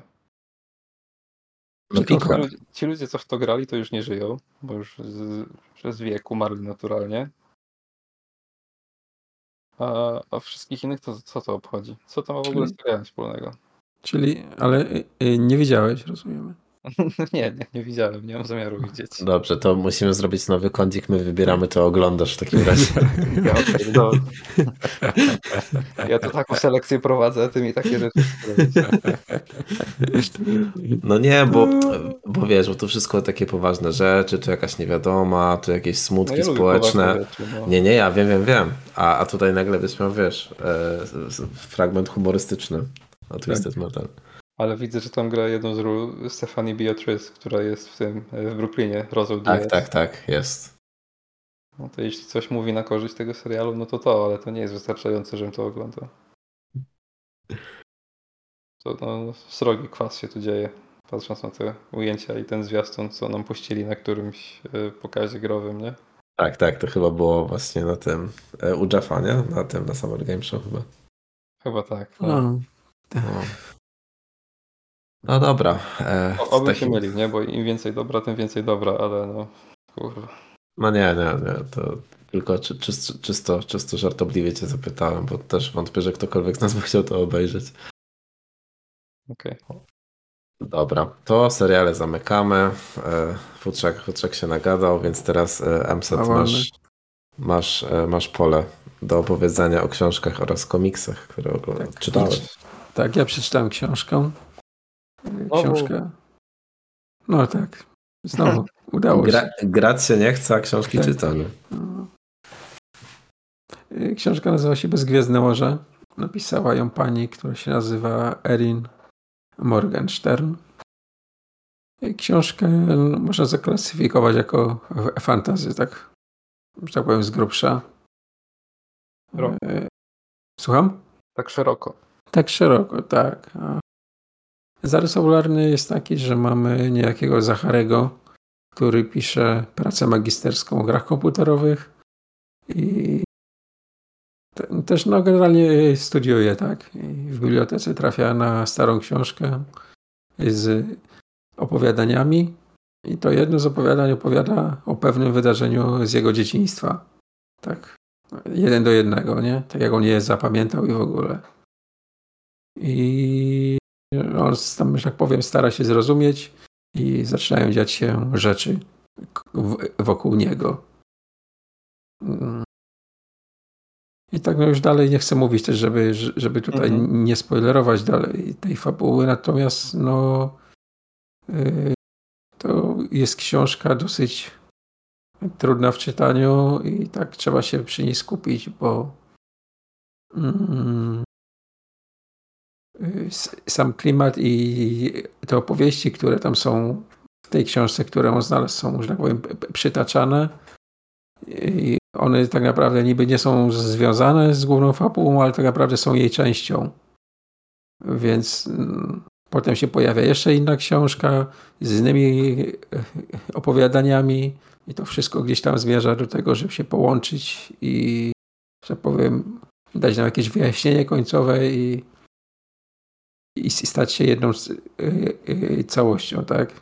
Natomiast no, dla mnie to jest przede wszystkim taki list miłosny do miłośników książek.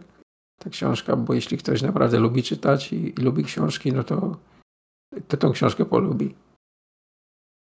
Bo Ja to- zawsze się pojawiają takie tematy, sorry, ci wejdę tak w zdanie, to mam wrażenie, jakby te osoby były takim kołem wzajemnej adoracji trochę. Że o, dużo czytasz, ja też dużo czytam i tak, o, ale super, dużo czytam. Ale, nie, no ale no to, to, to nie chodzi mi, mi o takie osoby, nie? Mhm. Bo myślę, że nawet tobie mogło się spodobać, bo to nie jest nie tyle do miłośników książek, co do miłośników ich historii i do miłośników opowieści, tak? Niekoniecznie może książkowych, ale też nie wiem, serialowych, filmowych, tak? Czy nawet growych. No bo gry też mamy tutaj w jakimś tam stopniu Mhm. yy, wymienione. Natomiast no, mi osobiście bardzo się to podobało. Ale z tego, co czytam, jakieś tam yy, czy opinie, no to są mieszane, bo są ludzie, co- odpadli od tego. Bo nie mogli się połapać. Ta fabuła też jakoś tam nie pędzi do przodu i nie jest jakoś tam, wiesz, i nie dzieją się rzeczy. Raczej jest to dosyć powolne Mhm. to dzianie się. Ale no ja ogólnie mogę polecić, bo, bo no, ja spędziłem dobry czas z tą książką. I tak w sumie potem też, te- też trochę my, myślałem o niej, co tam się wydarzyło na końcu i, i czemu tak, a nie inaczej, w którą stronę to wszystko, że tak powiem, zmierzało, nie? To jest lepszy gest, co można powiedzieć o czymkolwiek kulturalnym, nie? Że zostaje w głowie i myśli. No, no, no, to nie tak, że mi to wyleciało i raczej to jest też jedna z tych książek, co ją zapamiętam pewnie na dłużej. Także jeśli nie, Widzę, że jest dość długa, jeszcze tak, Tak. tak, ale tak, tak, no jest dość długa i trzeba, no mówię, no y, przyłożyć się przy tym czytaniu i się skupić, nie, bo, bo są ważne. Te, tak naprawdę wszystko, co tam się dzieje ma znaczenie, o. jest ważne, nie, i nawet te, te poboczne, y, te opowieści i, i tak dalej, to też mają znaczenie. Mhm.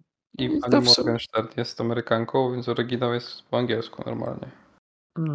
To- I na koniec się to spina w jakąś tam sensowną całość i zakończenie jest satysfakcjonujące, przynajmniej dla mnie, nie tak jak w przypadku książek Kinga, tutaj wspomnianego, nie? Gdzie Nie ma często, ciężko się, często się kończyło rozczarowaniem, to ja tutaj byłem usatysfakcjonowany zakończeniem. A to kolejna sp- wspólna cecha z Alanem w takim razie. Tak. Także tyle nie będę tutaj przedłużał i się rozwodził. Przejdziemy do wisienki na torcie, ponieważ O, czytałem, tak. czytałem komiks. Yy, Przeglądałem sobie jakieś tam super, super historie z DC i no, wychwalany pod niebiosa był Crisis on Infinite Earths. Earth e, z 1985 roku, więc stwierdziłem, że no czemu nie, prawda? Myślałem, że przyglądałeś hity DC i powiesz, że żadnego nie znalazłeś. No więc to było, to było dość wysoko, tak? W topce. Więc stwierdziłem, że przeczytam. Zacząłem. No, zarys fabularny jest taki, że było multiversum w, w DC, czyli było bardzo dużo różnych wersji Ziemi. Kurwa, byli było R1, R2 i tak dalej, tak, aż do, nie wiem na której y, y, cyfrze się, się, tam kończyło, no ale coś się tam zaczęło dziać niepokojącego. Światy zaczynały, zac, zaczynają znikać za sprawą fali antymaterii. Więc y, no wiadomo, i na tych ziemiach są różne wersje, tak, tych superbohaterów, więc nie zawsze tak wygląda. Na przykład mamy tutaj R3 znika, gdzie mamy Ultronmana i Power Ringa. To są odpowiedniki Supermana i Zielonej Latarni. Ja już śpię, nie? Power Słuchaj Ring. dalej. Power, oni byli w syndykacie zbrodni. Mamy Lexa Luthora jako superbohatera. Tak. Nie. I Lex był żonaty z, z Lois Lane. No i przed zniknięciem jeszcze tej ziemi, jak ta antymateria szła, zdąży wysłać y, y, ich syna na Earth 1. Więc tutaj mamy taki, taki zawiązek tej fabuły, że coś się dzieje. Ja póki co mam roz, rozrysowane w głowie, no dobrze. Tak, na drugim końcu mamy typa zwanego monitorem, który tak jakby mm, pilnuje tego i jest, że tak powiem, no, tą falę antymaterii wysłał jakiś jego wróg, a on był na to przygotowany, no i teraz będzie z tym walczył, tak? Zbiera, Jest popem LCD, czy... zbiera drużynę. Te, telewizor. Jednym z pierwszych bohaterów, którzy tam trafiają, jest ktoś z kontynentu afrykańskiego, gdzie y, w dziczy jest ukryte miasto z cywilizacją bardziej zaawansowaną niż ludzka. Brzmi znajomo, czy? Mi kurwa znajomo jakoś. Tak. Coś, coś No oglądałem. właśnie. Tylko, że tutaj jest to Gorilla City i mieszkają tam goryle. Myślałem, że powiesz, to jest Kałanda tutaj. Nie. Także no, trochę bardziej kontrowersyjnie w tych czasach. Z Kawandy to jest. Tak. Tak. Dobrze, więc z, na, dalej mamy dalsze kompletowanie drużyny. Porywa typa, który jest psychopiratem który ma moce telepatyczne, może prać ludziom mózg i wpływać na to, jak się czują. Mm, No, generalnie no nie jest przyjemnym gościem, nie? No ale jest mu potrzebny, ponieważ ma tutaj też kolejnego superbohatera, który ma moce ogniste i się nazywa Firestorm i ma też inną bohaterkę, która ma moce lodowe. Się nazywa Frost Killer. I to jest Iniril, dwoje największych wrogów w ogóle, tak?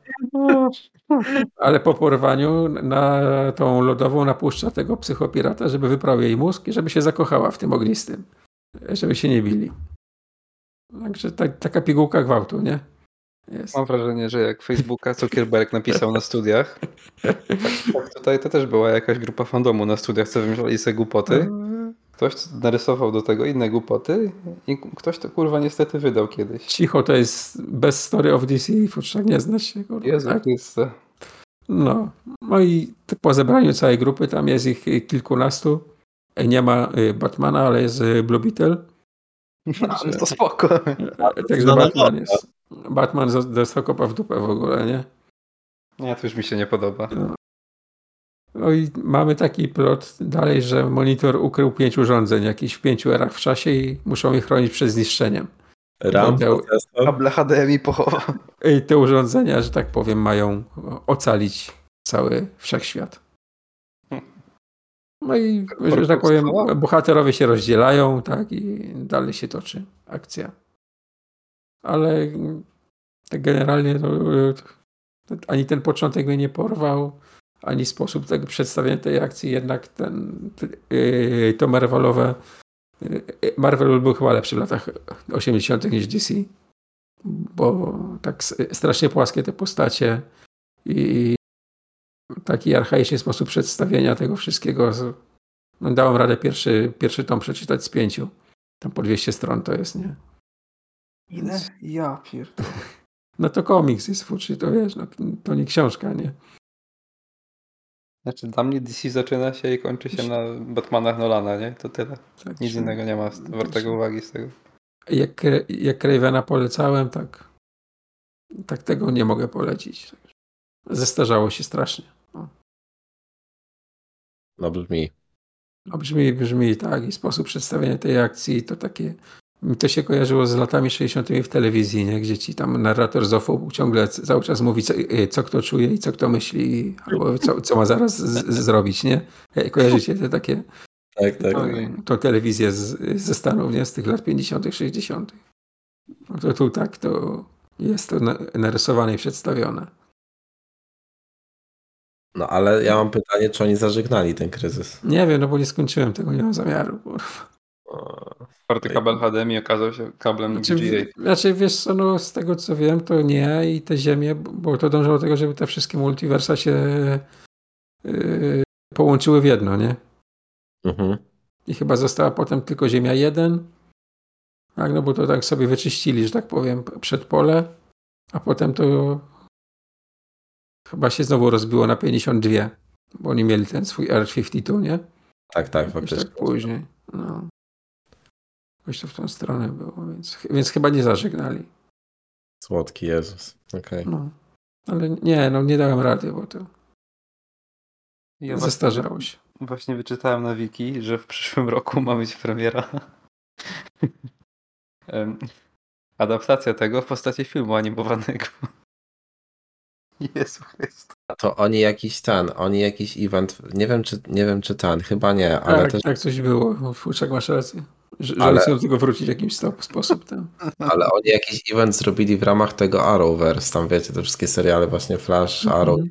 i to oni też zrobili e, event. E, Tak, tak, jest napisane, że to jest cały crossover na podstawie tych komiksów Crisis on No. Infinite Earths. Em, tam będzie coś z Arrow, The Flash, Supergirl, e, Legends of Tomorrow Tak. i Batwoman. To jest to, no. Mhm, mhm, I do tego jeszcze jakiś film animowany właśnie w przyszłym roku. Mhm.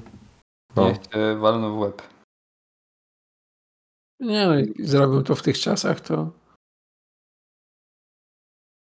Ja Ale- lubiłem Batmana Kinga na przykład. E, I ten cały event ze ślubem e, Batmana z z Catwoman, nie? Robinem. Mm. To było, Niby człowiek wiedział. to było fajnie napisane, naprawdę. Ale- jak Ale to już jest, w DC, ale to już, ale to już jest nowe DC, nie? Jak to- już jesteśmy w DC, e, to ja pewnie w przyszłym odcinku wrócę z opinią na temat The Flash. No to już jest na, u nas na streamingu jakimś?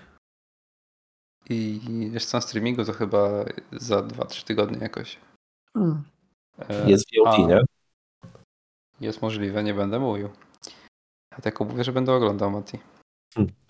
E, pozdrawiamy Huberta z tego miejsca. Ale chciałem spytać, bo wy się lepiej orientujecie, e, czy pan Robert zostaje Batmanem, czy Gunn robi też reworka Batmana całego? Nie mam żadnego pojęcia. Nie no, to ma dostać jakąś kontynuację, ale to jest jakby poza uniwersum, nie? To jest, jest- tak, to jest tak jak Joker coś, nie? Tak, dokładnie tak. Hmm. Więc Okej, czyli jeszcze prawdopodobnie gdzieś się pojawi zwykły Batman, tak? Obok tego Batmana? no, jest duże prawdopodobieństwo, że tak. Jeśli oni jakieś swoje DCU będą robić, to będzie, to będzie jakiś inny Batman na pewno. Ale, ale według, według planów, które tam Gunn zdradzał, to, to następny taki Batman, o jakim myślimy, czyli taki multiwersalny, nazwijmy to, to jest odległa przyszłość jeszcze. Superman to jest jego marzenie, więc, więc to się najpierw wydarzy. Smutne marzenia ma człowiek. No dobrze. Jezu, znowu to samo. Dziękuję. Ja, będziemy, będziemy widzieć. O, to ja tylko dorzucę tematycznie, że w Barbie jest żart ze Snyder Cut'a e, Ligi Sprawiedliwości, więc, e, więc bardzo... O Jezu, ja nie będę tego oglądał teraz, daj mi spokój. tak. To za E. No co, no DC jak DC, nie? Wygniotło ko- kosmicznie głowę. E, a my za to zmierzamy do końca podcastu, prawda? Udało się znowu. Tak, udało się Znowu ponownie. to zrobili. Znowu to. Nie, niesamowite, tytaniczna praca. E, no cóż, e, my dziękujemy w takim razie słuchaczom za uwagę. E, ja tylko przypomnę, że jeżeli chcecie dołączyć do naszego Discorda, to link do niego macie w opisie odcinka. Serdecznie zapraszamy, żeby poznać te wszystkie, te wszystkie niesamowite osoby, łącznie z nami. No i co? Dzięki panowie za nagranie. Dzięki bardzo. Dzięki również. Hej! Dobranoc.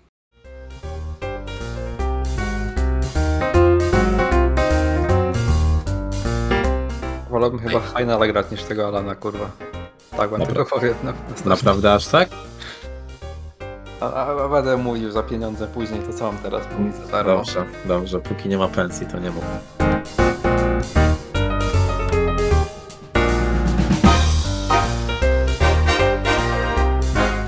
W ogóle e, wiecie co, bo ten, ten news o Tesco, mm, Tesco sprzedającym pudełka w UK też pojawił się na Giant Bombie, nie? I, i strasznie mnie oni rozbawili, bo oni byli jak, co tam wiecie, kurwa, grocery shop i oni sprzedają w ogóle e, ten, e, pudełka z grami, nie? Ja mam takie, dosłownie macie kurwa Walmart ze wszystkim Tak. i się będziecie dziwić na Tesco sprzedające gry, nie? Ale no.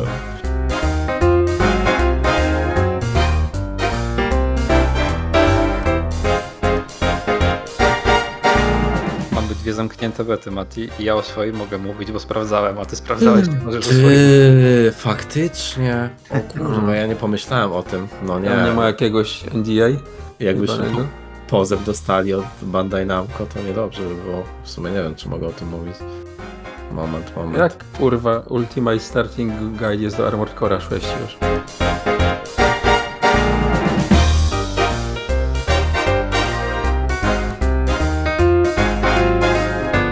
Ej, słyszy, słyszycie w ogóle ode mnie ulicę, czy nie? Jak Ale mówisz to tak. Okej. Jak nie mówisz to nie. Cholera, czyli jestem, jestem głosem ulicy. Tak. O Boże. Zawsze chciałem. Głos ulicy w naszym I, domu. I made it, no, dokładnie.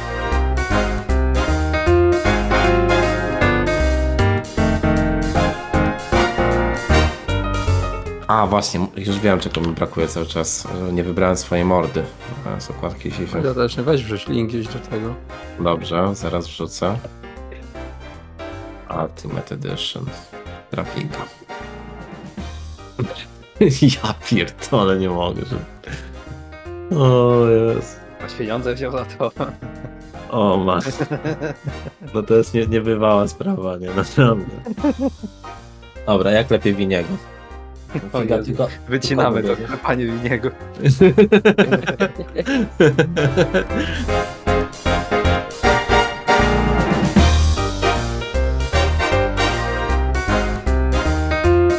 Co to jest w ogóle za zwierzę, za zwierzę Jackalope? Jackalope. Ja pierdolę. To jest zając z rogami. Małci. Mautin. Ale czemu ty to sprawdzasz? No bo jeden z nas jest, jeden z was jest Jackalopem, bo tam A, przecież okej. anonimy mają przypisane te zwierzęta. Ty no to jest dosłownie zając z rogami. O co chodzi? Co jest za abominacja? Znaczy, on nie istnieje, żebyś sobie nie myślał, nie? No istnieje, dosłownie widzę jego prawdziwe, z... prawdziwe zwierzęta. E, tfu, prawdziwe zdjęcia. Mityczne zwierzę... Nie, dobra, okej, okej, okej, moment, moment. W stanie Wyoming umieszczone są znaki drogowe ostrzegające kierowców, aby uważali na jackalopy. Obecność w popkulturze. Ty, no nie, no to nie istnieje, o co chodzi? Mati w jakąś kurwa króliczą norę i, i, nie, nie, nie, słuchajcie, lepiej. Mam, mam w w wynikach wyszukiwania stronę odjechanezwierzątka.pl. Wyjdź stamtąd. Ten zając był chyba jakiś pechowy, znaczy wcale nie zając, to przecież jackalope, absolutnie prawdziwe istniejące zwierzę. No nie, no czemu oni mnie wkręcają? Ja naprawdę nie wiem, czy to istnieje, czy nie.